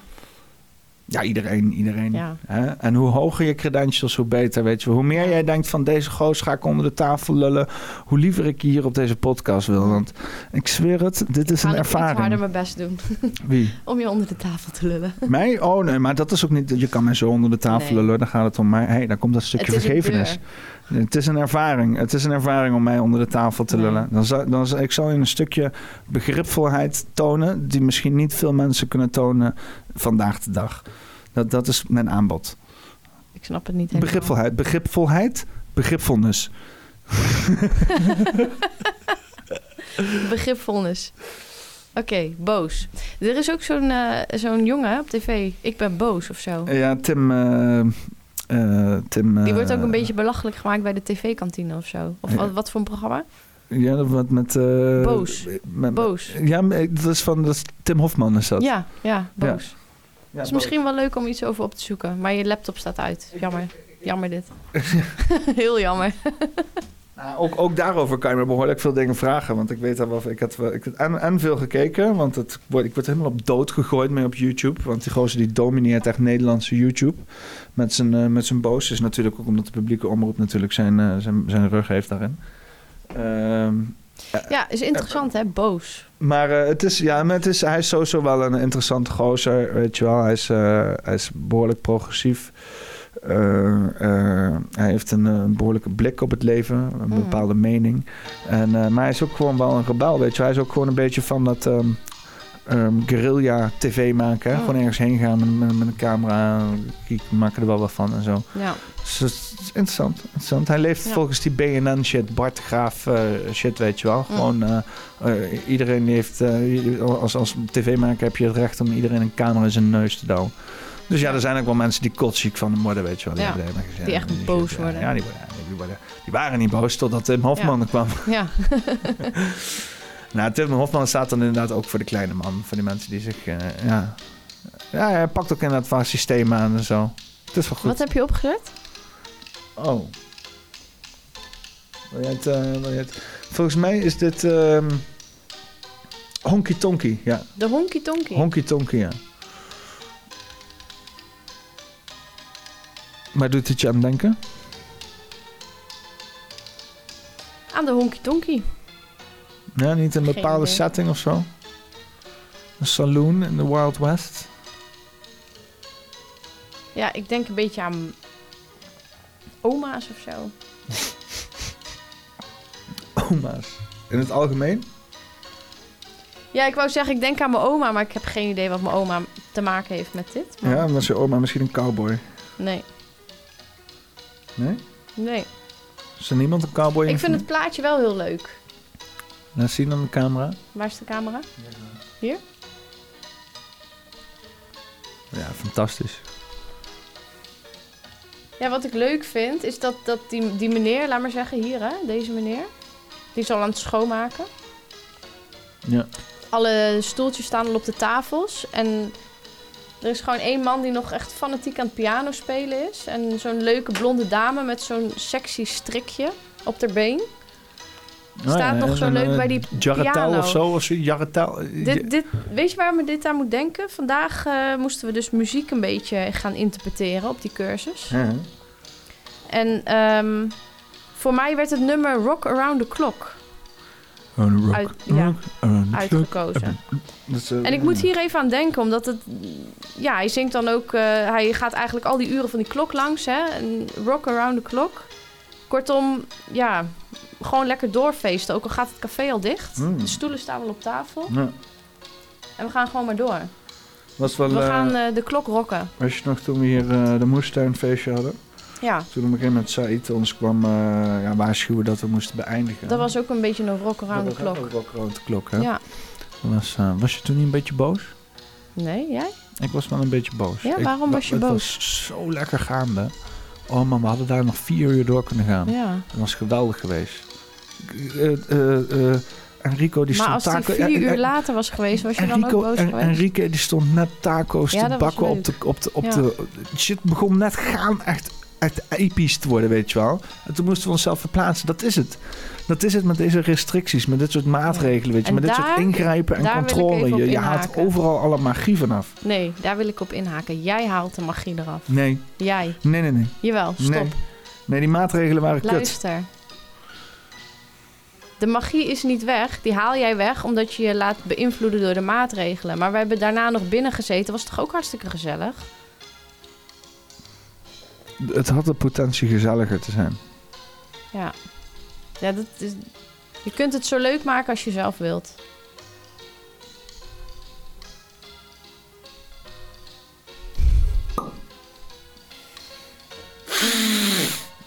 Is hij goed? Voor mensen denken dat ik eh, zojuist een envelopje heb leeggehaald.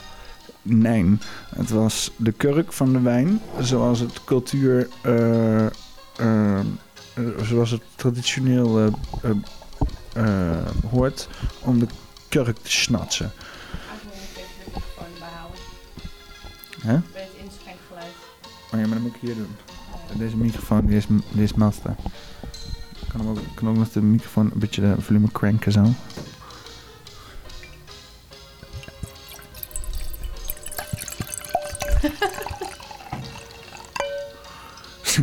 Een overdreven wijn in zijn kluit. Ja, dit was dan? echt heel overdreven. Laten we even overdreven proosten. Ik weet niet of je die hoort. Het uh, afgeschermd in deze kant. Dus als nu iemand hier binnenkomt en die zegt... je moet nu stoppen met je podcast, dan ben je boos. Dan is het hele magiemoment weg. Nou, het stomme is dat ik deze hele podcast begonnen ben met het idee dat iemand zou binnen kunnen stormen en zegt ik eh, stop deze podcast. Want dat is een Ja? beetje de sfeer waarin ik begonnen ben, ja. Ja? Waarom? Nou, Lange Frans was geband, eh, Joe Rogan eh, die, die werd ge- afleveringen geband op YouTube. Iedereen die pleit van allerlei platforms en de ene platform. Dat is een beetje Ah. de sfeer, weet je wel. En ik, dank, ik dacht ook wel, het is mede te danken aan die sfeer dat ik denk, oh, ik, ik ga hierin, weet je wel. Want het is een soort van chaos waar ik me graag in wil bewegen. Ik vind het ook leuk om dat lijntje te lopen op een of andere manier. Maar ehm, eh, ja, dat is wel de hele insteek. Ja, ik, ik heb ook eh pre, pre, percussies, precu- Percussie? maatregelen Oh. heb ik genomen. Ik dacht dat je het over instrumenten ging hebben. Percussie. Ik heb percussies ingeslagen oh, voor het geval dat ik geband werd. Dat ik in ieder geval een leuk trommeltje. Trommelen. Ja. Heb je percussie-instrumenten? Ehm, nee. Maakt niet uit. Maar Maar alles goed. kan een percussie-instrument zijn als je een percussie-instrumentist bent. Ja. Wordt het heel percus percussistisch van. Oh, wow. Percussistisch. Per- percussistisch element bij... Oh, wacht even. Laten we niet de fles eh, er vol bij gaan pakken dan. Nee. Maar goed, we hadden het over boos, hè? Ja ik, vind het heel, ja, ik vind het heel bijzonder dat je dus...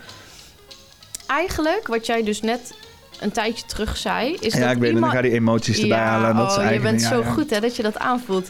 Kijk, iedereen is verantwoordelijk voor zijn eigen emoties. dus... ja, moet ik het nog uitleggen of niet? Nee, ja, voor de nee. kijkers thuis moet ik het nog uitleggen. Je hebt Nee. het gezien. Als je al inmiddels hier bent, dan ben je daar ook geweest. Ja, en als je, terug, als je doorgeskipt bent, dan moet je teruggaan. Want daar wordt het eerder uitgelegd. Nee, ja, je hebt, Dus je bent je hebt gelijk. Je hebt gelijk, inderdaad. voor maar, je eigen emoties. eh, eh, ik, ik, kijk, ik, ik, vind, ik vind dat we prima kunnen praten over emoties. Maar dan kun je En- ook want best ik, boos ik, heb zijn, het, hè? ik, heb het wel eens vaker dat ik met mensen mijn emoties bespreek. En dat ze dan en ook deze bal naar me gooien. Dus Nee, zeggen van, ah, je moet niet emoties hebben. Nee, ik, val, ik, val, ik, val, ik val niemand lastig met Nee. mijn emoties. En ik, ik, ik, ik, verwacht even- helemaal van niemand anders in mijn omgeving zichzelf aan te passen. Zodat ze mij niet ik bepaalde emoties kunnen Nee. geven. Daar ligt mijn lijn. Nee. Maar ja, ik, Ik ervaar emoties en ik praat er graag over, weet je wel. Heel goed. nou ben ik het dus kwijt, omdat je doorpraat over Ah. je emoties. En dat was de bedoeling. Nee, niet, niet echt. Ik mag gewoon mijn Ik, punt maken. nee. Ik zeg niet dat je niet boos mag zijn, want dat is je goed recht. Is jouw emoties, jouw verantwoordelijkheid. Als jij boos bent, is dat helemaal prima. Ik moet het me niet laten beïnvloeden. Door wie? Nee, de emoties. Ik moet niet mijn leven laten beïnvloeden door die emoties. nou, maar ik, wat, wat ik gewoon oprecht wel interessant vind, is dat je dus ehm, het moment laat verpesten door iemand die zegt van ja, het is nu, je moet nu stoppen. Ik heb niet het moment laten verpesten. Maar je was boos. Oké, misschien Ik- ik- verwoord nou ja, ik- het is, het is eh, ik bedoel, ik was niet op dat moment, ah, weet je wel. Ik was gewoon, gewoon constructief. Iedereen heeft zijn ding gedaan. Ik heb een lekker safe bezig gehouden. We konden nog rustig een half uur het ding doen. Alles was perfect, alles was perfect. Dus ik ben nooit boos geweest in het Oh. moment. Maar ik ben wel over het hele grote geheel boos op de overheid. Dat hun mij terughouden dit soort dingen te doen. Weet je wel, dat het effect, dat, dat die maatregelen van de overheid op, des, op, op dit niveau effect hebben op mijn leven. Waarbij ik het idee heb dat ik niet door die. Dat ik heb niet gehad van. Oh, omdat ik me nu hou aan deze maatregelen. dan zijn we beter bezig voor de volksgezondheid. Niet. We zijn daarna naar binnen gegaan bij maat. En dan hebben we bij hem binnen op een klein kutkamertje gezeten. Zonder ventilatie. Dat was alleen maar slechter voor de volksgezondheid. Het was beter geweest als we gewoon tot 12 uur in die fucking tuin hadden gezeten. Weet je wel. Ja, en daar maak ik me boos om. Dat heeft toch niks met de overheid te maken? zeker wel, want Degene- Saïf zei letterlijk tegen mij... ik moet het beëindigen vanwege de overheid. Vanwege dat er dus inderdaad overheidsmaatregelen Oh, zijn ja. genomen. En hij was bang om een boete te Ja, krijgen. nou, dat is en ik zei in eerste instantie, zei ik, van, betaal de boete. Toen zei hij, dat Oh, wil je niet, die kost 3000 euro. Oh, 3000 dat is wel euro. Omdat je even een paar uurtjes langer in een tuin zit. Mhm. Dus toch, is toch natiegedrag met een zet. Ja, dat is wel vervelend. Ik snap, ik snap ook wel dat je daar boos om kan worden. En weet je, om- omdat jij vroeg van, was jij boos op dat moment? Nee, ik was niet boos, want ik had deze hele gedachtegang niet. Ik dacht gewoon, we hebben superleuk gehad daar buiten. Het was gezellig, we hebben gegeten, we hebben gedronken. En ehm, we worden verzocht om elders plaats te nemen. Prima. Dan gaan we ergens anders zitten met dezelfde vibe. Klaar. Ja. misschien heb ik dan af en toe een mannenbrein, maar eh, dat was mijn gedachtegang. Ik, dus Nou, het is ook als je dan, ik, ik, ik zit ook wat meer actief in het grote geheel, zeg maar. Precies, Eh, maar als je dan vraagt daarbij, was je boos? Nee, ik was niet boos, omdat ik gewoon niet zo ver had nagedacht. En soms is dat eh, simpel, maar wel erg fijn. Ik, ik, ik, ik, ik, ben ook, ik was op dat moment ook niet boos, weet je wel. Ik was, ik was letterlijk teleurgesteld dat het toen al was. Want ik was letterlijk Ja. helemaal niet op de hoogte van dat het al zo laat was, weet je wel. Ja. Oh nee, het is nou negen uur. Nee, toch. Was Dus ik, ik baalde, uur? ik baalde Ja. wel. Oh, ik baalde wel enorm. Ja, daarom. Wel kut. Ik baalde wel. En, eh, en, maar al met al is het, was het prima. Het was Hm. perfect. De hele avond, alles was perfect. Daarom. En Maar dan, dan, terugkijkend op het geheel, dan word ik boos van deze maatregelen. Omdat ze ten eerste nutteloos zijn. Ten tweede gewoon geen bijdrage hebben aan datgene wat ze preken dat ze zouden moeten doen. En ten derde gewoon veel te veel invloed hebben op mensen hun persoonlijke individuele levens. Om zo'n groot probleem aan te pakken. Want Ja. kom op zeg. Wil, Waar de fuck zit er wat moeilijk over ja, te maar doen? wil je je laten beïnvloeden? Ik, ja, ik word toch wel beïnvloed. Ja? Ja, ja. Sowieso. Vooral als ik dit soort shit wil blijven doen. Ik wil ook een beetje plugged in blijven, weet je. Ik heb Ja. geen zin om, om helemaal niet in actualiteiten te zitten... en dan Ja. een soort van parallel ding te gaan doen. Ik vind het... Ik vind het ook... Ik, ik, ik, ik, ik heb het... Oké, nou ja, misschien... Ik vind de muziek wel leuk. Ja, geweldig toch? Ja. Het waren saloon shit, jongen. Ja. Alsof we gewoon lekker... Eigenlijk moeten we een potje kaarten ook nou. Zo, Ja. hè? ja. Misschien is het ook een stuk arrogantie en ego voor mij... dat ik denk van... eh, mijn manier van denken draagt bij. Aan? Alles. Gewoon iets, weet je wel, Maar whatever. je manier van denken draagt altijd bij. Maar da- daarom, het is maar, ik, ik, ik heb het idee... Ik ben wel voorstander van positief denken. Kijk, ik kan altijd eindigen met een positieve noot, weet je wel. Mhm. Want aan het eind van de dag heb ik een hele hoop, een hele hoop liefde te geven. Maar ik ben wel kritisch. Overal Ja. En, eh, en, eh, en eh, dat, ja, dat klinkt soms, dat is soms een beetje, een beetje ruwig. Ja. Schuurt soms een beetje met dingen. Maar ik vind ook niet dat dat dan meteen, en daar komt dat stukje vergevenis denk ik weer, Ja, dingen moet hadden we het triggeren die haatgevoelens opwerpen. Want dat is tegenwoordig een soort van norm geworden, weet je wel. En ik snap best haat dat dat een ding is. En daar moeten we van houden haat. Want haat en houden, dat zijn twee dingen van dezelfde munt. Als je ergens van houdt, dan maakt het jou mogelijk om iets te haten. Want als iets waar je van houdt wordt weggenomen, dan haat je dat. Maar het, het is niet... Als je ergens... Als het je gereed interesseert, als je er gewoon onverschillig over bent, dan haat je het niet. Dan hou je er ook niet van.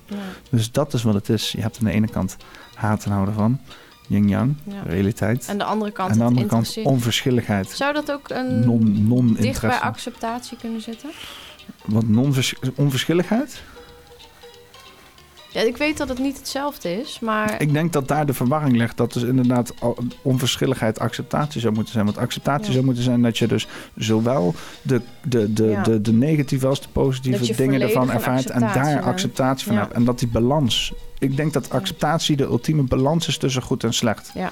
En dat eh, eh, dus inderdaad onverschilligheid daar een manier van is om van te ontsnappen. Maar dat Ja. is, ja, wil je onverschillig zijn over alles? Kan best over sommige dingen onverschillig zijn in godsnaam. In deze wereld helemaal, Mhm. absoluut, weet je wel. Dus dat je onverschillig bent over politiek is ook je goed recht, snap ik ook, weet je nou, wel. ik denk niet dat ik, Ik snap- onverschillig ben over politiek, maar het is een bewuste keuze om me er niet in te verdiepen. Maar ik weet dat als ik er iets van oppik, dat ik zeker niet onverschillig ben. Nee. Er komt een En hele hoop haat naar boven. misschien, misschien is dat mijn vuurkant, die ik niet zo goed wil zien. Misschien de Ehm, volgende, volgende burgemeester van, eh, van Renkum.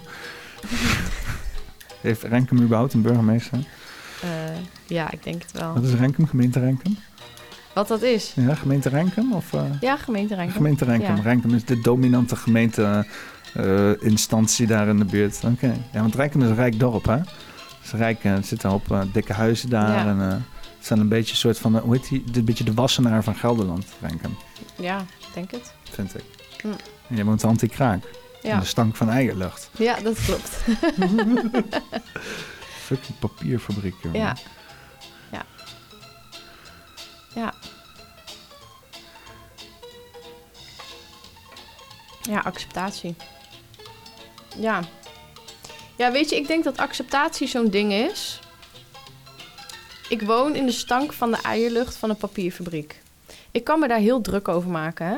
Van, nou, het is super slecht, ik adem dat in. Als ik buiten zit, stinkt het. Ik maak me er al druk over. Ja, precies. Ik woon er niet eens in. Luister, ik kan me daar heel druk over maken. Maar ik vind dat zolang ik daar blijf wonen, dat het geen zin heeft om me daar druk om te maken. Want ik kan ook gewoon kiezen om ergens anders te gaan wonen. Of ik kan kiezen om in de, weet ik het, gemeenteraad te gaan zitten en te gaan strijden. Maar daar heb ik geen zin in. Dus ik En is ook niet per se effectief. nou, en is energieverspilling.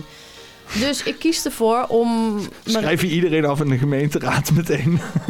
Dus ik. Oké, mensen in de gemeenteraad van Renkum. Dit is Energie, energie- energieverspilling.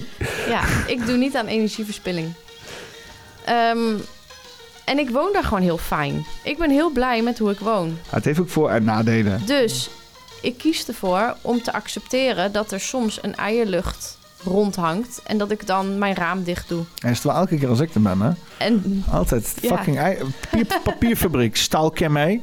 Als jullie een, een soort van database hebben over waar ik ben en zo... en een GPS-data in de gaten houden... kunnen jullie dat alsjeblieft even laten weten. Maar heb ik wel volgens mij volgens de EU-reglementen van privaatrecht recht op. Want, eh dus, want er begint een patroon te ontstaan hier. ja, patronen. Nee, ja, het is. eh, ik, ik, ik denk dat. eh, dat, dat, dat, dat Dus dat, over dat, dat acceptatie thema's, ja, gesproken, acceptatie, maar, maar ook vergevenis.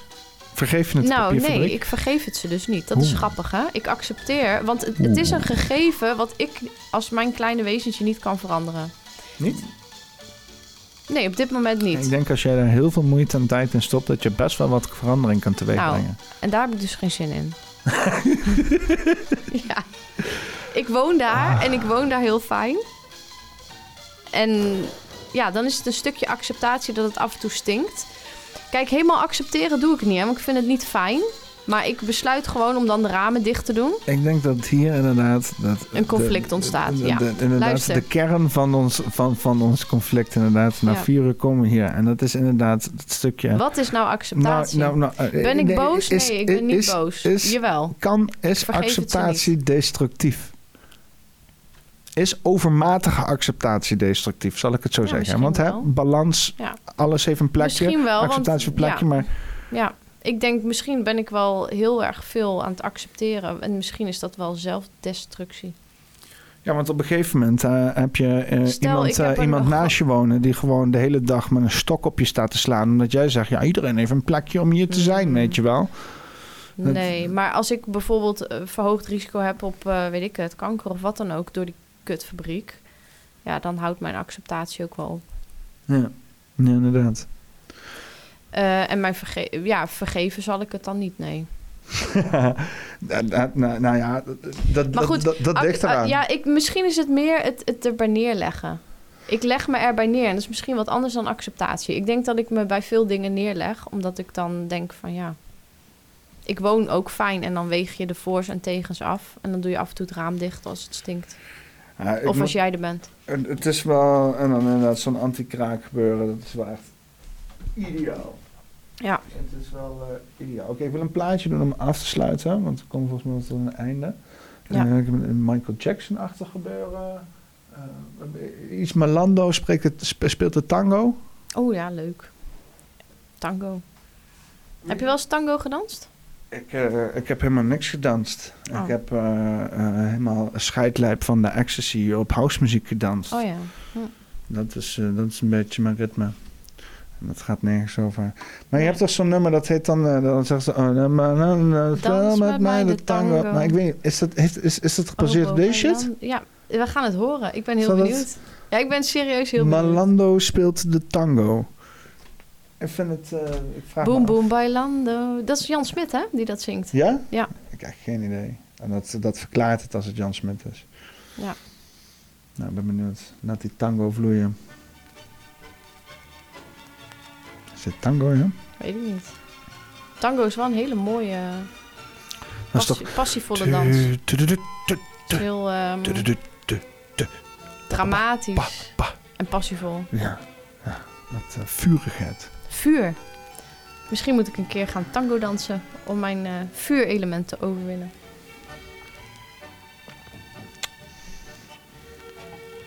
Gewoon een beetje slappe tango dit. Ja. Ik ga maar eens even skippen. eens Even kijken of deze shit op meer hardcore komt. Zeg eens iets, zeg eens iets bizars. Bizar. Nee, ja, maar. Dus even een rare statement of gewoon iets, of iets raars zeggen of zo. Tango is voor mietjes. Is dat niet geweldig? Dat is geweldig? Oké. Oh. Het eh, klinkt al wat meer serieus. hè. dramatischer. Pomp die shit. Pomp die tango. Ja. Nou, moet je voorstellen dat iemand nu al vier uur lang naar onze podcast zit te luisteren... die bijvoorbeeld staat te sporten in de Denk je dat ze dat volhouden? Ik heb, ik heb dat wel eens gedaan. Ik bedoel, dat waren dan wel podcasters die inderdaad wel wat meer ervaring hebben dan eh, eh, ik hier. Maar weet ik veel wat mensen interessant vinden. Heb je wel eens op het internet gekeken? Er staat maar shit op waar je van denkt van wat? Hoe kan dit populair zijn? Hoe kunnen mensen dit interessant vinden? ASMR.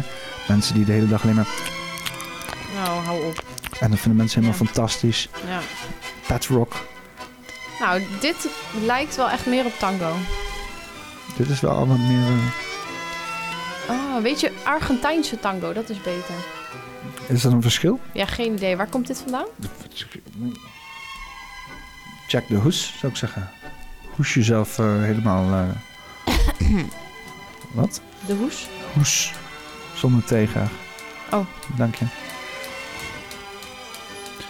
Kan je een Het- beetje beschrijven wat je ziet?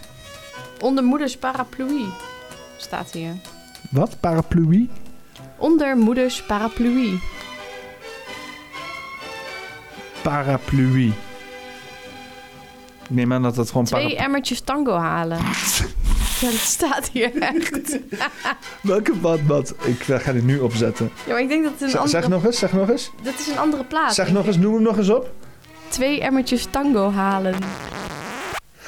Waar? Welk nummer staat hij? Onder moeders paraplu. Nee, maar aan welke kant staat hij? Welk nummer is het? ik, ik snap het niet. Hoezo? Dit is van voor mijn tijd. A of B? Kant A of B? Ja, het staat hier. Wat is dit?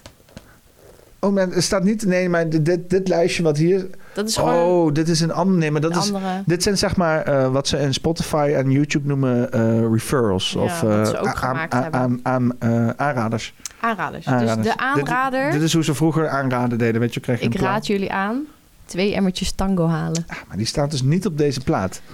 Wat staat er wel op deze plaat? Dat kleine, kleine stukje tekst daarbovenaan. Weet je, gewoon die kleine opsomming met Dit. nummertjes. Ja, dat, ja, dat. Dat, de rest is alleen maar inderdaad... eh, Oh, ze hebben wel iets over een gigolo. Misschien Oh. leuk om mee af te ja, sluiten. inderdaad. Ja. Kant 2. Kant 2? Is dat... Ik weet niet welke kant hebben. Oh, dit is een kant 2. Ehm, het is eh, de één laatste nummer. Heb je daar wat aan? Schöne, schöne gigolo.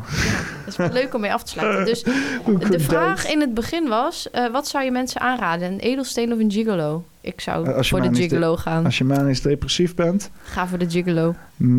misschien moeten Sie ein bisschen einen schönen Gigolo... Mit äh, ein Edelsteen. Mit ein Edelstein. Sie müssen einen äh, schönen Ein Gigolo ficken auf ein Bettchen von schönen Edelsteinen. Ein Amethyst. Dies was äh, Popfenkaste äh, 24 äh, holistische Sache mit Claudia. Auf wieder Schnitzel. Eh, ik zet hem te vroeg in, wacht even. Oh, oh nee. Ja, ja. Dus, ik moet precies op die regel zetten, hè. Ja. Oké, zeggen we gedag tegen de mensen? Gedoeg? Gedag. Gedag. Gedag. Nou, gedag mensen. Gedag mensen. Het was... eh Een schönes Abend. Een zeer schönes Abend. Und auf wieder Schnitzel. Een fijne zondag. Is het zondag? Nee, Jawel, toch? nee. Ja? Is Ja, het zondag? Ja, het is zondag. Oh. Een fijne zondag. En een fijne zondag. En een fijne week. Of welke dag je dit ook wel bekijkt. Ja. Laten we eerlijk wezen. Een schönes Abend. Ga je nog een finale klap opgeven? Een beetje spetterend eindigen? Wat wil je dat ik doe? Ja, weet ik niet. Handstand? oh shit, Nee. de plaat die moet wel blijven. Shit. Alles, alles. Ja. Zie je het nou? Dan krijg je als we de podcast niet goed voorbereid, hè? Dan kan je ook geen einde... Oké, hij blijft wel lopen. ja, wat is dan een klapper? Ik weet niet, een goed statement, een, eh, mooie... We hebben nog geen naam voor deze podcast. Ja, we hebben nog steeds geen titel.